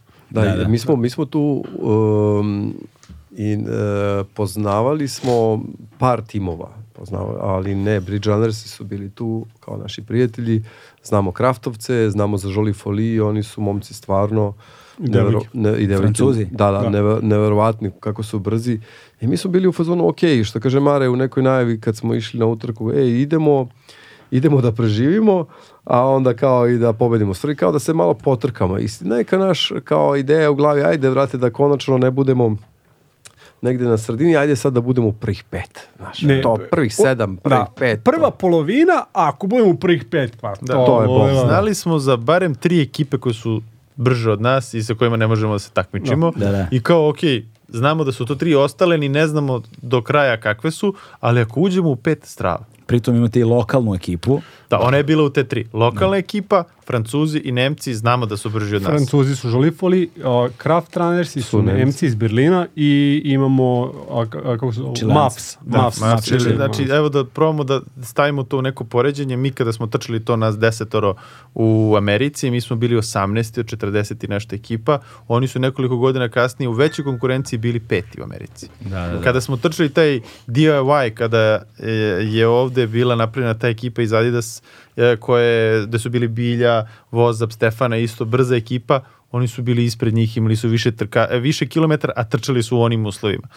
Mi smo bili, ok, sa njima ne možemo da se takmičimo. Ovi e, kraftovci i Žolifoli znamo koliko imaju Znamo brze ko su. trkače, svi su ispod 3 Jedan sata trkač- maratoni. Ma, što ispod, Nema šta da ispod tražimo 2.45 su. Da, Imaju, maraton. imaju, da, imaju jednog uh, sa olimpijskom normom trkača, da li žolifili... uh, Žolifili, da. da. Mislim, ono, kao ispod 2.20 maraton, o čemu Da, pričam. sećam, sećam se ja kada, kada ste krenuli trku, pošto smo mi išli napred nazad, jel te snimali i onda u jednom trenutku sam shvatio da sve takmičarske ekipe su tu negde, ne, negde razvučene su, ali su tu negde, govorimo o samom startu, prvih, ne znam, 20 km, 30 km, ali tri ekipe ne vidiš. Ne vidiš, nemaš pojma gde su. I mi kao idemo automobilom, znači džipom, idemo, ono, pun gas, idemo, vozimo neko vreme, Ti su, čekaj, smo mi prošli ljude, nismo prošli ljude, ne kapiraš posle nekog vremena vožnje šta se dešava, pošto, pošto da kažemo ljudima to je važno, sta, trka je startovala u 4 ujutru, Da. dakle mrkli mrak je, ti si u pustinji, ne, nemaš pojma, ti vidiš koliko svetla dobacuju, sve ostalo je mrkli mrak. I nemaš pojma čoveče, jesmo li mi prošli ove trkače ili nismo prošli ove trkače. Jer sad u jednom trenutku ne želim sad ja zabrinjavajuće daleko da odem, pa da počnem propuštam stvari, hajde da se vratimo nazad. I mi sve vreme zapravo ne kapiramo, dok u jednom trenutku sa Fabrisom, evo pa, kao smo shvatili, ajde da se sad nešto prebacimo, jer je a, bila je neka, naplatna rampa neka bila, šta je bilo, znači izlasku iz Ikikea, Aha, pa se prolazila Uglavnom, naplatna tako rampa. Pa smo onda, posle ne znam koliko kilometara, i onda tu zapravo zvanično počinje stvarno pustinja. Da. Ovaj, I mi smo prošli naplatnu rampu, onda smo prošli još ne znam koliko kilometara dalje da stanemo, jer sam želeo da uhvatimo statične kadrove, da ne budu pokretu izlazilo, nego da stanemo ono sa stativa i da vas hvatamo nekim teleskopskim objektivom. To je jedna stvar koju smo mi naučili da, Da. pola tih teleskopskih objektiva ništa nije htjelo da radi. Znači, ta prašinčina u objektivima, ti vetrovi, te temperature, morali smo u jednom trenutku da, da, da sklanjamo kamere i da ih gasimo, da ostavimo da se ohlade, brate. Razumeš da se ohlade znao. kamere od sunca, da, da, mislim, ludilo je to tamo, Da, znaš, da, da. svašta ti se dešava, znaš. Ovaj, I onda kad smo stali i snimamo, i onda smo skapirali, kao, e, čekaj, evo ih, uh. Evo ih, evo ih ekipa Ne, koja to su prolazi. bili Žoli Foli i Mavs su bili prve dve Da, ekipe. prve dve ekipe i onda smo, tad ste vi bili nešto četvrti, peti. Ste tad Pa mi smo, četvrti, mi smo krenuli bili. sedmi, tad smo bili verovatno peti negde. Četvrti, Tu peti, tu da, ste negde da. nešto bili. Ja moram da se ubacim, e, Marko je, ja ne znam kako to nama nije palo na pamet do sada, ali s obzirom da su se podelili u dve ekipe, a prva ekipa je startovala u četiri A, ujutru, da, a, druga u sedam ujutru. Ja se sećam, idemo da spavamo, kaže meni, meni Mare, e, ali vi spavajte duže, ja kao, kako duže trka u četiri? Kaže on, pa šta ćeš u četiri tamo? Da. Da. Ja rekao, pa stvarno čoveče, šta ću tamo, znaš, i onda kao, kad se skapirao ću spavati sat i po duže, to je, ja sam već pobedio tada. to je već bilo, pa ja sam spavao sat i Za po one koji su mogli da Da, spavaju. e, ljudi, a sad čekajte, a šta nam se sve dešavalo sa izmenama i sa Da, bolestima? imamo, imamo i to isto. Ne, nego- do, da, nego sam samo htio kažem kada je, tr- kada je trka startovala, onda sam ja tad prvi put video, stali smo, ja sam prvi put video ove prve ekipe. Ne znam ko je prvi prošao. Burazeru, oni su leteli. Da, to, to je Žoli Foli. Oni su, da, ja sam video, umem da prepoznam dobar pace, vrate, ono sa dobro prolazno vreme i vidim, i vidim po, po, po načinu na koji trkač izgleda dok trči, Da. znaš, kako se kreće. Ne, taj prvi Znači, bolesnik je trčao nešto 3.15. Ali, ali sam tako, ali sam isto tako video neke druge izmene i video sam da imaju vrlo problematične Jeste. izmene ovaj u ekipi. To je još jedna stvar koju sam vidio za, za takvu vrstu tempa. Da, Da, da. Za takvu vrstu tempa, boga mi na 500 km kroz pustinu na velikoj nadmorskoj visini. Da, Ne, naše, mi smo imali, ja mislim, među o, o, ovaj, svim ekipama možda najjače žene. Da, neupitno. Da. Neupitno. Znači, I Bilja i Bilja i Stefan. Stefana su mogle tamo da se takmiče sa bilo, protiv bilo koje dve žene, bilo koju distancu i da ono budu tu, da, se, da, da, da su tu egal. Pritom je, slika koju sam ja stekao jeste koliko je bilja bila ono vama, na- ona je bila stvarno u trenucima kad sam ulazio u kombije gde je moral nula. Znači, svi su ćao, Bilja gu vuče za sve.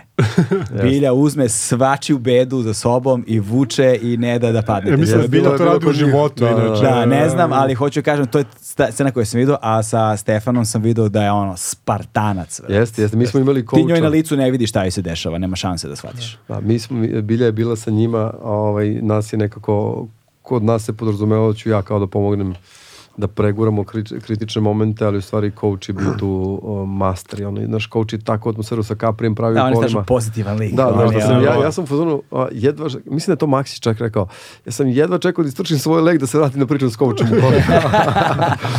da. e, sad kad već go, pominjamo Maksu, Maksa je jedna od ključnih figura Jeste, u celoj ovoj priči. Uh, vaš fizio, što bi rekao, maser, koji je i ono što ste pričali u pripremnoj fazi, da zapravo u svakom trenutku niste sigurni šta može se desiti do novembra meseca, tako da svi ljudi koji idu na, na put, bez obzira da li su podrška, maseri, šta god da su, moraju da se pripremaju za ne daj Bože. Da, sutra idem u rat, tako je to bilo nekako. Da, i uh, šta se dešava? Sti, stižemo ovaj, u zapravo, pošto, bože, to putovanje je bilo ludilo. Znači, sti, stići do Ikikea brat. je, je avantura za sebe. Jeste. Znači, Ma ne- samo stići u Ikike u Čileu. Da, Da, ali i tu smo imali malo nezgodnu situaciju, jer mi smo imali spremne te izmene, ali već kad smo tamo stigli, mi smo računali to je to. Stigli gotovo. smo, e, i nas šestoro trčimo. I ovi ostali su se i opustili. Kada pogledaš Milana, kada pogledaš Saleta, kada pogledaš se, oni su se opustili i kao to je to, stigli smo tamo sve ok, nas šestoro ćemo trčati. I onda svega dan i po pre trke. Ja samo imam pre toga. Mi smo sleteli u Kalamu, sećaš se toga. Da. Ja sećam prvo kad smo mi sleteli u Santiago, pa dočekali vas i Mareka, taj osjećaj kad smo svi zajedno da. avionu. Pošto, mi do, pošto ste išli preko Amerike, mi smo išli iz Da, Pariza da, iz- i onda se mi nismo videli uopšte. Da, Prvi da. put smo se posle Beograda videli u, Santiago. da. e, na aerodromu. I to je bilo ludo.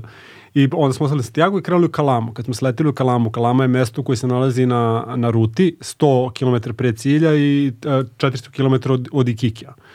I deo ekipe, to je cijela ekipa To je otišla... grad od nekih 200 nešto hiljada stanovnika. Ako otprilike, je toliko... Oko, oko 200 hiljada, da, mislim da je otprilike. Jedan od... Poznat kao grad pasa. Da. A, Najružniji grad u Čile, verovatno. A nije, stvarno, jeste sam članci rekli da se on bori za titulu naj, najgrđeg grada. I u svakom slučaju, uh, u tom trenutku svi vi odlazite u, u Ikike, a nas trojica Capri, Iga, ja idemo u... 180 hiljada populacije. A. Ja, bravo. Ja, Idemo u, u San Pedro, dostavimo kofere, jer naša ideja je bila jeste kad budemo iznajmili vozila, pošto smo mi tu došli iz Evrope, imamo gomilu stvari, mi nećemo moći da se spakujemo za trku, nećemo moći da spakujemo kofere za trku i trkače i da, da sve vreme nosimo sve kofere. I onda smo otišli u San Pedro da iznimimo tu jednu sobu i nas trojica smo išli i Iga se razbola. Mi smo sve vreme vozili sa Igom koji je imao temperaturu nešto 38 u tom trenutku. Uh, mi smo prespavali tamo, on nije bio dobro, mi smo ustali ujutru, njemu je temperatura 39 i sad je trebalo da, to možda preterujem, ali tako nešto, 38, jako visoka i mi ne možemo krenemo, jer on loš se osjeća. I mi zovemo doktorku, nama šalju recept Srbije, mi mu uzemo antibiotike, njemu postaje malo bolje. Meni je već u tom trenutku bilo frka, ok, realno da se neko još razboli, kao, kao se razbolja, Ako je virusno, raširilo se sigurno, virus, da. da.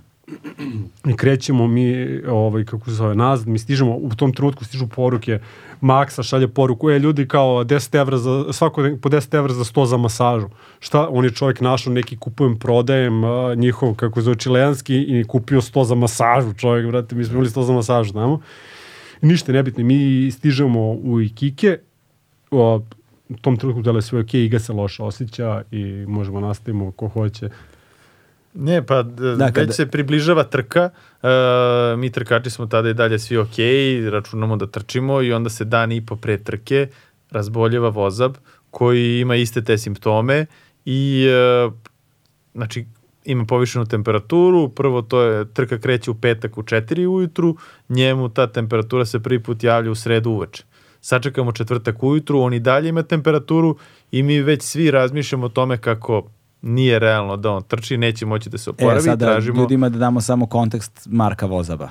Da. Da, razumeju kad, ako vozab ne trči koga ste izgubili. Tako je, da. Je naš najjači trkač u zbilju. Marko Vozeb je šampion Srbije i Beograda na 4800 metara i bitan član u našoj ekipi. Jedini u Srbiji ko je držao 4 puta 400, 400 i 800 metara u istoj U godini. isto, isti godini, da. I mislim da je i državni rekorder da li na 400 ili na 800 U dvorani. Da, u dvorani, bravo, da. Tako da, ozb, ozbiljno zver, ovaj, on je malo pre, pre nego što smo otišli tamo trčao 1.13 uh, polumaraton i mi smo bili u svom, wow, ono, vozavi u piku forme, nema šta, bit ćemo dobri, ono, u Da. zbilju, Stefanu, nas trojica ćemo se kamuflirati. da, da, jeste, njih troje su bili jači deo tima, nas trojica smo tu bili slabiji deo tima, ali od svih nas Vozob je vjerovatno bio najspremniji i najjači trkač u tom trenutku. Tehnički Tako da... da- da se mi nismo plašili da uslova u koje idemo, vozab tako ranjen je bolji trkač od nas. Mislim, Da, i stvari u tome što i sva, sa, bilo koji plas, plasman, eventualni koji ste planirali,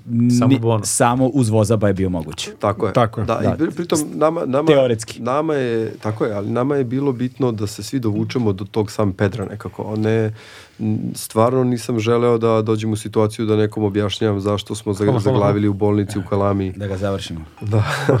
zašto nas smo ostavili, ne znam, nekog člana ekipe u bolnici u Kalami. To je ono, Da. to jednostavno nije bilo nije bilo moguće da se desi. I jednak fokus je bio da se dovučemo, kako Mare kaže, da preživimo do, do cilja.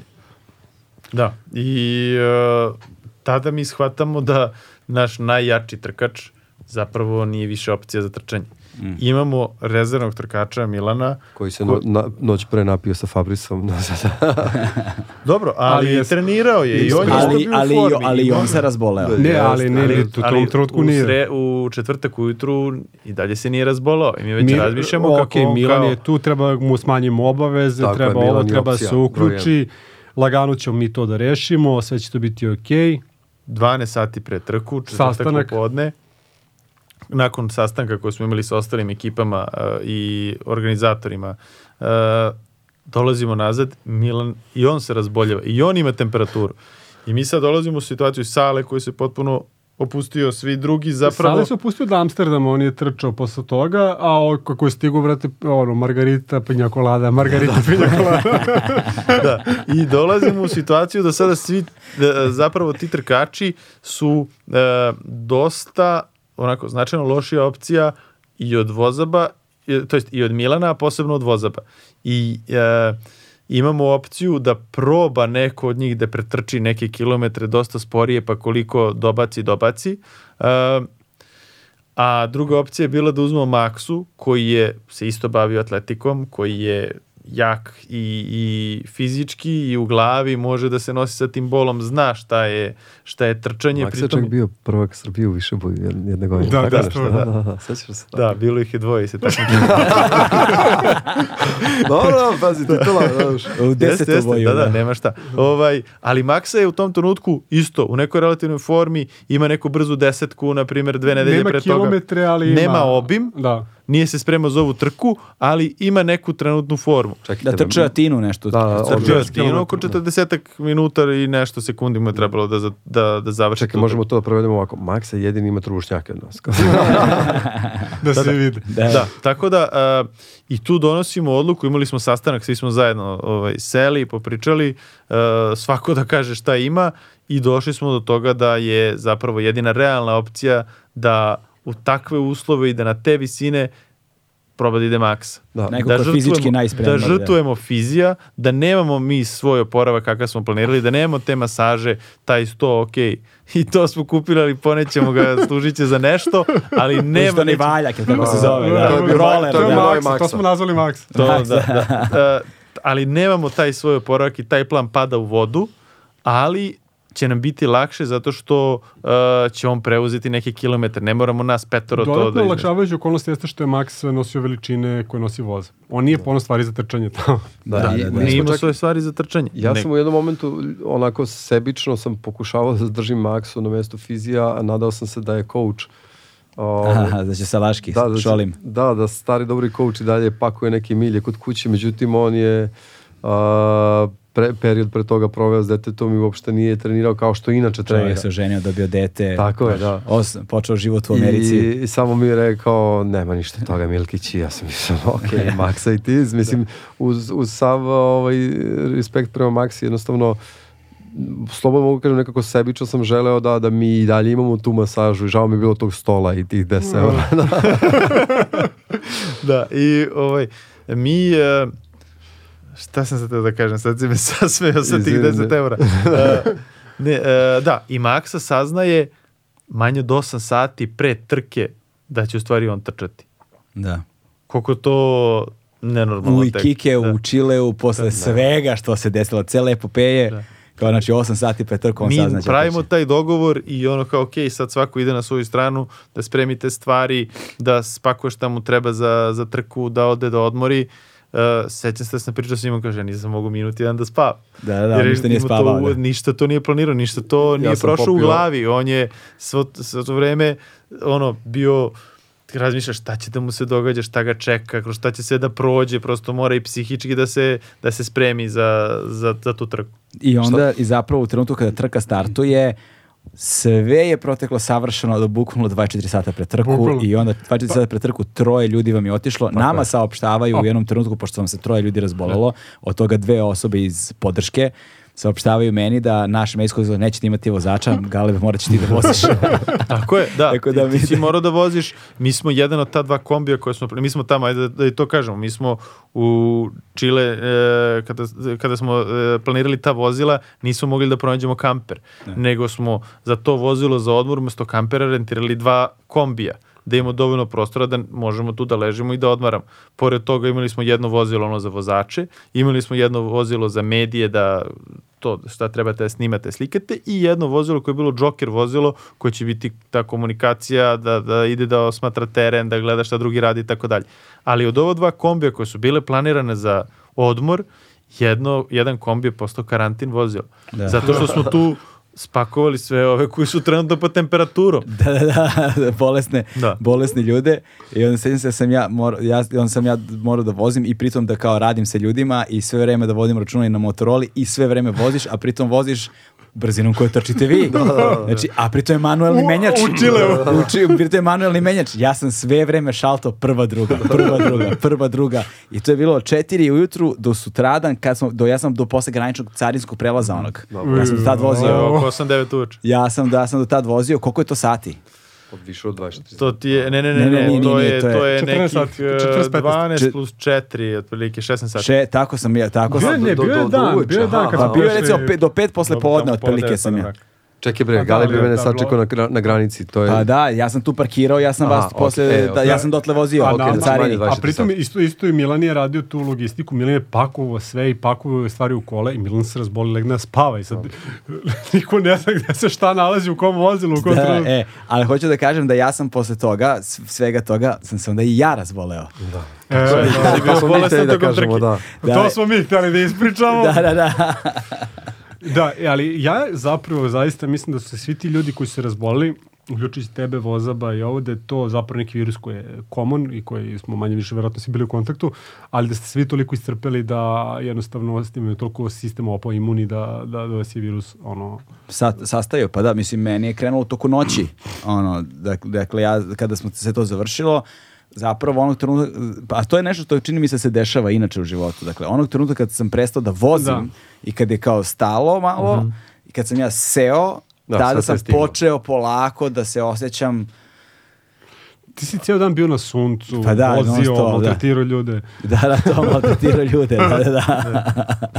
ovaj, i, onda se, i, onda, i, onda, I onda je posle Sandra preuzela, ovaj, kad sam ja fasovao temperaturu, a onda me je Bibić, mislim, Da. Da, i- provozo me, brate, Super na serpentinama na 3 400, ova, to... Zato što nije ovdje ispričao. I- U, ja sam zaboravio Galeb tu. Ulazi coach kao, Galeb, jel si dobro? A kaže mi, ujebo, to nije tu. Kaže, o, jesam. Milan, možeš, molim te, malo lakše? da volim?" kaže, ja pređem ovako. Kako se popim preko 3000, ja sam čuo pozadi. O, Da, i, i super je što je Nemanja isto bio sa nama Milanov rođeni brat koji je preuzeo Milanovu ulogu. Uh, on je bio deo drugog, drugog support tima koji je išao sa drugom ekipom u početku. On je s vama krenuo. Jeste, da, to sam malo pre rekao. Znači, mi smo se malo naspavali i sećam se Bibić nas budi. Ja sam za razliku od Maja, Majaksa neiskusnog pojao komad svoje teleport pilule. Zaspao sam kao car i probudio se pro trku. I sećam se, prva stvar budim i Bibić, druga stvar uzimam telefon i kao Mare je napisao u grupi peti smo. Ja kao šta? šta bre peti? Kao Voice TSP, gde mi peti? Znaš, kako, to, to nemoguće. I onako k- skontam, sedim u gaćama na krevetu i cupka mi noga i kao, brate, pumpam adrenalin, kao, mi smo peti, kao, ne. moguće, pričali smo da budemo u top, u prvom delu ili u top pet, mi smo već sad peti. I kao, okej, izlazimo na trku i kao, Bibić kao, "Vi- ništa ne brini, samo ponesi svoje stvari. Ja sam sve spakovao u kola, sve je okej tvoje, samo trčiš, fokusiraj se na trku.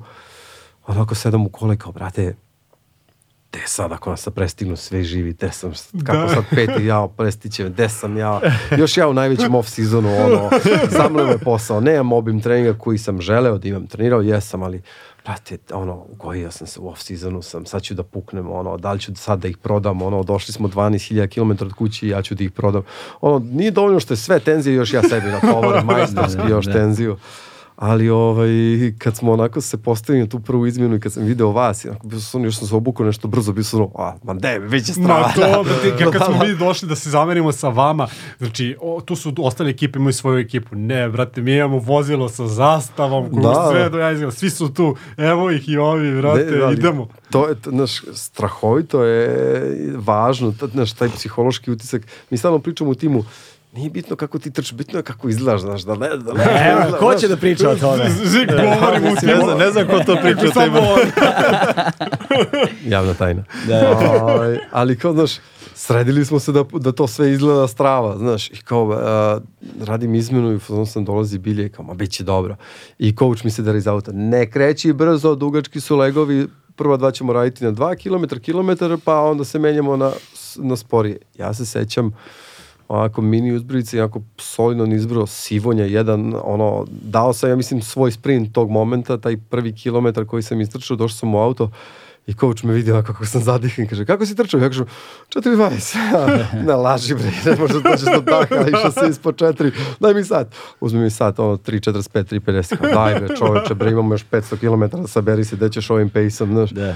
Stvarno je bilo ono, ja sam toliko naložen u tom momentu bio, ja sam bio zvonu, ne, ne, sad ćemo da razvalimo, niko ne sme, ne smem da ih ispalim, ne smem da ih... Da, ali tu treba da objasnimo u stvari da uh, svaka ekipa ima neku svoju strategiju što se tiče tih izmena trkača. Da. Uh, to je potpuno ostavljeno ekipama. Jedino pravilo je da uvek neko mora da trči, ali sama ekipa određuje kako će da organizuje te izmene. I nama su ove četiri, trča, četiri iskustva Zagreb, Beograd, TSPV, taj D, e, DIY, uh, značili da vidimo šta funkcioniše i da napravimo neku strategiju u koju, u koju verujemo i koju mislimo da zaista može da profunkcioniše tokom cele trke. Mnoge ove druge ekipe su imali neke druge, na primjer imali su parove, da, Da. da. trči neki par, smenjuju se njih dvoje, dva sata, a posle odmaraju četiri sata. Njima to možda ima više smisla. Neki su krenuli neke duže legove. Su mislili da kao maratonci koji e, inače trče te dužine, to će im e, lakše pasti da tako rade. Ovaj, e, tako da, Tako ste i vi mislili na prvo. na prvo- prvo, da, smo mi na početku mislili. Brate, Ali kad dođeš na visinu... kada smo krenuli samu trku, mi smo bili na početku sedmi. Da. Uh, pa smo se onda polako tokom prva tri sata probili na to peto mesto. Pa smo se onda tek polako probili što je više trka trajala, to je naša strategija imala uh, puni efekat, Da. puni efekat u stvari pravila je razliku u odnosu na ostale te Urodila, kasnije. urodila je plodom je. vremenom. Da, Da, i mi smo se zapravo tokom trke, uh, prvo smo bili presrećni sedmim mesto, pa onda kao o, borba, bili smo dugo egal. Nisam kao, bio zadovoljan seriju, pet, pošto Ne. smo stalno bili 7, 605, 7, Sedam, 605. da, bili smo, uh, zajedno smo sa Bridge Runnersima trčali uh, na dobi petog i šestog mesta i to nam je već bilo kao strava. Kao pobedimo njih za pete i šesto, mi budemo peti, super. Da, još smo E, se zezali sa njima, tu je Cedric bio u fazonu, kakve su vam ambicije, mi smo bili u fazonu, samo pobedimo tebe, brate, ti si stari, može. Sve nam je nebitno, E, samo tebe da I pobedimo. onda se vremenom polako u sledećem legu, znači mi stigli peti, nisu nam tu daleko ni četvrti ni treći, vidimo ih jer je već je svanulo, pa vidiš taj pravac koji ide u beskonačno, vidiš da su ove dve ekipe, onda oni to prebace, to borba treće, četvrto, peto mesto. I polako se mi kroz taj uh, penjemo kroz plasman i kako se više penjemo, to više dobijemo tog nekog adrenalina i to što Milko kaže da imamo taj hype od uh, prve smene, mene je možda stigla tek tamo kad smo stigli na tu prvu prečicu, to je neki 115 km, te sam shvatio da se. Da se, da se e, približavamo, da su Francuzi promašili, da mi sad pratimo ove Čileance, da se sad odjedan put drugi, ja sam tek tu dobio to kao, brate, mi ovde se stvarno sada trkamo, imamo neku šansu da ovo možda i pobedimo. Ja Meni se- Milko ali, vas tek, ali vas tek čeka noć. To je Da, ono, da. iz noći ste prešli u dan, ali imate ceo dan i tek vas čeka noć. Tako je. Da, da. I ta noć je ono... Slomilica. Sve može da se promeni Da, da, u toku te noći. Znaš. E, ja se sećam... U svakom trenutku može do duše, ali noć je... Ne, noć je bila ključna isto. Ja se sećam uh, kad smo poče, prvo brdo koje smo trčali, uh, već smo uspeli da se izborimo na treće mesto i na vrhu brda sam video tebe i Milana koji mi mašu i kao tamo, tamo prečica, znaš, da. tamo možda se ide. Da, to završiš. Ja kao, okej, gde je? Kao, pa tamo. Znaš, i sad ja idem tamo i shvatam da sa Krećeš glavnog, sa puta na... sa glavnog puta ja skrećem na neki sporedni put, sa sporednog puta ja skrećem u pustinju. I ja sam stvarno, brate, gde sad? Gde mi je Joker vozilo? I sad, kao neko ko je ono zadužen za tenziju u timu, ja sam bio u zonu, gde je Fabri, gde je vozilo, šta se dešava, zašto ja sad trčim? Jer u momentu kako smo ušli u pustinju, ja sam se spustio, put je vodio malo niže, ja više nisam video ni put, ni ljude na putu, ni vozila, ni ništa, a, osim sunca, jer znam da kao u smeru sunca sam išao. To je to. Nemam predstavu Ja gde moram da da... našu perspektivu toga. Mi smo u tom trenutku završili trčanje i otišli na kraj te prečice I vi smo videli ljude koji trče i zato smo insistirali da oni idu na tu prečicu. Tu su prošli ti Žolifoli i Mafsi. I brati, i kad sad Milan s jedne strane mi kao nešto komuniciramo i mi stojimo i sa naše strane se jasno vide dva brda. Da. Treba Mirko prođe kroz dva brda. Između dva brda. Da, kroz, između dva brda. Ne, stari E, sam ja. i brate, i sada meni je ono, to, ta zajedništvo. Sale koju uhvate, ne znam da li su kola ili krenuo trči. Trči. Da trči, da stane negde, da maše Milku gde treba prođe. Mi se očekujemo Milka vidimo odatle i samo vidimo vozilo i Milka ko ide oko brda. Tako da prečicu je manje skratio nego što, Da, što je umesto mogao. 10 minuta dobili smo 4. Da. Jer ja u tom momentu kad sam ali se sada spustio dole... dešava se to da ja vidim Milka kako trči, prašina iza njega vozilo i samo iza njega se kuono o, o, Mad Max. Pojavio se još vozila, još trkača koji ide istim putem, ne znaju za prečicu i prate Milka u stvari. Rekao, brate, ovo je najjača stvar na svijetu. Da, A ne, ali ja sam- se sećam to, ja se zapravo sećam šta, šta ja, ja, mi smo bili tu, jer mi smo pratili... A ti si ka- bio na prečici ili? Na prečici. Na, na ulazu? Na ulazu, Ne, da. pa da, na ulazu ne, mi smo bili, mi smo zapravo išli za, sa Kaprijem. Zajedno smo bili. Aha, da. Znači bilo je crveni auto i beli auto. Mi smo bili u crveni, mi imamo te snimke, snimali smo, snimali smo. Milka. I onda ima tačno trenutak, ja idem iza Kaprija, Milko piči i, i ja se ja izvalim u tom trenutku da ja jedini gledam u mapu. Da. Niko nije gledao mapu. I ja vidim da je, Mil, da je bilo, ako se sećaš, bilo je, ti si trčao i bila je, bio je, bila je jedna, jedna tačka gdje su bila kao, kao neka dva Tako je. utabana Dva- razdvajanja. tako je, tako je. Utabana razdvajanja. I ti si krenuo Umesto levim, ja sam išao desnim. Ti si krenuo desnim, ti si krenuo desnim, a onda je Capri krenuo levim i stao. I Milko je nastavio sam. Jo. I on je stao i sad ja, ja sad sta- stajem i sad gledam ja zašto ne nastavlja šta se dešava i ja kapiram da on sad razmišlja da li je Milko pogrešio, ko je pogrešio i vidim, i vidim ubacuje u rikverc. I kreće on u rikverc i sad pokazuje meni, sad ja idem u rikverc, a on trči čovek. I, ovaj, I on trči čovek i izlazi iz, i staje i izlazi iz vozila i gleda ovako oko sebe i ja jedini koji držim mapu i kažem mu brate sam, ja vidim, i sad, pošto nemam pojma da ste vi skrenuli uopšte, mi samo snimamo. Da, da. Ali vidim na mapi da je to je zapravo bio sa A300 Ne, A750 na- A750 na A760. E, A760 i ja zapravo vidim taj put i vidim ovaj put i provaljam da smo mi samo na plava tačka na dijagonali. Pošto je samo ovako ispred nas samo put, ja kažem, brate, samo pravo pravo. Znači, samo pravo. I kao kapi, pravo, kažem, samo pravo, vrate. I idemo i ono... Znači, truska ludilo, ali kad smo stigli, video sam gomilu drugih ovih njihovih vozila podrške, iskapirao sam da, sam, da zapravo, jer nismo imali kontakt ni sa kim, nemam pojma šta se Za- dešava. Motorola ne radi kroz onu brdu. Da, da. I jedino, i jedino kad, i te kad smo prošli, sam shvatio zapravo da je neko izvalio, da su Čileanci krenuli, lokalci krenuli lokalnom Da, prečicom da. i da su svi, Svi za njih njim. izvali, svi za njima, vato. Da, da. To- Meni je bilo to ja sam baš izvalio. onako potreslo me je što nismo iskoristili prvu pre, znaš kao prva prilika da nešto uradimo što nismo planirali. Ali nije to Ni- bila prva. Pre toga su oni samo... Jeste, Tebra, pojavili su- A su se, znam, tu, ali ja sam bio tu, Da. da su izletili za Maxe, ali A, to su bili fazonu, pr- tu nismo znali za tu priliku. Ovo je prva prilika koju smo imali da iskoristimo i nismo iskoristili u potpunosti. Zato mi je bilo ali, žao. Ali, ali izvinjam se što ulećem ovde, prosto zato što sam imao tu perspektivu s polja. Da. Se, mi smo stajali uh, na raskrsnici. skretanju sa Keca na A750 i Mhm. mi smo bili na tom skretanju. I to pošto je to ono skretanje za ljude koji slušaju, dakle to je skretanje pod pravim uglom. Dakle Da. to su to je normalni ugao, dakle normalna ulica u odnosu na glavnu kojom ste se vi kretali. I sada mi smo stali, meni je zbog priče, zbog celog narativa za film, ta skretanje je bilo važno, jer smo, kada ste radili logistiku, kad smo gledali Google mape, bila je priča na tom skretanju. Pa smo onda išli u obilazak terena, bila je priča o tom skretanju. I sada mi vas zapravo prvi put vidimo kako trčite na tom skretanju i meni je to bio važan trenutak da ga snimimo. Što znači da smo mi mnogo ranije, seća se Mar Maretonac, mnogo ranije smo stigli pre svih pre svih, pre prvih trkača, pre bilo koga stigli smo na to skretanje, jer sam hteo da uhvatim lepe kadrove tog, skret, te, te- tog skretanja, hteli smo da dignemo drona, hteli smo svašta nešto da uradimo i stigli smo pre prve ekipe, pre bilo koga. I sad mi stojimo tu i stajemo sa strane i sad mi tu stojimo neko vreme i nema nikoga.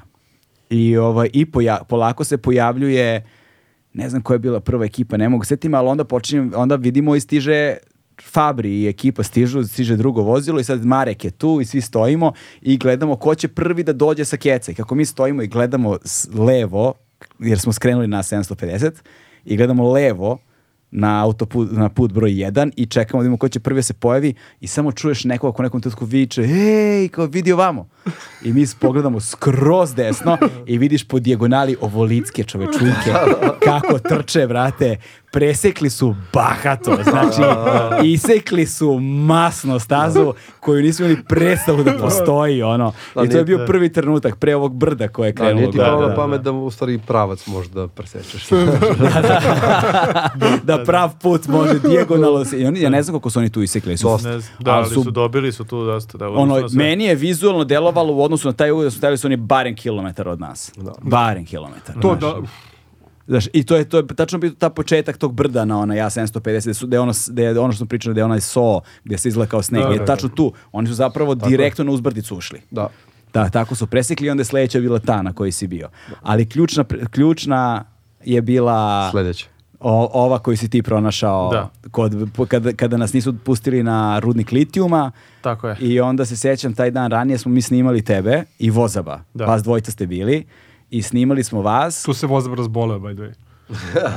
Tad je bio zdrav još uvijek. Tad je Voza, tad je Voza bio To zdrav još veče uvijek. bilo već frka. I sećam se da je bila priča, ide Mare da vidi, ali mora da ide još neko od vaših, da prosto imate barem dve osobe koje procene. Mari ima optimistične procene trkačke, treba na neku koja je optimisti, pesimistična ili real, realni. malo, da. Znaš, da, da ne, bude, ne dolazi jedna osoba sa povratnom informacijom šta je videla. Da, da, da. Znaš, da, nego da. da, imate barem još jednu. Tako je.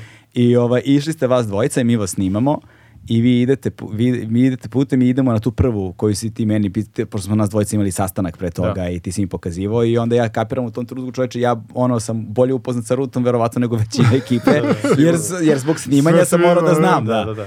I, ovaj, I evo je ta, iskrećemo mi tu, idemo neko vreme i bupete kućica, rampa i imamo taj snimak, snimali smo, sve, smo- sve, to, sve smo to snimali i, ovaj, i ti izlaziš i razgovaraš sa... Tako je, sa Capri onim- je bio prevodilac, s obzirom da je to... Ovaj, Telenovela naša.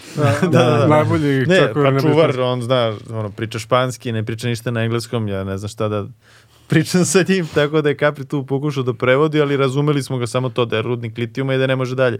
Da. Tako da je ta prečica otpala, ali smo znali za tu neku kraću koja manje manje krati, ali je bila značajna zato što i ona krati 7 i nešto kilometara, to je 30 ali, tu je, ali, ali niste znali, to je ono što hoću da kažem.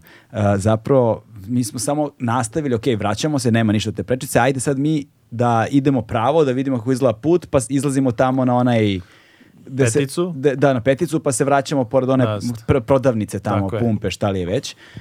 I, ovaj, I vozimo se mi, idemo, mi smo, dva, dva vozila su bila, bilo vozilo ispred nas. Ko je vozio taj? To je Sale bio, ne? A, pa to drugo vozilo vozio Capri. Capri vozio, e da, jeste, bravo, malo pre si ga pomenuo. Pa Capri vozio napred i mi vozimo iza i oni prođu, ne znam koliko, i vidiš Mareta.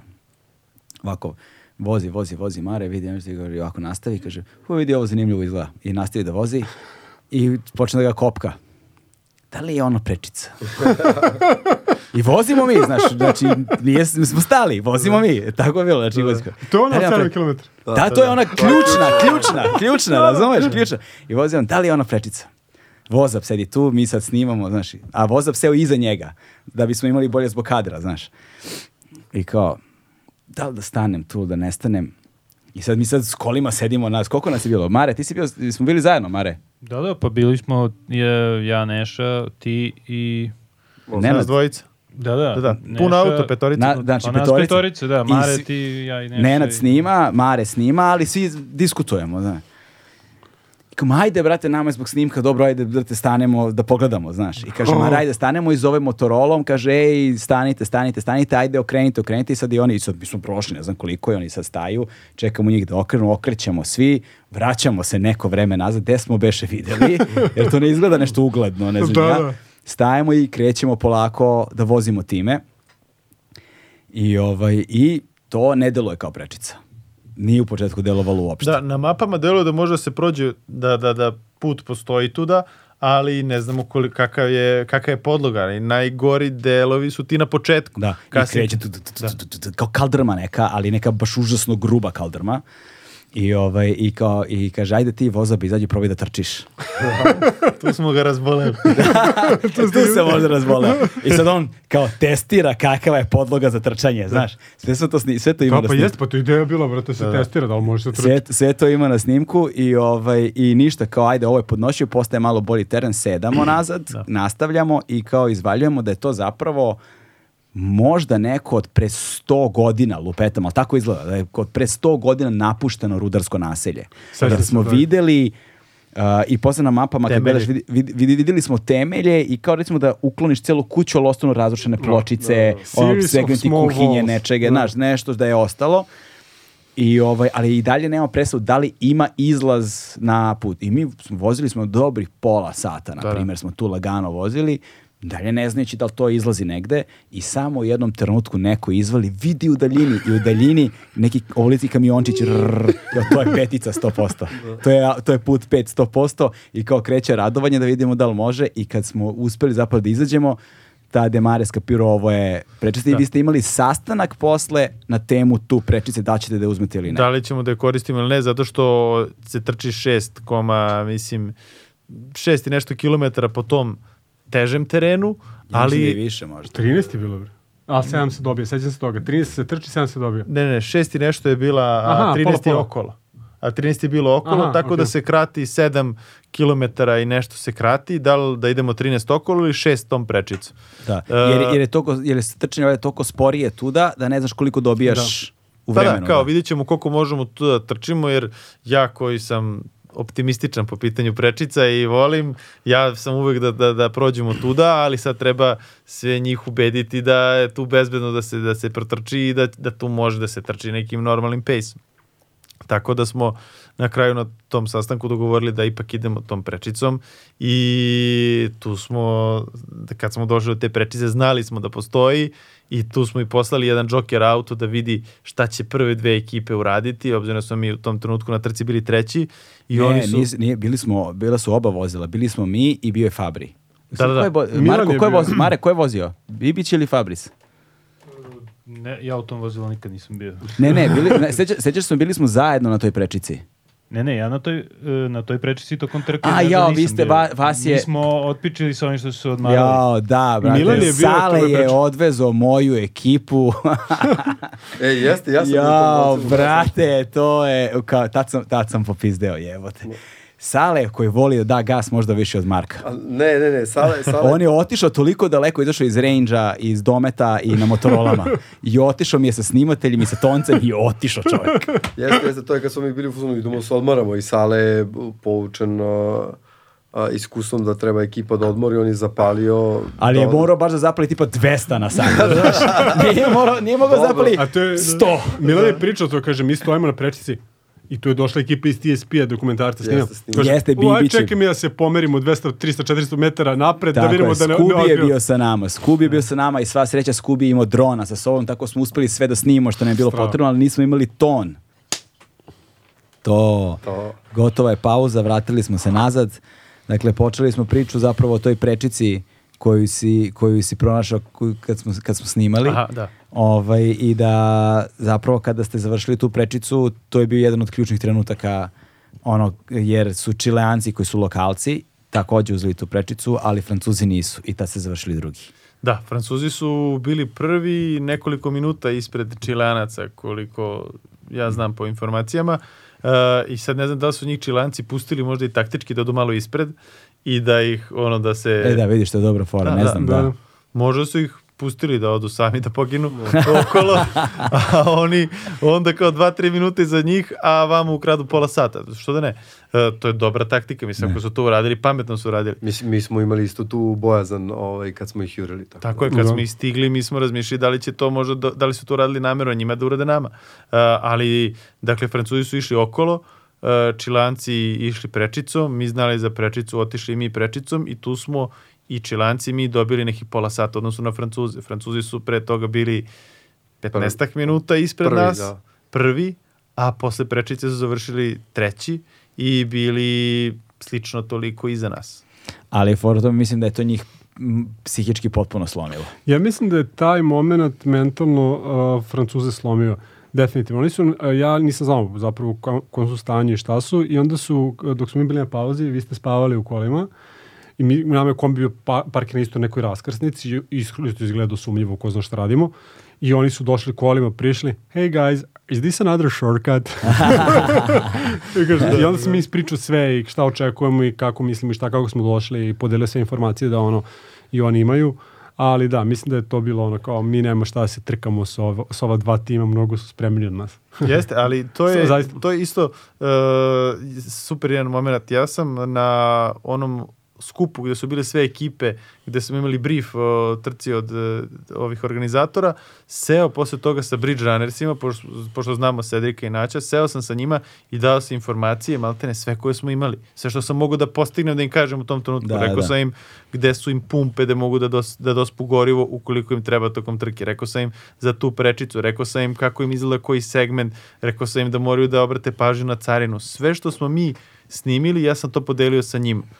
I tokom trke krenuli smo sedmi. Kako smo koga obilazili, ja sam prilazio njihovim ovim vozilima da im je bila podrška i kao, e, gde ste, kako ste, kako se osjećate, uh, koliko imate vozila, oni onda kažu dva, ja kažem, mi imamo pet.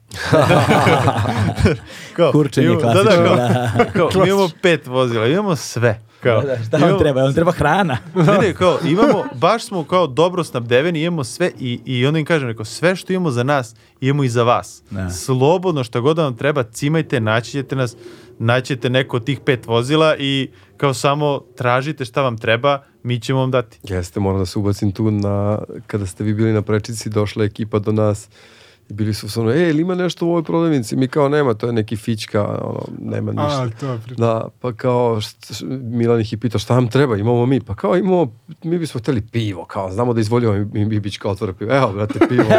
Da, da, iz- otvori- Toplo. Kaže, ne, ne, otvori frižider, šest ladnih piva. Da, da, da, da. Kaže, da, Bibić, ja, ja im otvorim pivo, dajem, oni uzme, gleda pivo, gleda mene, gleda pivo. Fucking Serbs. I posle, I posle na petici, e, pre nego što smo mi imali neku našu smenu, pred početak bilja se malo masira pored onog nekog e, šlepera iz Mad Maxa što je je vozio one A, motore. sećam se, sećam I se, tu da. Dolaze... a samo taj lik, nam- a lik koji vozi šleper, izlazi njih dvojica, priča nešto o španskom i na srpskom, ispriča smo se, i ulazi unutra, donosi, iznosi nam ono 10 banana, daje, kao ajde, srećno ljudi. Da, da, i tu dolazi auto, drugi auto od, ovog, od ovih Francuza Jolie Folie i oni sede onako u kolima, znaš, onako šćećurili se jer neće da izađu napolje na sunce, a mi parkiramo kombi, tako potvorimo gepek i stojimo u hladu i tu stavili sto i masira voza tada malo bilju i ja priđem ovim kolima, priđem oni spušti prozor, rekao, ej, čao ljudi, kako ste? Oni pokočili su unutra, rekao, slušajte, ima ovaj sto, slobodno ako hoćete, a izađite da iz vas izmasiramo, kao, izlaze oni francuzi, vozavi ih masira, vraćamo se mi u kombi, pakujemo se, idemo dalje, kaže vozav, au, brate, a su tvrdi, Pune su noge, ne mogu. puni su, nemaju šanse. Tako da mi je strava bilo to što smo tokom trke stvarno sve to hteli da podelimo sa drugim Da. ekipama, jer stvarno nismo imali pritisak te pobede i tog prvog mesta.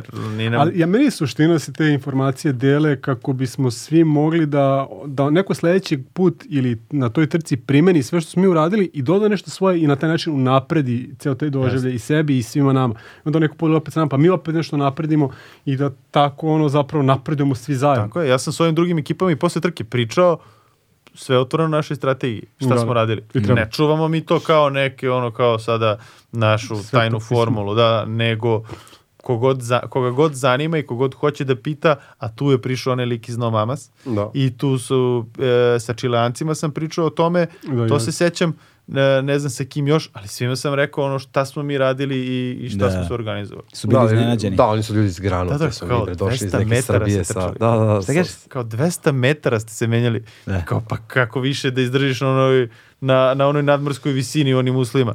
Oni kao, pa kao, hodaš.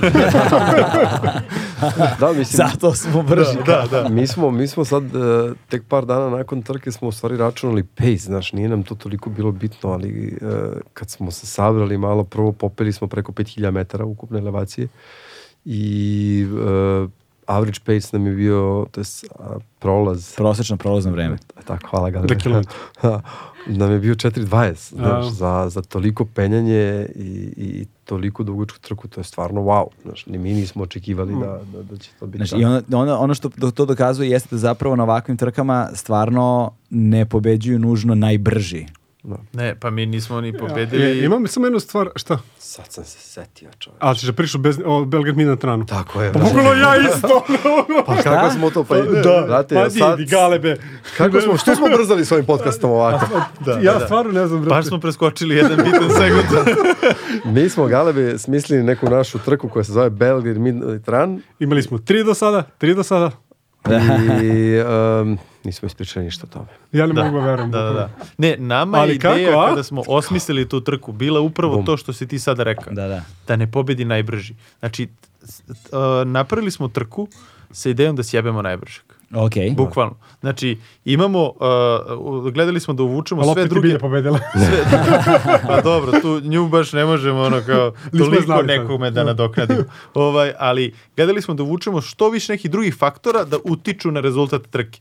Tako da imaš i faktor sreće, imaš i faktor snalažljivosti, brzog razmišljanja, poznavanja grada. Znači, trka izgleda tako da svi kreću sa iste tačke i treba da se vrate na istu tačku. Ali U smo ponoć. Kreću u ponoć, da. U Beogradu? I, e, i treba, cilj je na istom mestu. Ali e, imamo 12 tačaka koje su negde postavljene po nekim e, prepoznatljivim lokacijama po gradu i svaki Deset. trkač... Deset smo dobi- imali u staru. Deset. U prvoj trci A lakše 10, do drugoj toga što su 12. deset Da, ovdje nema veze, nije bitno za ovo. Ali, Ali, nemoj sad, nije bitno. Da, brate. Ok. Daješ netačne informacije, dobro, Marko. imamo 10 lokacija po Da. gradu i e, svaki trkač dobije različitu kombinaciju tih lokacija. Koliko Na da svom broju, tvoja, tom tako da tvoja bibu. kombinacija nije nikod koga drugog. Ti imaš svoj startni broj koji ima četiri cifre, svaka cifra, cifra ti je jedna lokacija i ti e, kada krene trka dobiješ papir koji ti koji ti ne, četiri. Brate, ajde, ja, jedva, jedva pratim šta priča čovjek.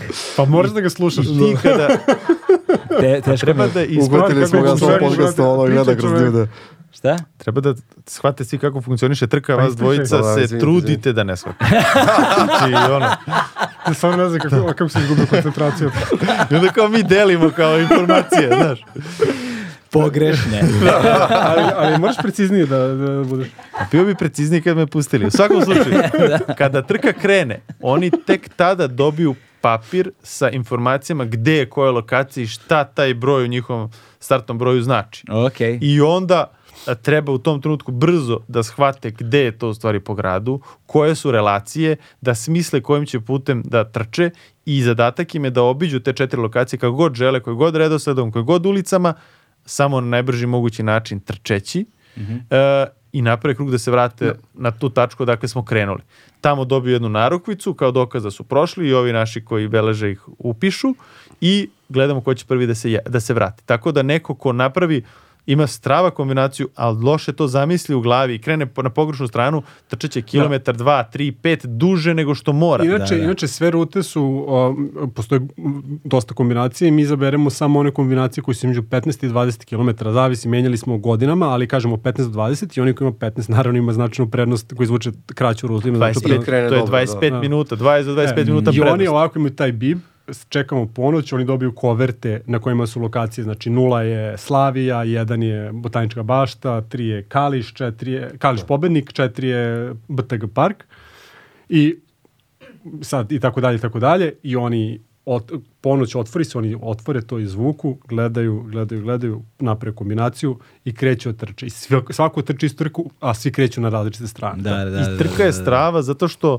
ti imaš situaciju da trčiš uh, i ovaj je ispred tebe, ali ti ne znaš da li će on nakon toga trebati da ide negde tamo, uh, ne znam, u Zemun, a, a ti ćeš imati neku tačku koja je bliže i ti si zapravo bliži cilju od njega i vodiš. Tako da, M može da dobiješ kraću rutu nekoliko kilometara, M možeš da o neko drugi može da pogreši pa sebi još doda na to još nekoliko kilometara, ti možeš da se od njega realno sporiji na polu maratonu, da imaš vreme koje je sporije više od pola sata u odnosu na njegov, a da završiš trku pre njega. Da, da, da, da. I zabavno Ali dobro, što trči se u različitim smerovima, znaš. ali, ali, ali je fora što zapravo kada sad sabiraš sva ova vaša prethodna iskustva, znaš, iskustvo u Čileu nekako dobija na značaju tim pre. Da, da. Zato što je ono Tako je. nekako kumulativni efekat svih ovih zezancija od Svega toga. ranije. Sve nas je dovelo dotle. Sve je nekako, znaš, de- desila se ono savršena oluja, što bi Tako rekli je. Ameri. Da. I svi ti zapravo u Čilu, svi ti drugi faktori koji su uticali na to da ometaju druge, da nije samo brzina trkača bitna, su išli u našu korist da smo mi sve te druge ekipe koje su na papiru brže uspeli da na toj distanci od 500 km u tom danu pobedimo. Da, da, da. Naš sledeći E. put bi se oni možda bolje spremili pa, i- pa ne Nekoliko stvari koje me zanima ovo sad u, sam, samom finišu trke jeste jedna stvar koju, koju sam prisustvovao jeste, to je uh, krize koje se dešavaju na ovako velikim distancama. Uh, nije pitanje samo distance, nego čo, i to vreme koje zapravo utrošiš ne spavajući, znaš, to je jedna stvar. I recimo Marka sam video konkretno da je potonuo čovjek potpuno bio i da ono da nije bilo ne znam bilje u tom trenutku ne znam koga ne znam ja sam ja sam izašao iz kombija seo u naš kombi i bio u fazonu mislim da Marko nema dobre izgleda da završi trku. Znači, Ja daš, se- bio je baš loše. Da, bio da, je jes. baš, baš, To baš se je dešava loše kad pojede tri kesice gumenih Bombona, bombona. da, da. Da, ono što je dobro u toj situaciji jeste Što su bile ukusne.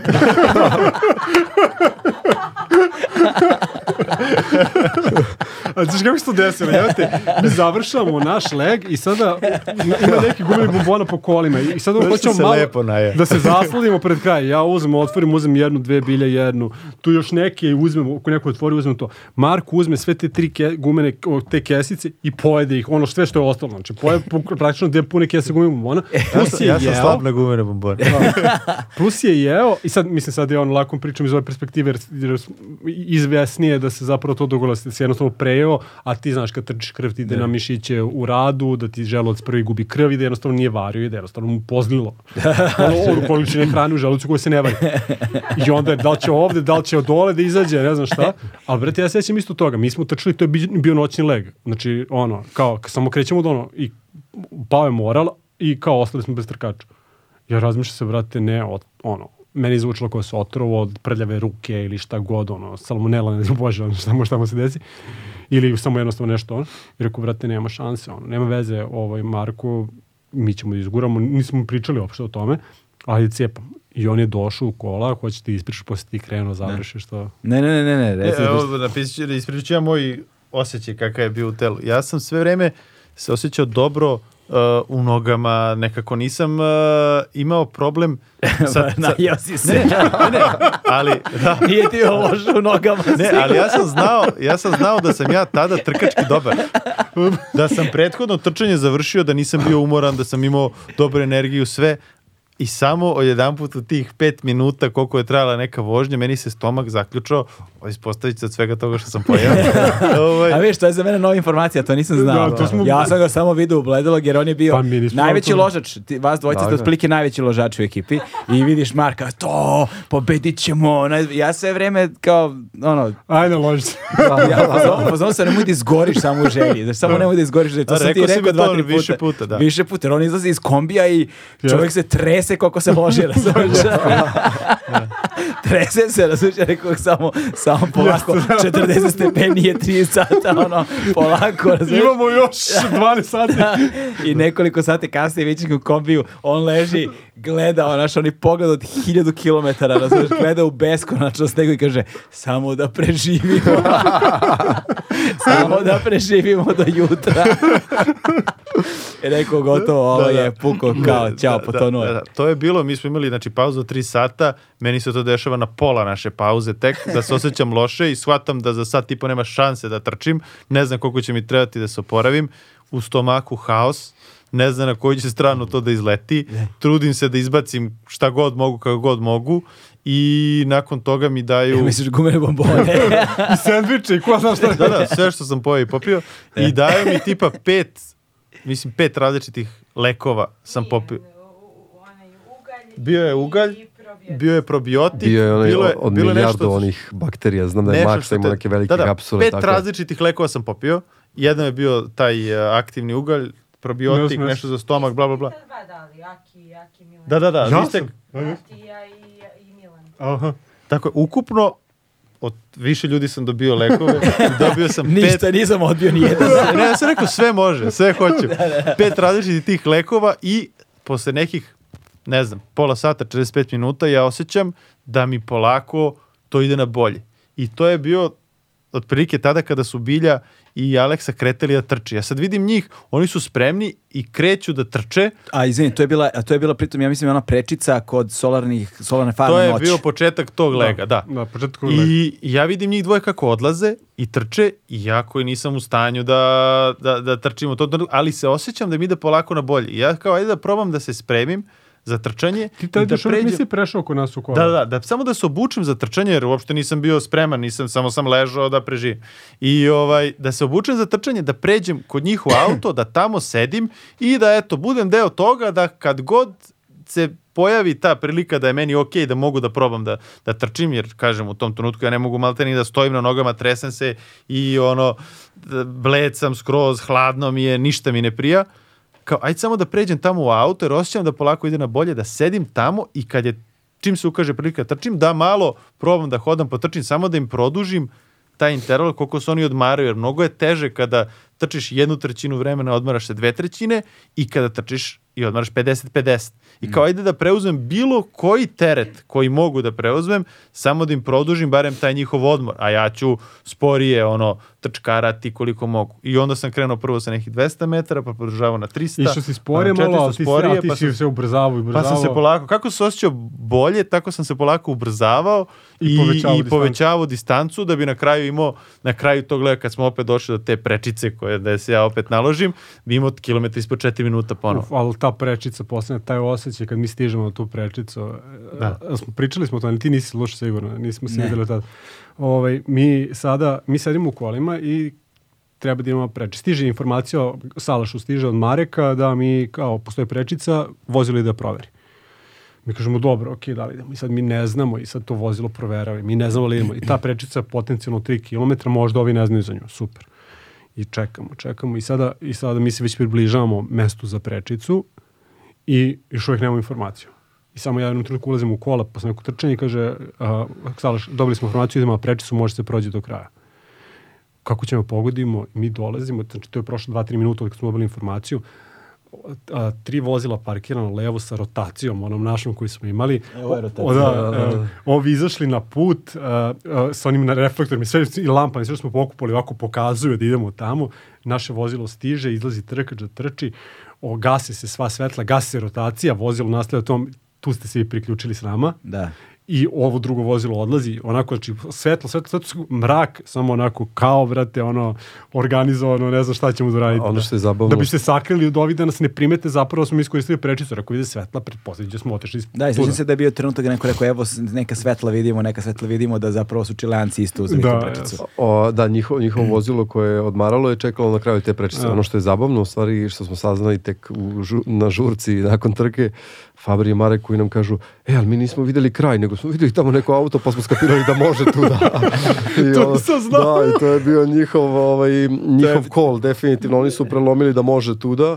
A mi smo sve vreme čekali kao, može stvarno? I oni su rekli, ma može, vidjeli su auto da vidi kao to. to. E si, ostaviš sve da visi u E, koncu, tako mi, što se, mi, smo, mi sad smo dugo razgovarali između sebe, oko, imamo on, debatu gde smo mi njih prelomili na koji način. Jeste, da, to Drugog. smo pričali, da. Da, i sada da li smo ih trkački smo ih prelomili ranije, moje mišljenje je isto, a, i mislim da se svi slažemo, ali sad nisam siguran, možemo i sada pričamo o tome. Možemo, da, da. da. da, ovaj, da smo mi njih mentalno potpuno polomili tu. Jer, toj prečici, da. Da, i kad je Fabris došao... Njih to su čilanci s kojima su se borili za prvo mesto. Da, Da, da, da. i koji su znali sve prečice i Fabris je I koji, došao... koji su već bili i drugi u tom Koji su bili Već drugi, neko, ve- već su bili- desetak, 15 minuta I iza to, nas. je, i to, je- tu priču mi priču i Skubi i Marek i Fabris. Fabris je otvorio prozor kao, hi guys, how are you doing?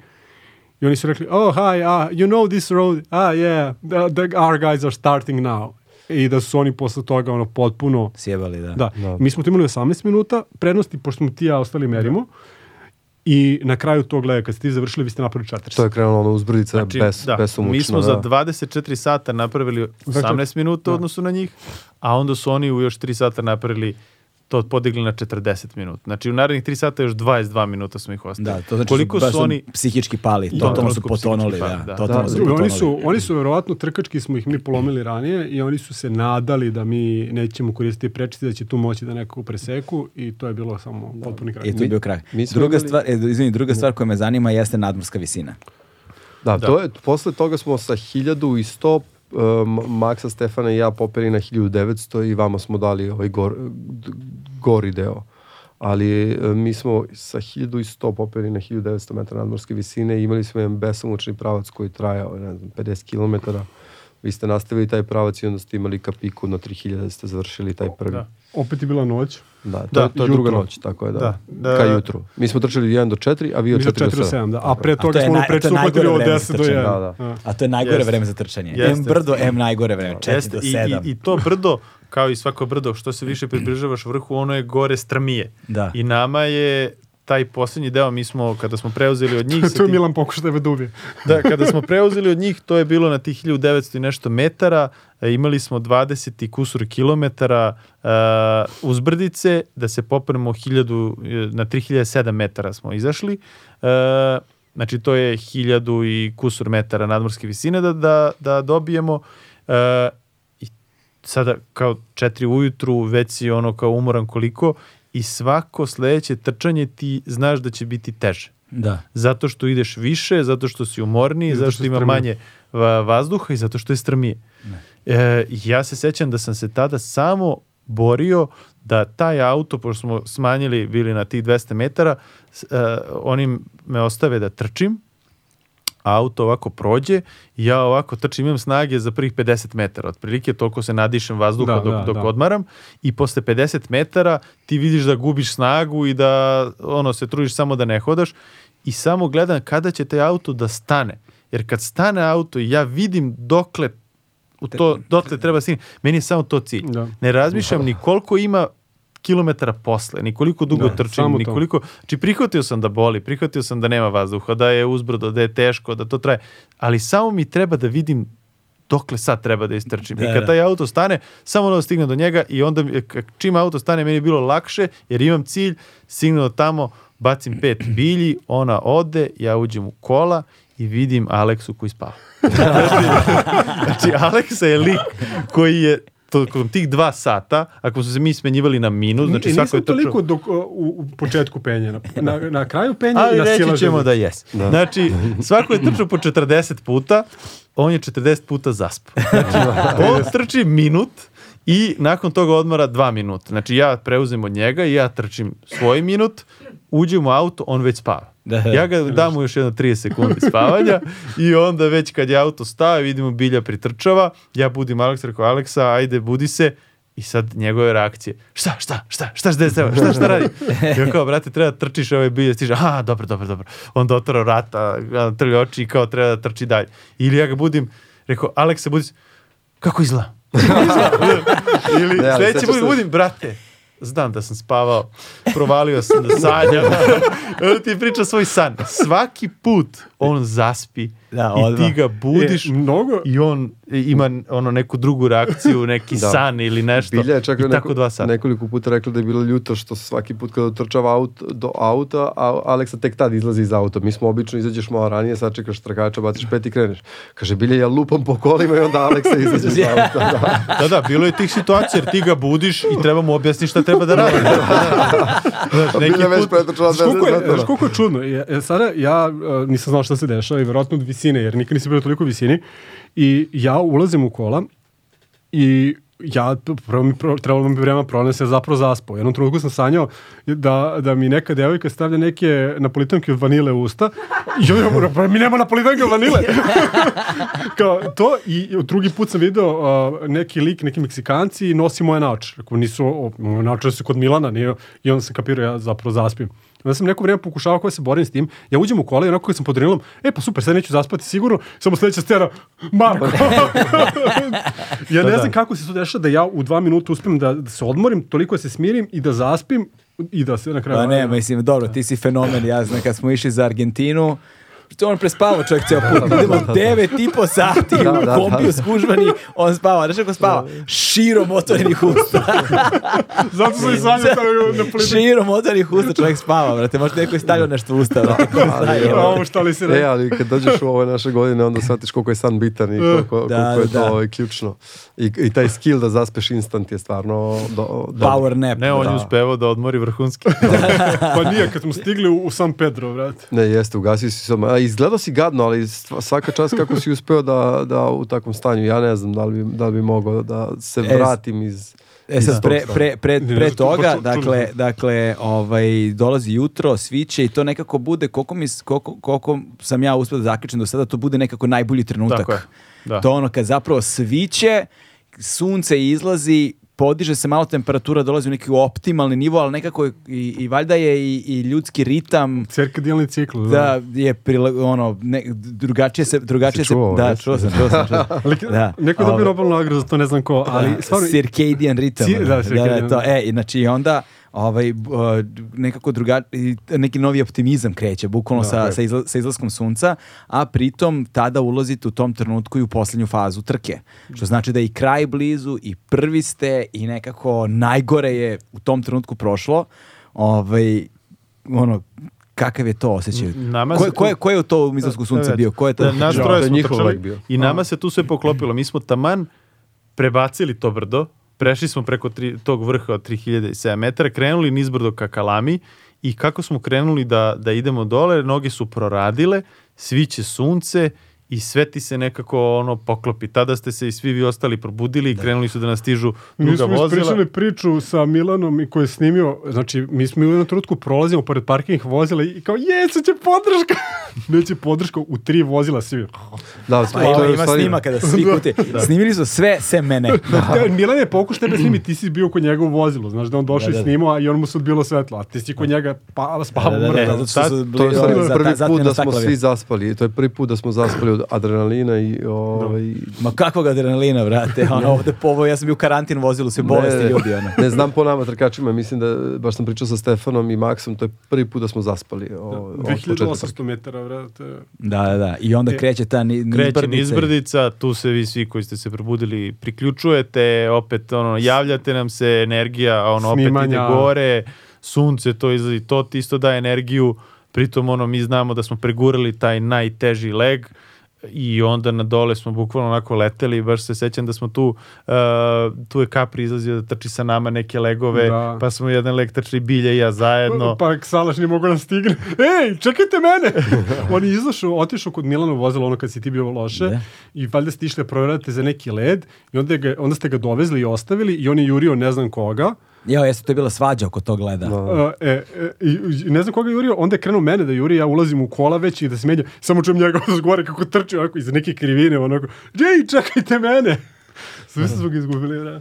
Da, da, tako da nakon toga je već bilo definitivno, e, Milan je isto merio razliku, video je da smo daleko ispred e, ovih čileanaca, isto je bilo 40 minuta prednosti i više, e, tako da smo znali da oni to ne mogu da nadoknade posle Kalamer, nemaju gde toliko da skrate i tu smo se već posle vjerojatno malo i opustili onako da je, da je bilo malo... Da. A inače, ja sam se vrlo radao tom jutru, ja, ja se sećam onih prethodnih svih trka, koliko je noć ono bude pakleno teška i mentalno i fizički i kako jutro bude lepo. Da. I kako je odjednom skoči atmosfere. Mi smo svi zajedno bili tad, stali smo tamo, pustili onu muziku, Da, došla da, ova da, da. ekipa, Da, da. ti si išao u WC dva puta. Tri puta. Da, da, ne, znali smo, znali smo da će biti lakše čim vidimo to sunce i kad smo ga videli, znali smo da je to to. I onda se dešava, i on, ali dešava se onda više stvari se poklopa. S jedne strane ste prvi, s druge strane prvi put počinje da se razgovara i o rekordu staze. Da, to smo saznali tada od organizatora, mi nismo... Jer mi, sećam se da je plan bio tog dana, uveče se stiže. Da, tako znači, kao, znači imamo sada, znači, bio, krenulo se u četiri ujutru, bila je ta noć, ujutro, ceo taj dan, noć, cela noć, jutro i onda ceo dan i uveče se stiže kad padne mrak. I na to smo se pripremili i počinju kako vreme odmiče polako da stižu, samo da stižu updateovane informacije. Ne stižemo uveče, stižemo kasno posle podne. E, samo- Ne stižemo kasno posle podne, stižemo do pet. Ne stižemo do pet, boga mi stižemo možda do pola tri. Znaš. Samo I tako da, nešto- samo da vratim priču. Znači, ja sam od početka verovao da mi to možemo da. Ja sam ga I podržavao. jedini sam pričao, mi to možemo za 36 sati da uradimo. Jeste. 36 sati do Istina. 4, do 4 popodne. Čak smo u A- najavama radili koje smo radili za tamo kao... Prvi put smo rekli 36. 36, tamo smo bili filmu, daj brate, Ja, idemo. ne idemo, ovako, ko je da rekao skinemo. 36? Nema šanse za 36. Što nemojte da ispanemo glupi. Rekao, dobro, izvinite, reću 40.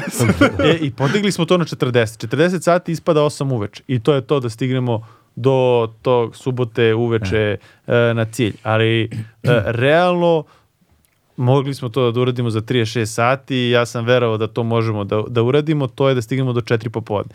Kada smo dočekali to jutro tu oko Kalame, e, na, na tom parkingu gde je bila ta lepa atmosfera, gde su nam prišli organizatori, oni su nam tada prvi put u stvari rekli da ukoliko stignemo pre 5 popodne, što je 37 sati trke, oborit ćemo rekord Da. te trase. Ta, tu trase trčala se dva puta, jedan put su trčali Čilanci kad je bio taj do it yourself, drugi put uh, su trčali mix ekipa Čilanci i Amerikanci, ovi koji su došli ispred uh, TSP-a da probaju rutu i njihovo vreme tog mix tima je bilo 37 sati. Da. I mi saznajemo da kao, ok, sada imamo neki cilj, da li to možemo da uradimo, gledamo, zavisi, imamo to brdo od 3400 metara koje treba da prebacimo, kao vidit ćemo kako ćemo tamo se ponašamo, ali realno je. I sad kako trka o, o, to odmiče, kako mi polako savladavamo i to drugo brdo, shvatamo da možemo da uđemo ispod e, 37 sati, pa ispod 36 sati, pa onda da li možemo ispod 35 i po sati, na kraju smo imali, mogli smo da uđemo 34 45, ali smo pred kraj malo usporili, hteli smo zajedno svi da prošetamo to Pa do smo kraja. se slikali. Slikali se, tako je, Da. zvanično vreme, 34 sata, 55 minuta, bilo nam je aj kao da ga spustimo ispod 35, dali smo sebi Da, tih inače- 10 da se opustimo i oborili rekord za malo preko 2 sata. To je Mi smo- ludilo. Da. A pritom je strava to mesto gde je cilj, da je kruz gde je. Jeste. Stvarno je Da. jedno od lepših mesta za pogled Neko ovaj, na pominjao- celokupnoj trasi. Da, neko je pominjao da to neko, da je to je papski krst, ali i da je Jovan Pavle II, taj papa, uh, je, da je taj krst podigao. Ne znam, to mi je neko rekao, ne znam da li je to istina, ali i kakva informacija, ali eto, zanimljivost. Inače, samo jedna stvar, mi smo na toj, kada je jutro počelo, kad smo mi završili, u sedam, e, i onda, smo, onda je bilo da, da druga ekipa trči dva sata, Mm. pa mi sat vremena još, I onda svi zajedno. i onda Da. svi zajedno. Tako je, tu smo isto prilagodili uh, tu strategiju da nekako polako Kako jutro. kako se približava kraj trke. Nema smisla da sada jedna ekipa od, odmara zadnje tri sata trke. Posebno, Da. Posebno se zato muče, što mislim, je, nema- nije- zato što budni i zato što je ono, dan je počeo, I kraj trke. Da I uključimo- neće biti kao na nekoj od prethodnih trka kada su svi prespavali i da se pobude sa cilja. Tako je, da, da. Evo, hajde da uključimo sve, ali kao treba napraviti tu tranziciju sa tih smena po tri sata na to da trčimo svi. I onda smo imali to prilagođavanje prvo jedni da trče dva sata, pa ovi jedan sat, pa se onda uključuju i onda na kraju je bilo kogod hoće, kogod može. Da je bio lep trenutak kada su se zapravo i svi sa strane i podrška i svi uključivali, onda su se Jeste. trčali Da, u parovima. Da, da. Ne, svako, je, svako je otrčao po 100 metara. Da, barem. i Stvarno. istirali smo support da trče sa nama deo neke legove, zato što stvarno nemaš, nemaš često priliku u životu da trčiš na 3400 metara. I kao ljudi morate probati, obucite, Da. Obujte patike i obucite se i probajte. I stvarno je ono, nevjerovatno. Znaš. I svi su bili fazonu, brate, kako se ovo dešava? Kako, Da. kako se trči u ovim Ne, uslovima? super je bilo to što smo imali dovoljnu prednost da možemo to sebi da priuštimo, da tada i support uzme pa da, da istrči, da svi to možemo da probamo, da nemamo taj pritisak da su nam oni za vratom ili nešto, nego baš smo uživali tih zadnje tri sata. Da. Meni je to stvarno, i oni predali, sad ćemo se, spuštamo se dole. Da, red. ovaj, puca pogled, izgleda prelepo, ovaj, mislim da ću to da pamtim stalno. Ovaj, ali ja sam isto htio samo da dodam još jedan moment koji je meni u glavi i dalje ne mogu da, da, da nekako da izbrišem taj deo. A, pored te, te poslednje prečice, mislim da je, da je coach Mara i Bilja su zajedno doneli odluku da kada smo trčali tih 50-60 km nakon prve prečice da smo prestigli Čileance, trčali smo s, konstantno sa njima i dogovor je bio nemojte da ih, da ih pustite da odu, ali nemojte da ih prestignete, jer postoji moment, boj, imali smo bojazan da ako, ako ih prestignemo da će oni naći neki novi shortcut. I na tom pravcu o, je dugo konstantan vetar i onako trča, disali smo im za vrat konstantno, a, oni su se smenjivali i mi smo bili ok, to je to, držimo ih što, što bliže i, što duže.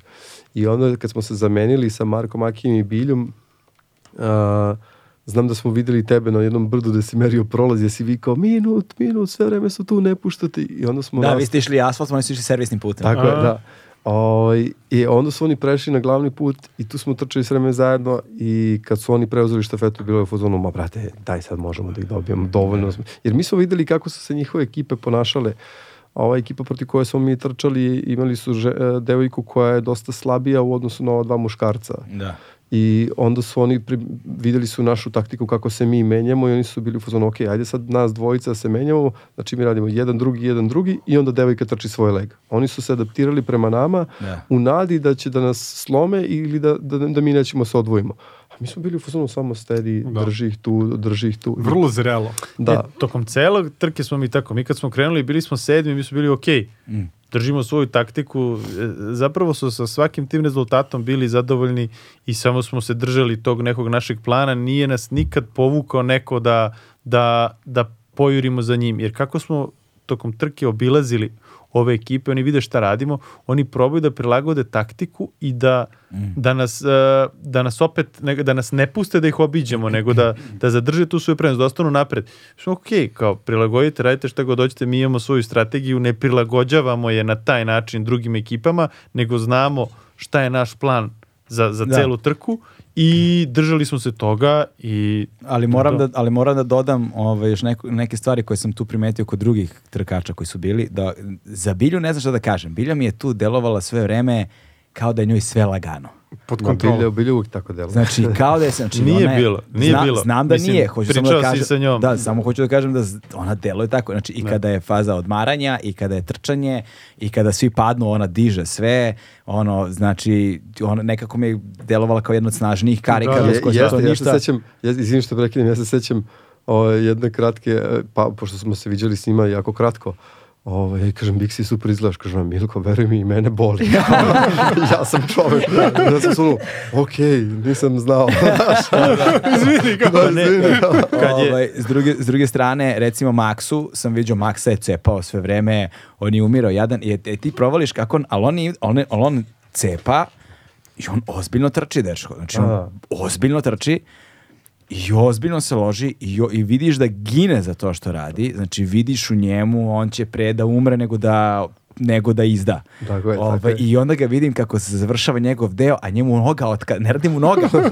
da li desa noga, mislim, ne radi, nema nogu čovek, znači kako stane trčanje, on ne, ne, ne radi noga i onda kreće sledeće da ide da trči i kao da ništa nema nikakvih Da. problema.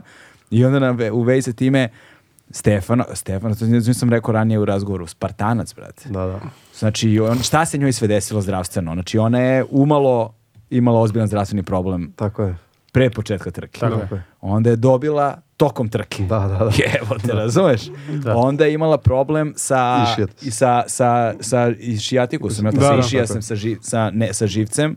Ovaj i osješ i tr, trči i drži se devojka sve vreme za kuk i nemo, jedva ide, ali na flicu nema ni ono poker face, totalni poker face, ništa. I šta god, pritom je ona lagana i sitno one kamiončine burazuru prolaze, onaj vetar ubija, brate, znači gledam njega koji je duplo veći i teži od nje, koji cima, tad sam bio u kombiju, ko je vozio kombi tada? Iga ili Sale, ne znam i ko je Sale, da, da, su vozili i oni cima da mu prave zavetrinu, da kombi vozi pod takvim uglom da ga ne udara vetar. Brate, tako je. Ispred kalame, to, znaš kakav vetar, brate. Ja rekao sam, ne, vozili Izađe su kombi Stefana- ispred mene, a ja sam trčao iza kombija. I izađe Stefana, trči ne nikom ništa, brate, znaš kao. Pa kako kombi, kao. Kakav kombi, ona ide i cepa Ne, ne, devojka. bio je jedan deo kod, ka- kod kalame, ono, I razvaljivo je ovako tera on, E, pa da kod kalame aerodroma, kod Tako je, aerodroma tako je ubio vetar, razumeš, i on ovako cima kaže, stani mi pored, stani mi tu. Nismo komentarisali, bre, to sam sile, sletanje u kalamu. Da. Pa tad smo prvi put vidjeli, ok, ovdje ima vetra. Ono sletanje u turbulencije. Au, da, turbulencije. To su mi najlađe, način turbulencije I- koje sam isto, osjetio u isto, životu, isto. da. Da, Stefana je bila bleda, ono, fazonu, Mi- ovo je nešto najgore što sam doživjela. Mi smo, ajde kao aplauz, znaš. Bukvalno zbog tada da udarimo aplauz u avionu, kako je, ovaj, samo da smo došli kući. To je Tako da, tu tako smo da, bacili prvo fore i smo bacimo fore i samo čuš ispred ovdje.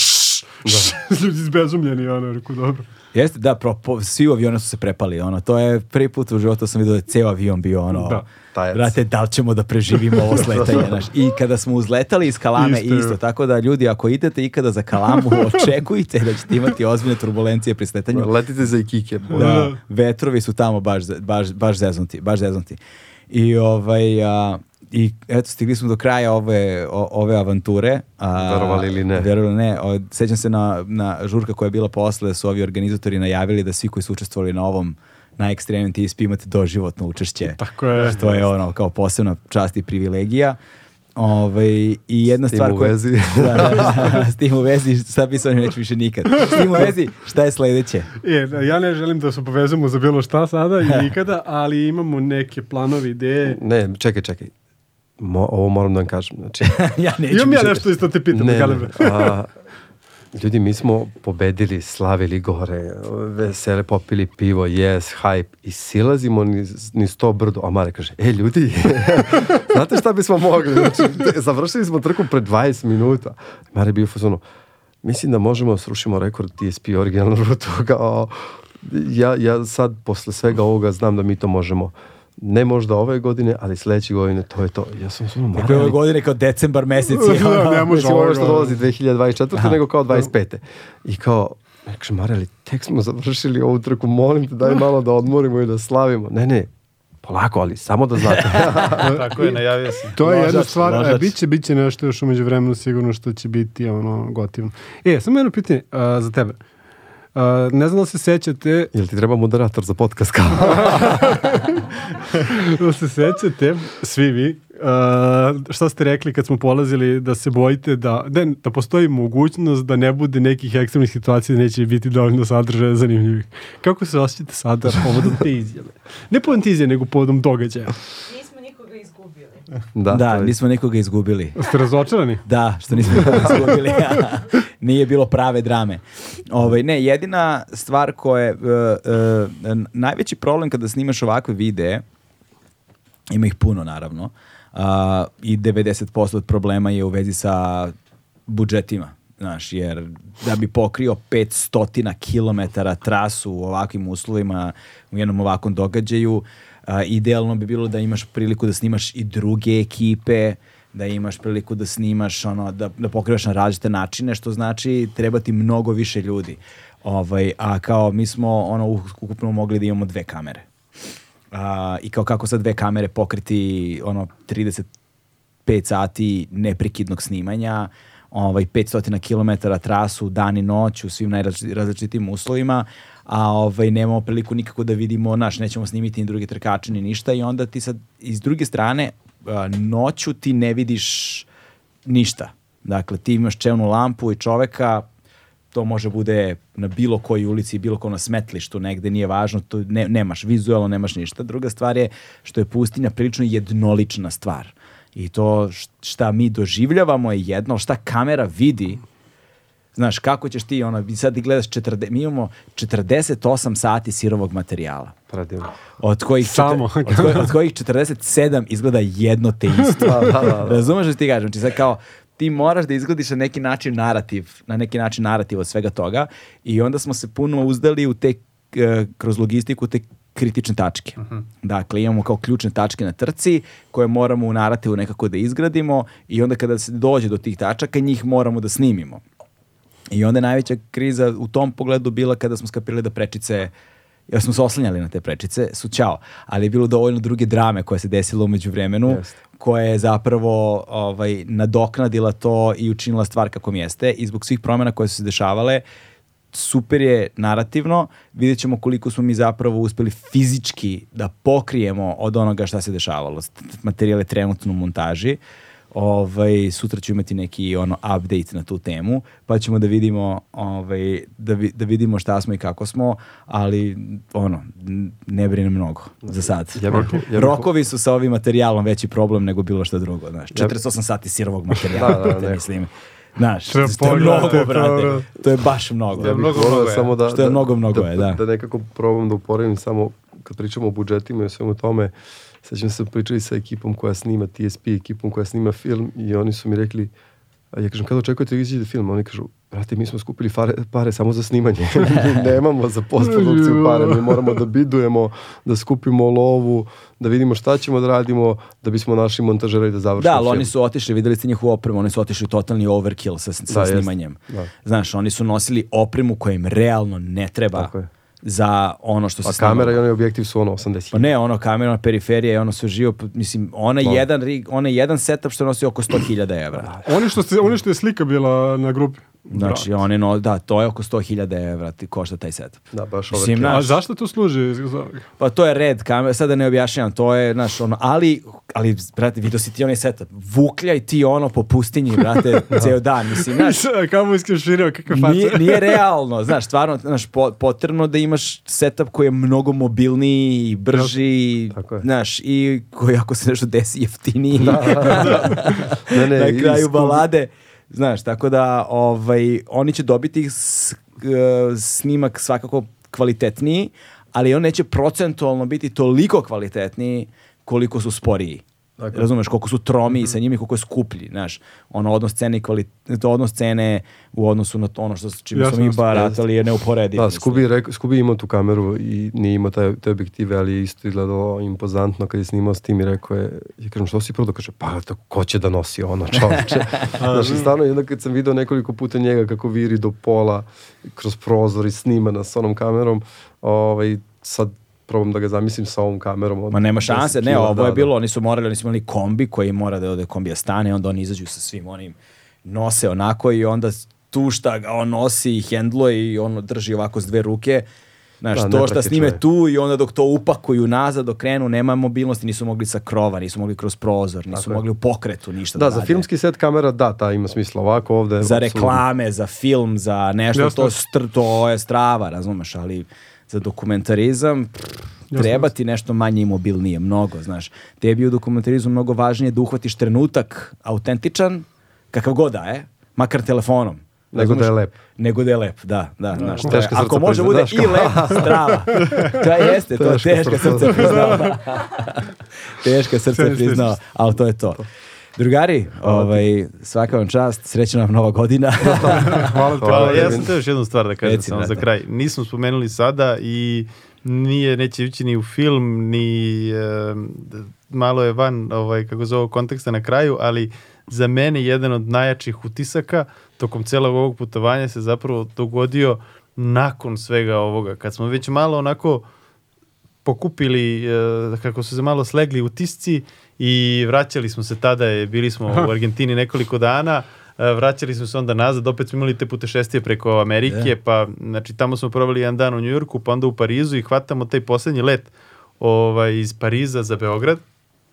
I ja tu nalećem na jednu prijateljicu koja je van sveta trčanja i sada obično kako mi kada idemo na te neke polumaratone i maratone i trčimo uh, i kažemo ono kao išao sam sad, bio sam u Parizu na polumaratonu, neko ko nema veze sa trčanjem, ko to ne razume, pita kaže i jesi pobedio? Ili jesi Kao, dobio da. medalju, da. Kao da. jesi pobedio? Kao pa ne, kao tamo je trčalo 60.000 ljudi, bio sam 21.000 i neki. Kao, ne, Njima to ništa ne znači. I sada dolazim ovde u Parizu na aerodromu nalećem na nju, ona kaže, bile tu samo za vikend, vraća se kuće, dakle, vidite mi kao idemo iz Čila, bili smo na nekoj trci i ona kaže kao, i, jeste pobedili?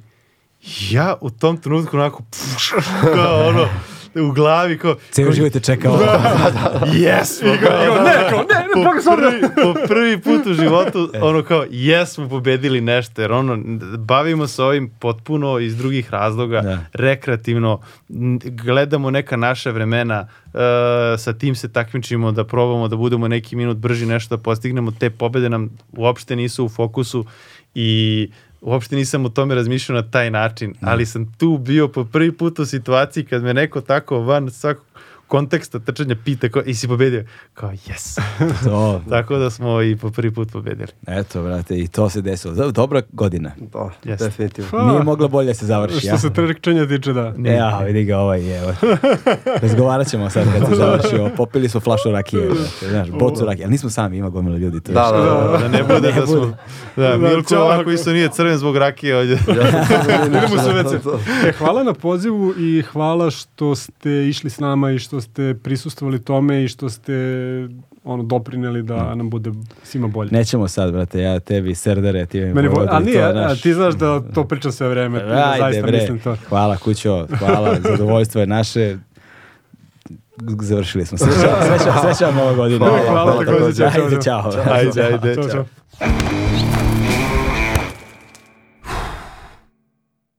Hmm.